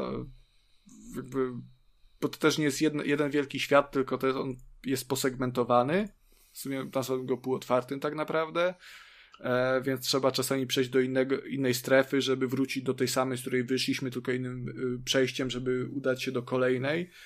E, mapa gry jest, y, ta taka wbudowana w menusach jest absolutnie niepomocna, bo najpierw trzeba te mapy od pewnych części świata gry kupić, a żeby to zrobić trzeba odnaleźć ukrytego sprzedawcę, podążając za grzybami. E, a nawet jak tą, tę mapę znajdziemy, to ona jest tak nieczytelna, że ja jakby nawet mimo że mapy potrafię czytać w miarę nieźle, to tutaj byłem cały czas zagubiony, nie? No nie pomagał też fakt, że ta mapa działa w jakichś takich, no nie wiem, pięciu klatkach na sekundę przy przewijaniu, także e, super mapa. Nie można sobie oznaczać znaczników, nie, nie można sobie pokazać na podglądzie mapy na przybliżeniu oznaczonego zadania. E, także to jest turbo do dupy. Mm, wszystkie te jakieś dungeony i zagadki e, też są równie nieintuicyjne. E, to, to nie jest tak, że jakoś te, te zagadki tak z siebie wynikają jakoś sensownie, tylko czasami naprawdę e, są kompletnie, kompletnie kurde z dupy. Do tego stopnia, że chodzisz po tych, po tych pomieszczeniach i, i kminisz, co tam trzeba zrobić. Nie wiesz, czy masz w ogóle odpowiednie narzędzia do tego, czy nie, no bo to jest takie nie no rzucają cię na głęboko wodę i masz się w tym odnaleźć bez jakichś żadnych podpowiedzi. I niby wprowadzono w którejś aktualizacji po grze tryb asysty, e, natomiast on się, on się sprowadza do tego, że e, życie się regeneruje, plus e, masz na mapie faktycznie znaczniki zadań na minimapie w grze, tylko że te znaczniki wszystkie wyglądają tak samo, nie, nie możesz sobie oznaczyć w mapie, że chcesz, żeby śledzić teraz to zadanie, e, tylko pokazuje ci wszystko i po, to pokazuje ci tak plus minus, gdzie to może być. Także jest, jest wesoło. E, jak próbowałem grać bez, bez jakichś tam poradników i samemu, no to była droga przez mękę e, naprawdę. E, to fabuła, mówię, nie zachęca do tego absolutnie, bo to jest jakieś takie, takie popuczyny tak naprawdę. Mm, nudne do tego stopnia, że mm, proroczą była nazwa studia, która, które to robiło. Studio się nazywa Napsteam. E, I autentycznie grając to i czytając te dialogi, wielokrotnie marzyłem o tym, żeby sobie zamiast tego uciąć jakąś drzemkę. E, co jest jeszcze fajnego? Mm, jest strasznie do dupy balans gry. Mm, walka jest prosta, ale jest taka strasznie koślawa.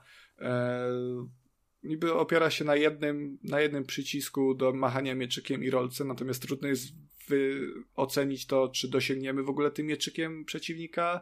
E, jak nie, to pewnie zginiemy, bo mamy na starcie całe trzy punkty życia i dopiero chyba po 15 godzinach rozgrywki udało mi się zwiększyć zwiększyć to życie, oczywiście już wtedy hurtem, nie, bo dotarłem do tej wioski SUV i to tam, no to tu, teraz super questy porobiłeś, to teraz masz tam pięć dodatkowych serduszek, nie, także szkoda, że po kolei mi tego przez te 15 godzin nie dawano, tylko musiałem się męczyć, a potem nagle, fu, wszystko, możesz teraz szaleć. E, no to nie jest fajne. Mm. No, Wiesz co, ja mam takie wrażenie, bo też mówiłeś, że ta gra jest bardzo długa i sprawdzaliśmy na How Long to Beat, jak tam jest y, czas gry podawany, no i to było chyba ponad 30 godzin, prawda? 35 godzin, tak, plus dodatek 10 godzin, także ja się przyznaję, no tej gry jeszcze nie skończyłem. tak, e, jeszcze mnie nie tak skończyłem. zastanawia teraz, czy, czy, nie, czy nie lepiej było po prostu zrobić tę grę e, na 5 godzin i wykorzystać jej wizualny potencjał, zamiast ją rozwlekać na jakąś nie wiadomo jak długą opowieść, pełną pustych, głupich, niedokończonych i niedopracowanych mhm. rzeczy. No całkowicie jakaś niezrozumiała decyzja to jest. To, to, to by była dużo lepsza gra na taki slasherek y, z jakimiś tam zagadkami na właśnie 5-10 godzin. E, trochę lepiej przemyślany, no bo tutaj e, czuć, że ambicja przerosła twórców, ich umiejętności. E, no to jest naprawdę, świat jest olbrzymi, nie? Jak, jak na taką grę, bo tam jest y, no i te, te takie zielone tereny gdzieś z tymi miastami, gdzie spędziłem najwięcej czasu.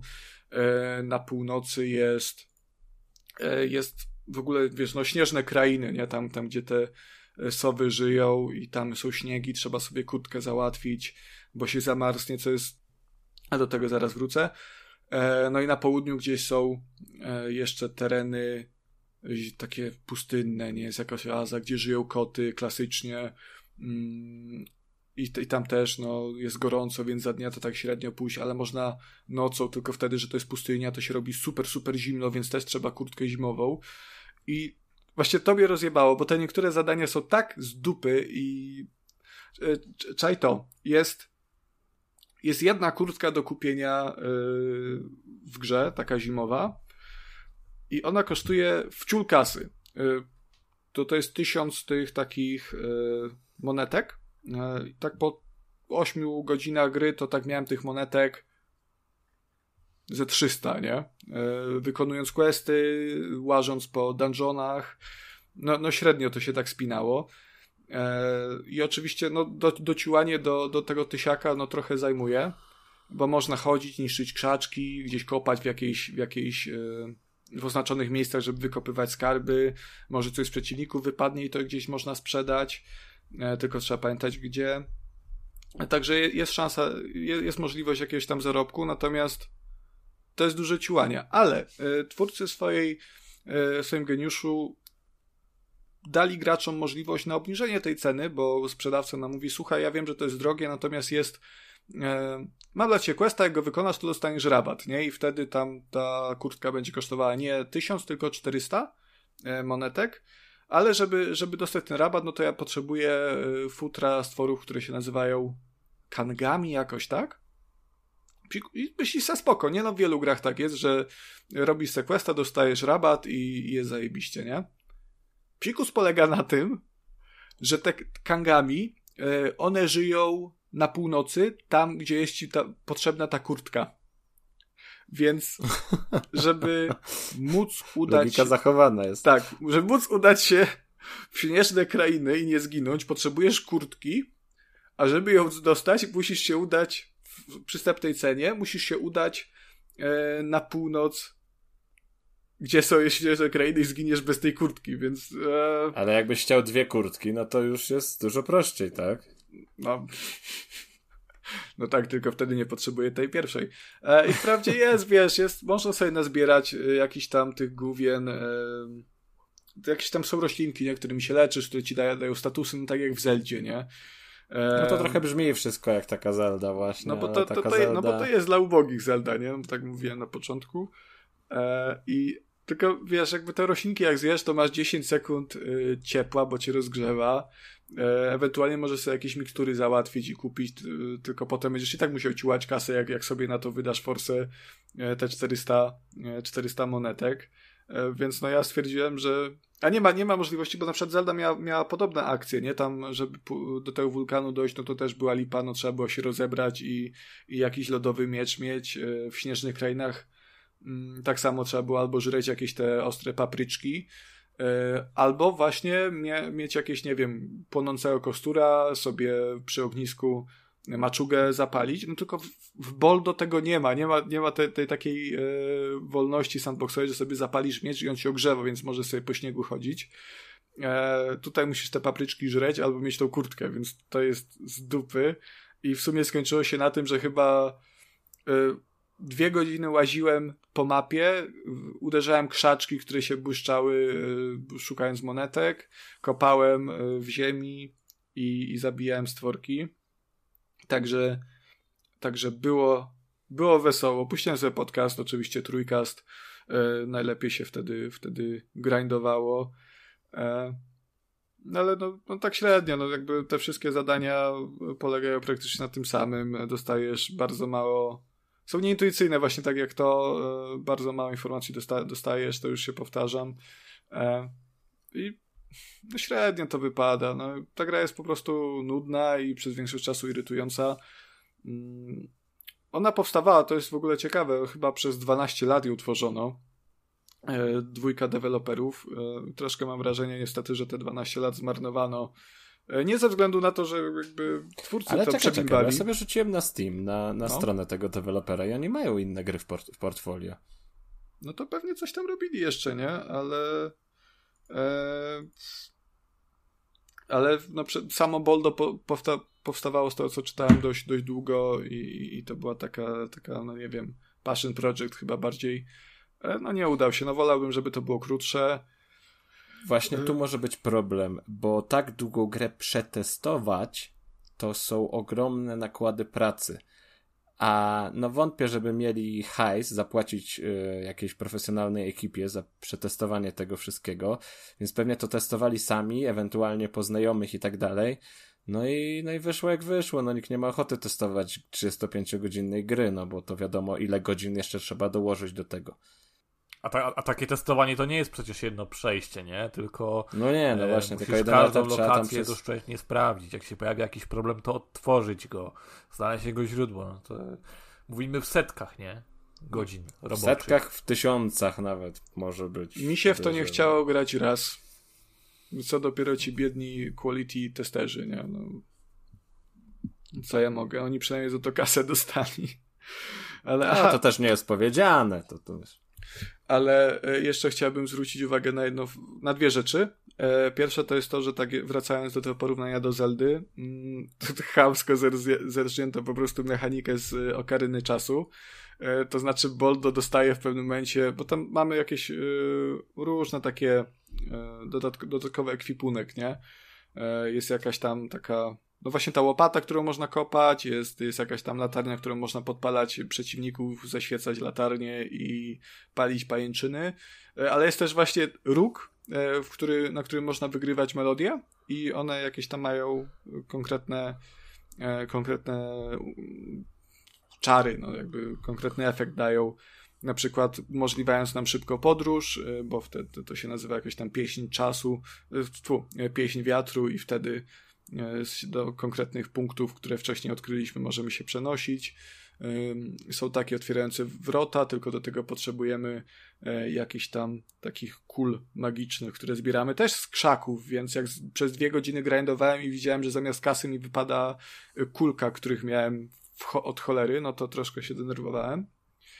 E, to jest takie, okej, okay, to w sumie działa fajnie i, i tutaj y, ja, bym się, ja bym się tego w ogóle nie czepiał. Natomiast drugą rzeczą jest to, to jest taka ciekawostka już tylko, e, że odgłosy wydawane przez wrogów z jakiegoś powodu przypisano do stawianych kroków. Także każdy krok, który wróg stawia, to jest jeden wydany dźwięk. Jeżeli to jest, wiesz, tam szkielet, który, którego dźwiękiem jest tam łupanie w kościach, to jakoś to jeszcze brzmi. E, ale już jak się pojawia pan Chrumkacz, to jest taki jaki, jakby biały blob, który wygląda jak taka biała buka tak naprawdę i on biega dosyć szybko, to on te takie, i wydaje takie chrumknięcia, to on normalnie, no, no nie wiem, no brzmi jak mój stary po prostu, nie, w nocy. E, tak dudni tym chrapaniem. Natomiast Najlepsze, najbardziej mi się podobało to, jak brzmi pies, e, znaczy wilki, bo po, po lasach sobie biegają różne zwierzątka, właśnie, właśnie między innymi wilki. I one sobie szczekają, nie? E, tylko, że one też tak sobie wesoło podskakują i, szczekają, e, i szczekając, jako że to szczekanie jest przypisane do ich podskakiwań, to tak nadupiają tym hałczeniem te psy, że no pies sąsiada Kacpra to się chowa po prostu. To brzmi przekomicznie i wybija jakby z jakiejkolwiek imersji, o ile, o ile tu możemy o niej w ogóle mówić.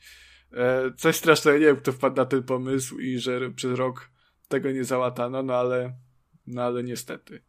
E, także cóż, no Boldo, choć wygląda intrygująco, e, to raczej, raczej bym nie polecał po niego sięgać, bo no, to jest słaba gra, niestety.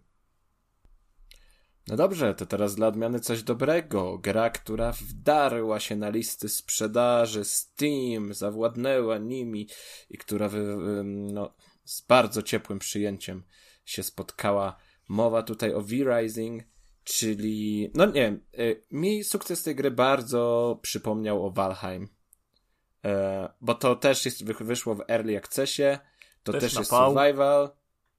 E, tak, w sumie tak. E, no i to, to są podobne, podobne pod względem mechanik gry. No, obie zostały tak gorąco, ciepło przyjęte, e, sprzedają się rewelacyjnie. Ostatnio jakoś twórcy chwalili już ponad dwoma milionami sprzedanych kopii, więc to jest dość, dość przyzwoity wynik, a jak na takie małe studio, no to rewelacyjny. No i w sumie pograłem, potestowałem. Tak jak już wspominałem, jest to early access, także no nie wiem, spędziłem z grą tam chyba około 15 godzin. Stwierdziłem, że na teraz mi wystarczy. E, poczekam sobie do pełnej premiery i wrócę. Chociaż no nie ukrywam, że wolałbym wrócić już z fajną ekipą, żeby to w to grać wspólnie. z nami. Tak to oczywiście naj, naj, najchętniej. No, grałem głównie sam. Mm, no bo też nie chciałem na chińskich serwerach tutaj się, się, się, się jakoś No nie, no nie. Zobaczyłem chwilę, stwierdziłem, ok, sprawdziłem jak to tam w multi wygląda e, na jakichś materiałach wideo, no i grę testowałem w sumie grając na, na singlu, chociaż to też nie jest taki single-single, no bo normalnie mamy swój serwer, prawda, czyli to jest cały czas gra wymaga połączenia z internetem, e, no ale też tam sobie jak zakładamy serwer, czy jak w ogóle jaki tryb rozgrywki chcemy wybrać, to możemy sobie wybrać, czy chcemy dołączyć do serwerów PvE, PvP, e, o różnych jakby nastawieniach, jak sobie generujemy swój własny, to tam też sobie możemy wybrać poszczególne jakby poszczególne właściwości tego serwera. Także jest w tym trochę zabawy, w zależności od tego, kto co lubi, tak sobie zacznie grać. Ja w sumie za PvP nie przepadam, bo jestem słaby, także jak najbardziej taka, taka, taka rozgrywka e, singlowa mi teraz pasowała. Chociaż no, to gra jest zrobiona pod to, żeby grać z kimś, tak? Jest, podejrzewam, dużo, dużo przyjemniej, dużo szybciej. No i też e, tam jest sporo miejsca na to, żeby sobie w trakcie gry pogadać, Także jest tam crafting, zbieranie surowców, także no, no, no, są takie przerwy, które sobie tam fajnie wypełnić jakąś e, gadaniną w grupie.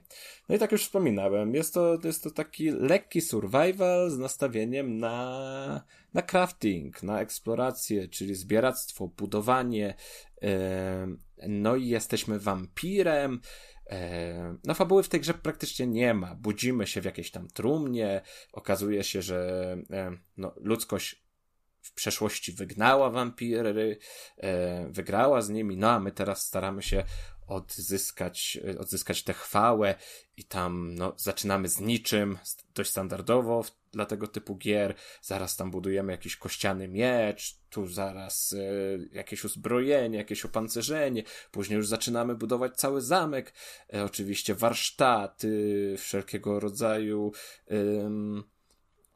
konstrukty do pozyskiwania materiałów, do przerabiania materiałów. No, dość standardowo to wszystko, to, to, wszystko wygląda.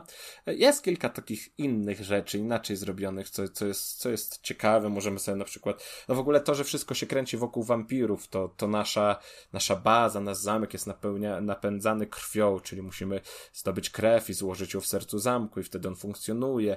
Możemy sobie mieć jakieś tam groby, z których e, powstają nieumarli, wtedy ich zabijamy, mamy jakieś tam surowce, mamy swoich e, służących, których no po prostu idziemy, znajdujemy człowieka, porywamy go, wkładamy go do trumny, on się przerabia na naszego wampirzego służącego. Że no są takie mm, drobne elementy, które są inne niż w podobnych grach i to się sprawdza, nadaje takiej oryginalności, trochę e, już oklepanemu i znanemu mm, schematowi.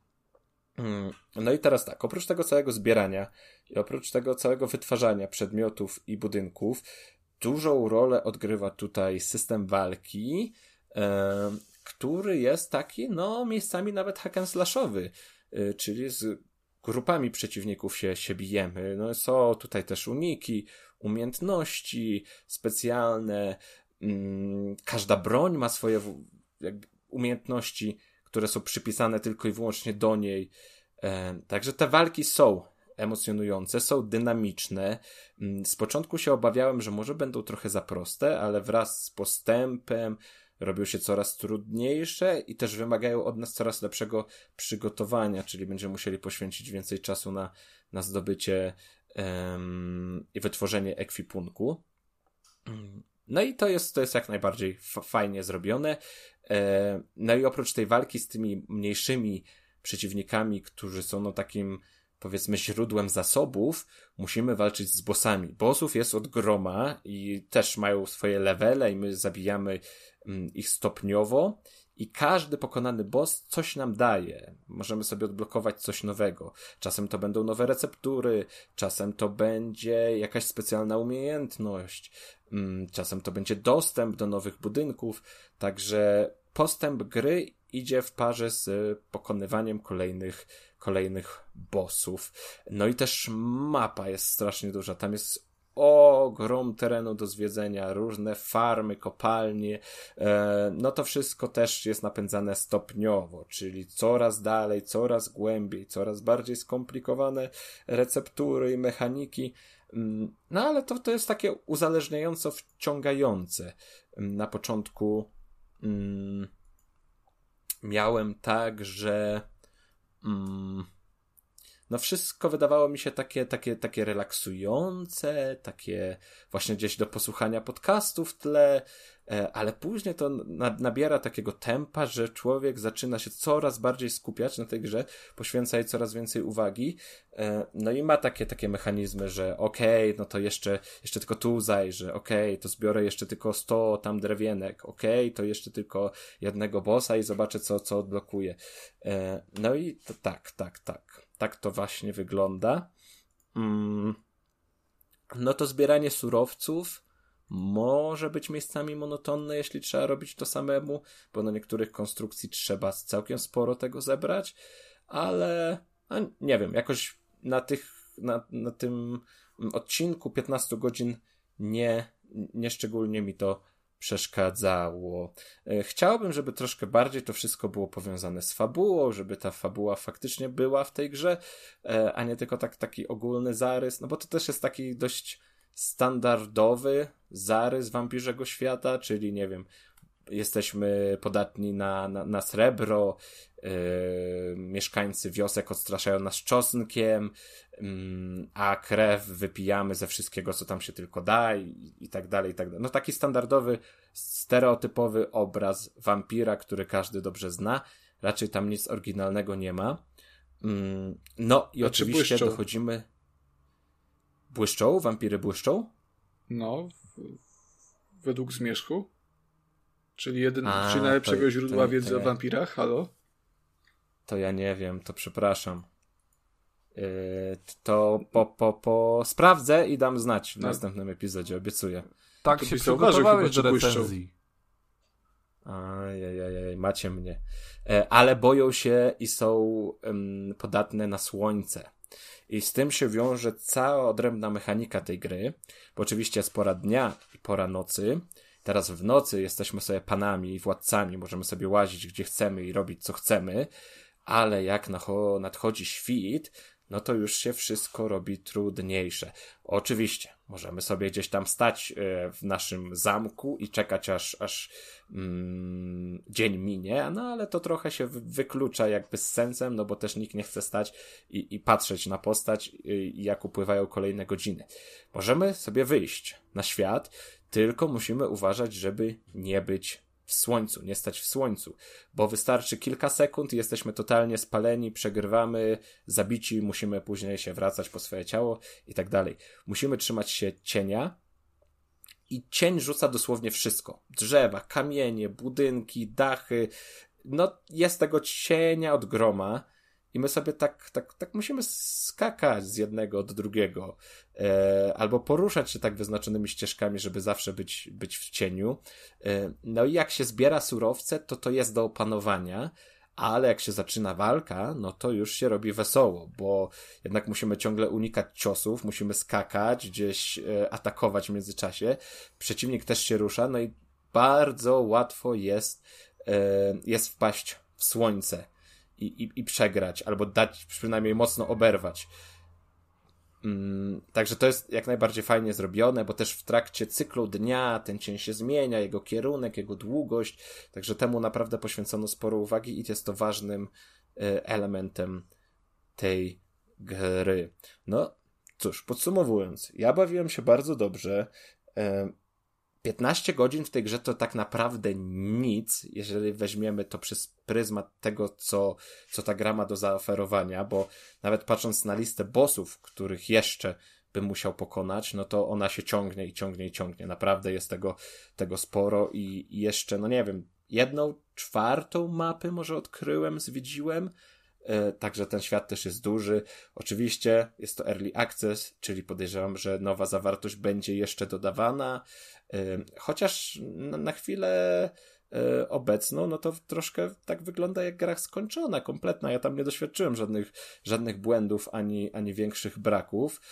Także też może po prostu kwestie, kwestie balansu i jakichś takich mniejszych dopracowań.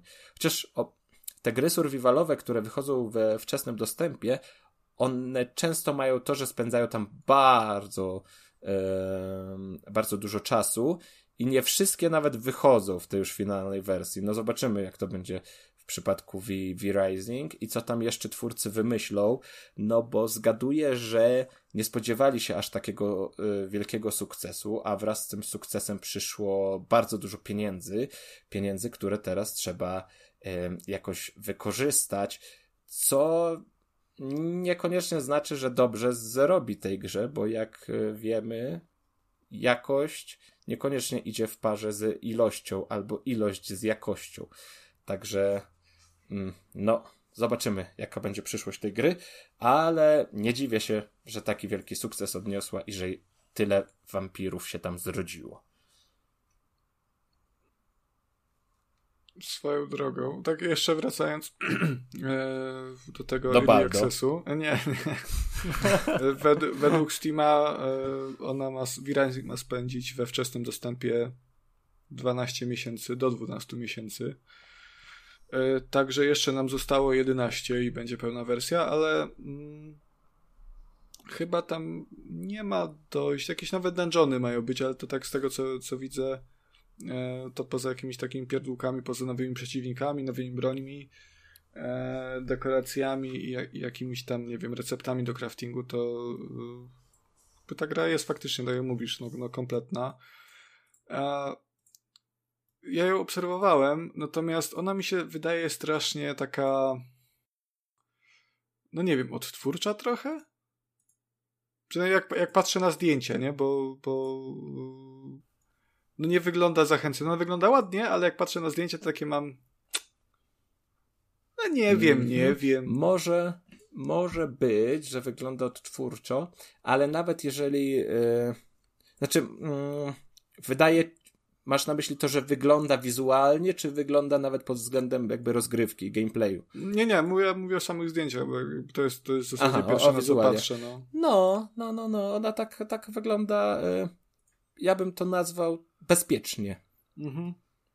Czyli jest ok, ale w żaden sposób ci to nie porywa, nie jest to atrakcyjne takie, tak?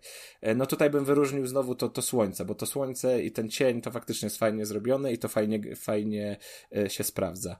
Ta gra światła mm, i oświetlenia. No ale jest takie, takie, tak, te, te wampiry są ta, takie, takie fantazy, no. Ja to pewnie to kiedyś sprawdzę, bo, bo mam to na liście i no już e, chciałbym się nawet sprawdzić, co to jest za gra e, z tego względu, jak ona jest popularna, nie? No to jest Steam nawet pokazuje, że ona znajduje się na liście bestsellerów. E, także, także no coś musi być na rze- rzeczy. E, O, i Ale- tutaj taka ciekawostka, właśnie z teraz. E, była aktualizacja niedawno i wraz z aktualizacją dodano nowe lokalizacje, w tym polską. Także gra O. jest już dostępna po, po polsku. a czy jest No, włoski? coś tam się dzieje, coś tam. Jest włoski. E, włoski jest też tak, tak. ale, ale dubbingu nie ma przynajmniej. No, to chociaż, chociaż tyle. Mm. No, tego rodzaju produkcje mają bardzo dużo odbiorców, no bo to troszkę jest tak, że skaczesz z jednego takiego survivalowego tytułu na drugi, e, bo po prostu w jednym już ci się przejadł, e, także no chcesz sobie zobaczyć coś nowego, popróbować czegoś nowego, a jednocześnie wiesz, że to będzie ten schemat rozgrywki, który znasz. Także ja się nie zdziwię, jak na przykład bardzo dużo graczy, y, graczy przeskoczy z Valheim do, do V-Rising. Ale to, taka to, to, mnie, to mnie najbardziej zaskoczyło, bo otworzyłem sobie tą kartę V-Rising i ja byłem święcie przekonany, że to jest no po prostu taki slasher, nie? Takie, takie jakieś Diablo po prostu przyjemne dla ubogich. A tu patrzę, podobne do uruchamianych gier Astronir, Valheim i się tak zastanawiam, no nie no. Coś tu Steam kombinuje. No, te, te, te algorytmy Steama to rzadko kiedy mówią prawdę, ale chyba akurat teraz mają rację. E, Diablo to to nie jest, to na pewno. To, to ta walka nie jest y, mm, nie jest aż tak intensywna. Tutaj ma, mamy bardziej potyczkę, zbieramy materiały, idziemy sobie coś tam robić, potyczkę, zbieramy materiały, gdzieś w międzyczasie jakiś, y, jakiś jakieś żelazo wydobędziemy, jakieś Taki, kwiatki taki zbierzemy. Minecraft. No. E, No, no, no, no. Tak, bardzo chcieć porównywać, e, uogólniając to tak. No, ale piękne zamki duże można robić. Ja nie potrafię oczywiście, ale ten. Ludzie, ludzie e, wiedzą, jak się robi piękne rzeczy w takich grach. Pamiętasz zresztą moje chałupki z Valheim, tak? Co tam, co tam się działo. Tak, żeby się tylko nie no. wszystkie warsztaty w środku pomieściły i jakoś to będzie, wszystko skrzyniami zasrane i Ja, ja tylko pamiętam, że yy, panie kolego, że pan żeś mi sprowadzał potwory do moich chałupek i to jest to, co jest Valheima.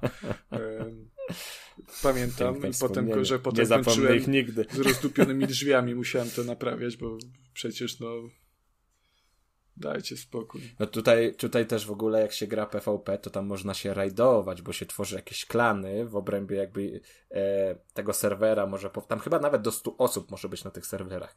Także można się, się łączyć w klany i można tam między sobą walczyć. Także to też, jeśli ktoś stawia na PvP, no to tam znajdzie sporo takiej dodatkowej, dodatkowej frajdy. No. A teraz Właśnie ja bym się chciał teraz dowiedzieć, panie Kubo, bo V-Rising, V-Rising jest ciekawe, ale najbardziej w całym tym odcinku dzisiaj intryguje mnie jedna rzecz. Dlaczego, No, jaka? dlaczego na czacie dostaliśmy jakiś czas temu informację od tego, od ciebie, e, brzmiącą weźcie mi załatwcie My Little Pony The Game. No, My Little Pony, przygoda w Zatoce Grzyb. To się nazywa, mój drogi. Mm, dlaczego? Eee... Hm. Trzeba poszerzać horyzonty. Czy, czy Kuba, czy Tak, ty nam chcesz coś powiedzieć? Czy ty jesteś... Nie, jeszcze nie mam własnych pociech. Eee... To tym gorzej, wiesz, jakby to ja o to chciałem zapytać. Chciałem się Ale- zapytać, czy jesteś, Aha. należysz do, e, nie wiem jaki jest polski odpowiedni, odpowiednik, ale z angielskiego to jest ładnie bronies. Jesteś takim bronisem? Ym, ja już ci się tłumaczę. Ja teraz nie będę mówił, co ja jestem, a czego ja nie To ty jestem. mi bo się nie wiesz, tłumacz, bo ja cię akceptuję takiego, jakie jesteś i cię takiego kocham, natomiast E, tłumacz się znowu- słuchaczom, o co chodzi. Znowu później będzie wypisywanie na nas gdzieś tam w komentarzach, że jeden jest słupkarzem. E, ale nie wiadomo, z jakiegoś nieznanego źródła to wiadomo, którego nie można wyjawić. jest Ja nie wiem, o co tam chodziło. Jeden jest tej drugi pory. jest kopyciarzem, nie? No, słuchaj. Em, także. Także to, to, to, to nigdy nie wiadomo. Nie wiem, no tak chciałem sprawdzić, jak teraz wyglądają gry dla dzieci. Em, też, też, też, też. Czekaj, y, cór, córka mojego brata to jest moja bratanica, tak? Tak. Tak, także y, będę ją Jak, wciągał. jak w sama nazwa wirtualny. wskazuje. E, No, wolałem się upewnić. To zagmatwane czasem są, są relacje. Em, Będę ją wciągał w świat wirtualnej roz, e, rozrywki i gier wideo, także stwierdziłem, że to taki, taki może być tytuł, od którego e, warto zacząć, szczególnie, że wiem, że ona lubi e, kucyki, te kucyki pony. E, No i co? No i przetestowałem i wiesz co, byłem bardzo ciekawy tego, bo czasem te gry, które są robione dla dzieci, nazwijmy to, one jednak trochę przemycają te takie, jak, nie wiem, zawartości dla dorosłych, e, albo niektóre takie mechaniki są bardziej baby. skomplikowane. Tak, to właśnie w kucykach często się zdarza. E, w ogóle, patrz, ja chciałem na początku tej recenzji poprosić o zachowanie powagi e, i nie przeklinanie, bo tak sobie pomyślałem, że może jak ktoś będzie szukał Tak, informacji o na tej pewno. grze, Trójka, no... mhm. to, to a myślisz, ile, ile jakby osób to zrecenzowało w Polsce albo zrecenzuje? No podejrzewam, że, że jesteśmy jedynym takim medium, które się tego podjęło. Także może ktoś trafić i wtedy sobie odpali ten podcast z dzieckiem, a tam takie Konrad zacznie, zacznie stópkarze i kopytkarze i, i, i różne takie. Więc no cóż. E, Tato, ale co to jest stópkarz? Zapomniałem o tym, o tym uprzedzić. No, ale to jest taka gra czysto dla dzieci. Tu nie ma nic. To naprawdę, to jest tylko zbieranie, proste zbieranie gwiazdeczek. To jest banalna, banalna produkcja. E, nie wiem, jaki tam, od ilu lat to jest, ale każde Trzech. dziecko, które potrafi, potrafi trzymać już w rękach jakiś kontroler, jakikolwiek, a teraz wiemy, że, że dzieci się już z tą umiejętnością rodzą, to, to sobie z tym poradzi, bo to jest, to jest bardzo, bardzo skaka, proste skakanie. Zagadki to też nie są zagadki tak naprawdę, tylko wystarczy coś tam zrobić, żeby przejść dalej, nie wiem. Memory. Użyć magicznej mocy. Memory E, 5. Nawet nie, nawet nie, nawet nie. Użyć magicznej mocy przyciskiem na kwiatku i ten kwiatek się tam wyrośnie większy, możemy na niego wskoczyć. No to jest banalnie proste. Ej, Co przepraszam, ciekawe, ja ci przerwę, ale e, tak sobie szukam recenzji tej, tej gry i bez kitu nie mogę znaleźć żadnej. Jestem już na czwartej stronie Google'a i nie ma to nic. tam już nic nie ma. Więc No. Może to jest nisza, którą powinniśmy pokryć. Recenzje gier dla dzieci. No, Kacper miał świnkę Pepe recenzować, to no, To, to stchórzył. się. Straszył tak. się. tak, jeszcze, Tak. jeszcze mi krzyczy, że ja mu mam płacić za, za gry, no. Co za człowiek. Mm. Także, no tutaj A też... propos, a pode- propos ja- płacenia, powiedzcie mi, jaki jest price O, tag? patrz, zaczyna się, zaczyna się dopominać o płacenie. Drugi odcinek wiedziałem, że, że nie przyszedł za darmo. Jaki jest price tag tej gry? E, no ja teraz aktualnie nie, nie widzę, bo mam e, w innej walucie, także musicie tam u siebie sprawdzić. Na, na Steam nawet spójrzcie. Mm, Ile kosztuje, tak? mhm. Ale tak podejrzewam, że 100, 120 bym powiedział. Eee, O, panie. Na Steamie nie wiem, natomiast na e, PlayStation 4 i Xboxach kosztuje 169. natomiast na To Switchu... No, ale to to jest się po prostu Emerita- płaci za licencję. Przygoda, to jest przygoda za to grzyw, tak? Tak. Tak, tak, tak, tak. No to na Steamie, moi drodzy, 142,99. No. Jakby, jakby ktoś chciał zapłacić y, więcej y, za mniej, no to jest na Switchu za 179, nie? To, to się odnoszę do Mm, klatkarzy. No ja grywałem akurat, akurat na Switchu, ogrywałem. Nie było źle, ale pewnie na innych platformach jest, jest, jest lepiej, jeśli chodzi o stabilność działania. Ale czekajcie, czekajcie, bo jeszcze, a, no, bo tu się płaci głównie za licencję, bo jednak mamy te, te to, topony i te kucyki. Ja nie za bardzo znam to uniwersum. Jak To- Applejack to nie nie jest znasz, tak- Kuba? To, y, znam Rainbow, Rainbow Dash. Tail? Rainbow Dash, Rainbow Rainbow Dash. Dash. Rainbow Czy, Dash. znaczy kolega mi E, mówi, że taka jest. Teraz wychodzi, kto Ja- ja nie wiem. fanem. Także podejrzewam, że dzieci to znają, znają tych bohaterów i dla nich to jest jeszcze, wiesz, wszystko bardziej wow, bo po prostu e, mogą sobie pograć, pograć, pograć mm, kucykami, które znają tam z bajek. Że jak najbardziej, jak najbardziej spoko, no, fabuła tam jakaś, jakaś jest, bo jest to to, to, to, to wielkie święto w tej Zatoce Grzyw i tam jest festiwal. No i moi mili, na tym festiwalu ktoś na plakatach robi takie graffiti i tam dorysowywuje Kutasy. śmieszne wąsy. Grałbym. śmieszne wąsy, okulary i tak dalej. No i te trzeba tam znaleźć sprawcę tego.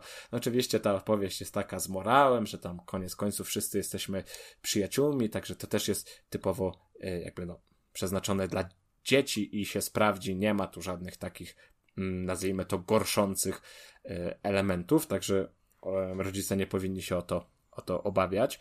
Jedyne zastrzeżenie, co mam, to od czasu do czasu musimy wziąć udział w takiej jakiejś minigierce, nie wiem, zaganianie króliczków czy tam krabów, gdzie po prostu musimy biegać i one muszą do odpowiedniej e, bramki tam wpaść, w odpowiednie em, jakby box, albo jest jakieś, nie wiem, po prostej linii ten nasz kucyk biegnie i my musimy podskakiwać, omijać jakieś tam przeszkody.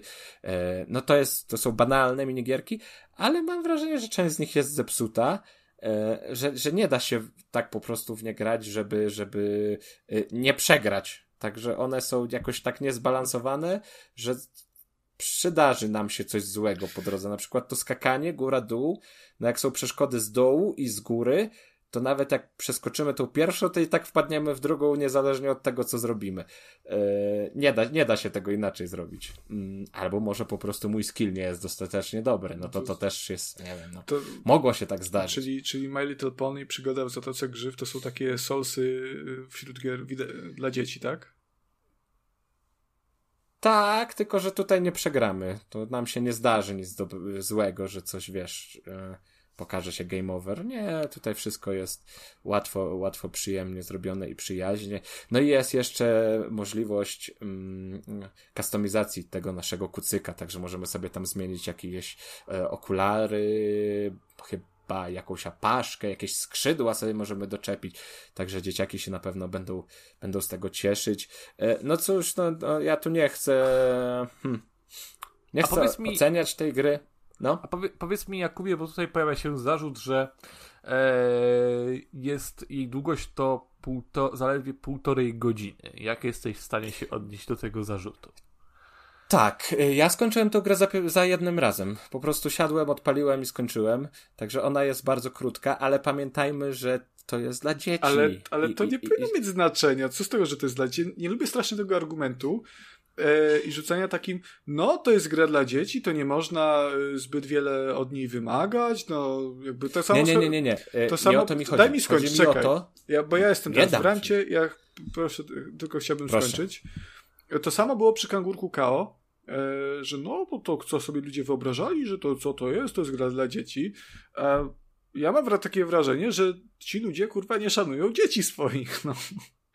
Jakby to, że, że dają to, że im gra, gówno do grania. to, że gra jest dla dzieci, nie znaczy, że, że gra musi być banalnie, już głupio prosta wręcz, że musi trwać godzinę, że tak nie może być w niej nic ciekawego. No, błagam was, przecież teoretycznie Mario to też są gry dla dzieci, można tak powiedzieć, natomiast tam się dzieje dużo, dużo więcej ciekawych rzeczy, nie? No, jakby Crash Bandicoot to można to podpiąć pod grę dla dzieci, a no są różne ciekawe mechaniki. No, przestańmy traktować dzieci jednak jako, wiesz, E, jako jakieś ułomne stworzenia nie, nie, nie, nie, nie, nie, nie, nie, nie, nie, Konrad. Spyro to jest Mario gra dla ma, dzieci. Mario, Mario ma skomplikowane mechaniki niektóre. Mario ma trudne etapy, których dziecko, nie wiem, pięcio-sześcioletnie nie przejdzie. E, także to jest właśnie to, o czym mówiłem wcześniej, że to My Little Pony jest typowo dla dzieci. Tam nie ma nic takiego, tam nawet nie za bardzo są ele- elementy, w których dziecko będzie mogło poprosić, like, jak tato po prostu e, pomóż mi teraz, tak? To przejdź to za mnie. Tutaj sobie poradzi ze wszystkim, a o tym, że to jest dla gra dzieci, chodziło mi w tym kontekście, że ja spędzę z nią półtorej godziny, ale dziecko spędzi z nią trzy albo cztery godziny, bo będzie potrzebowało więcej czasu na, na zdobycie wszystkich gwiazdek, więcej czasu na znalezienie jakichś tam poukrywanych elementów, no bo to po prostu... To ale no, 3-4 godziny to i tak jest mało. No nie, Jakby no wiesz- możliwe, że jest mało. wiesz, no- no. Już lepiej wydać pieniądze, moim zdaniem. Jest okej, Mario, tutaj słuszna uwaga, że czy na te krasze i ten, że tam są trudne elementy, nie? No ale chociażby w Eee, tym kontekście to, to jest jest ale gry, tańszy gry Lego. I lepszy. Kuba, gry Lego, no przecież to są idealne przykłady gier dla dzieci, które nie są ułomne, e, które mają masę zawartości i tak by no, no nie, nie, nie No, no traktują jasne, dziecka jako, tylko teraz- jako ułomka, no.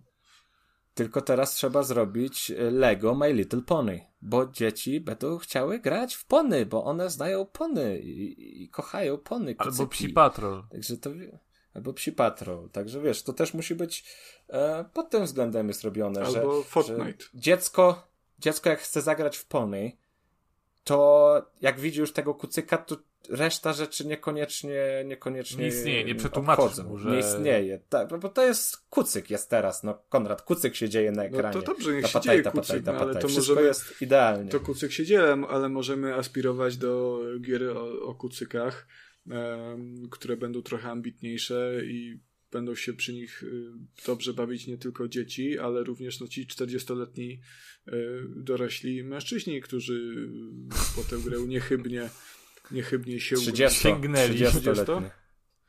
Nie, no, 30, 30 to nie 40, byli 30. 10 lat temu, jak ta, jak, jak ta moda się zaczęła. Ale czekaj, bo ja myślałem, że o mnie mówimy. A no to też. No. A... E... Czy to też ta cena jest taka, a nie inna, no bo to jest, to jest żerowanie na marce. No to, to tak jak I masz... na dzieciach, sobie kupić chce. na dzieciach. Możesz sobie kupić zwykłą lalkę, a możesz sobie kupić lalkę Barbie, która będzie kilkukrotnie droższa, ale to jest Barbie, no. A wszyscy chcą Ja dostawałem Barbie. tylko lalki Brabi. Barbie, Całe moje e, życie. żłów. Żółwie, trutle i lalki Brabi.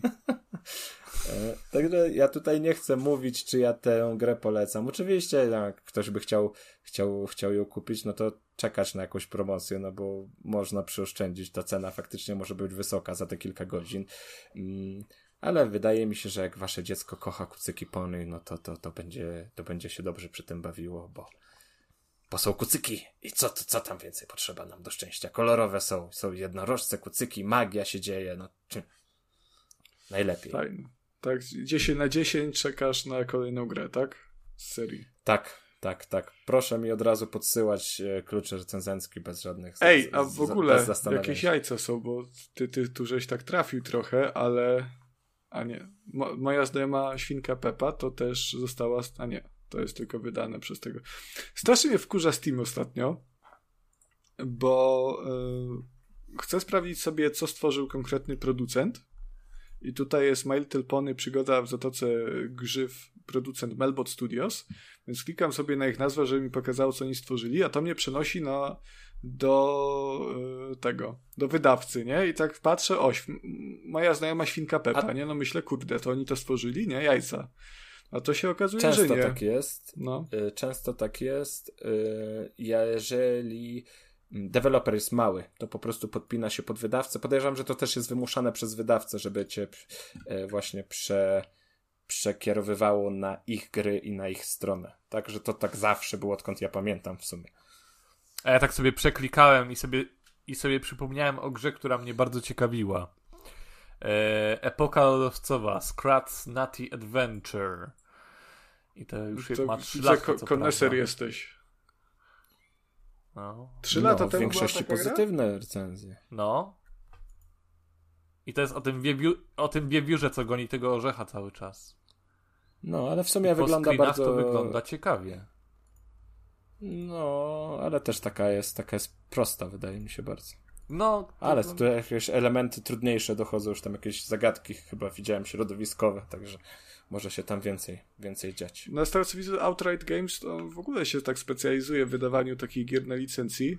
E, I to jest, to jest ciekawe, nie? Bo, bo mówi się, mówi się ogólnie, że gry na licencji filmów praktycznie już nie powstają, a tu proszę bardzo, w przeciągu ostatnich no czterech lat tak naprawdę tu mamy to My Little Pony, Świnka Peppa, Szybcy i Wściekli na te, to Spy Racers Narodziny Shiftera, to jest ten jakiś film animowany, Hotel Transylwania, Rodzina Adamsów, Psi Patrol cały czas, DreamWorks Spirit Lucky's Big Adventure, Ben 10, Ale tak jak także patrzę po- Jumanji, no to Jumanji to by tam było takie ten dosyć głośne, nie, bo to tam Jak patrzę po ilości recenzji, to, to tak słabo się sprzedają, słabo, słabo. bo to, Raczej nie jest to bogate studio, No bo które to gdzieś nisza, tam nie? Ale- gry.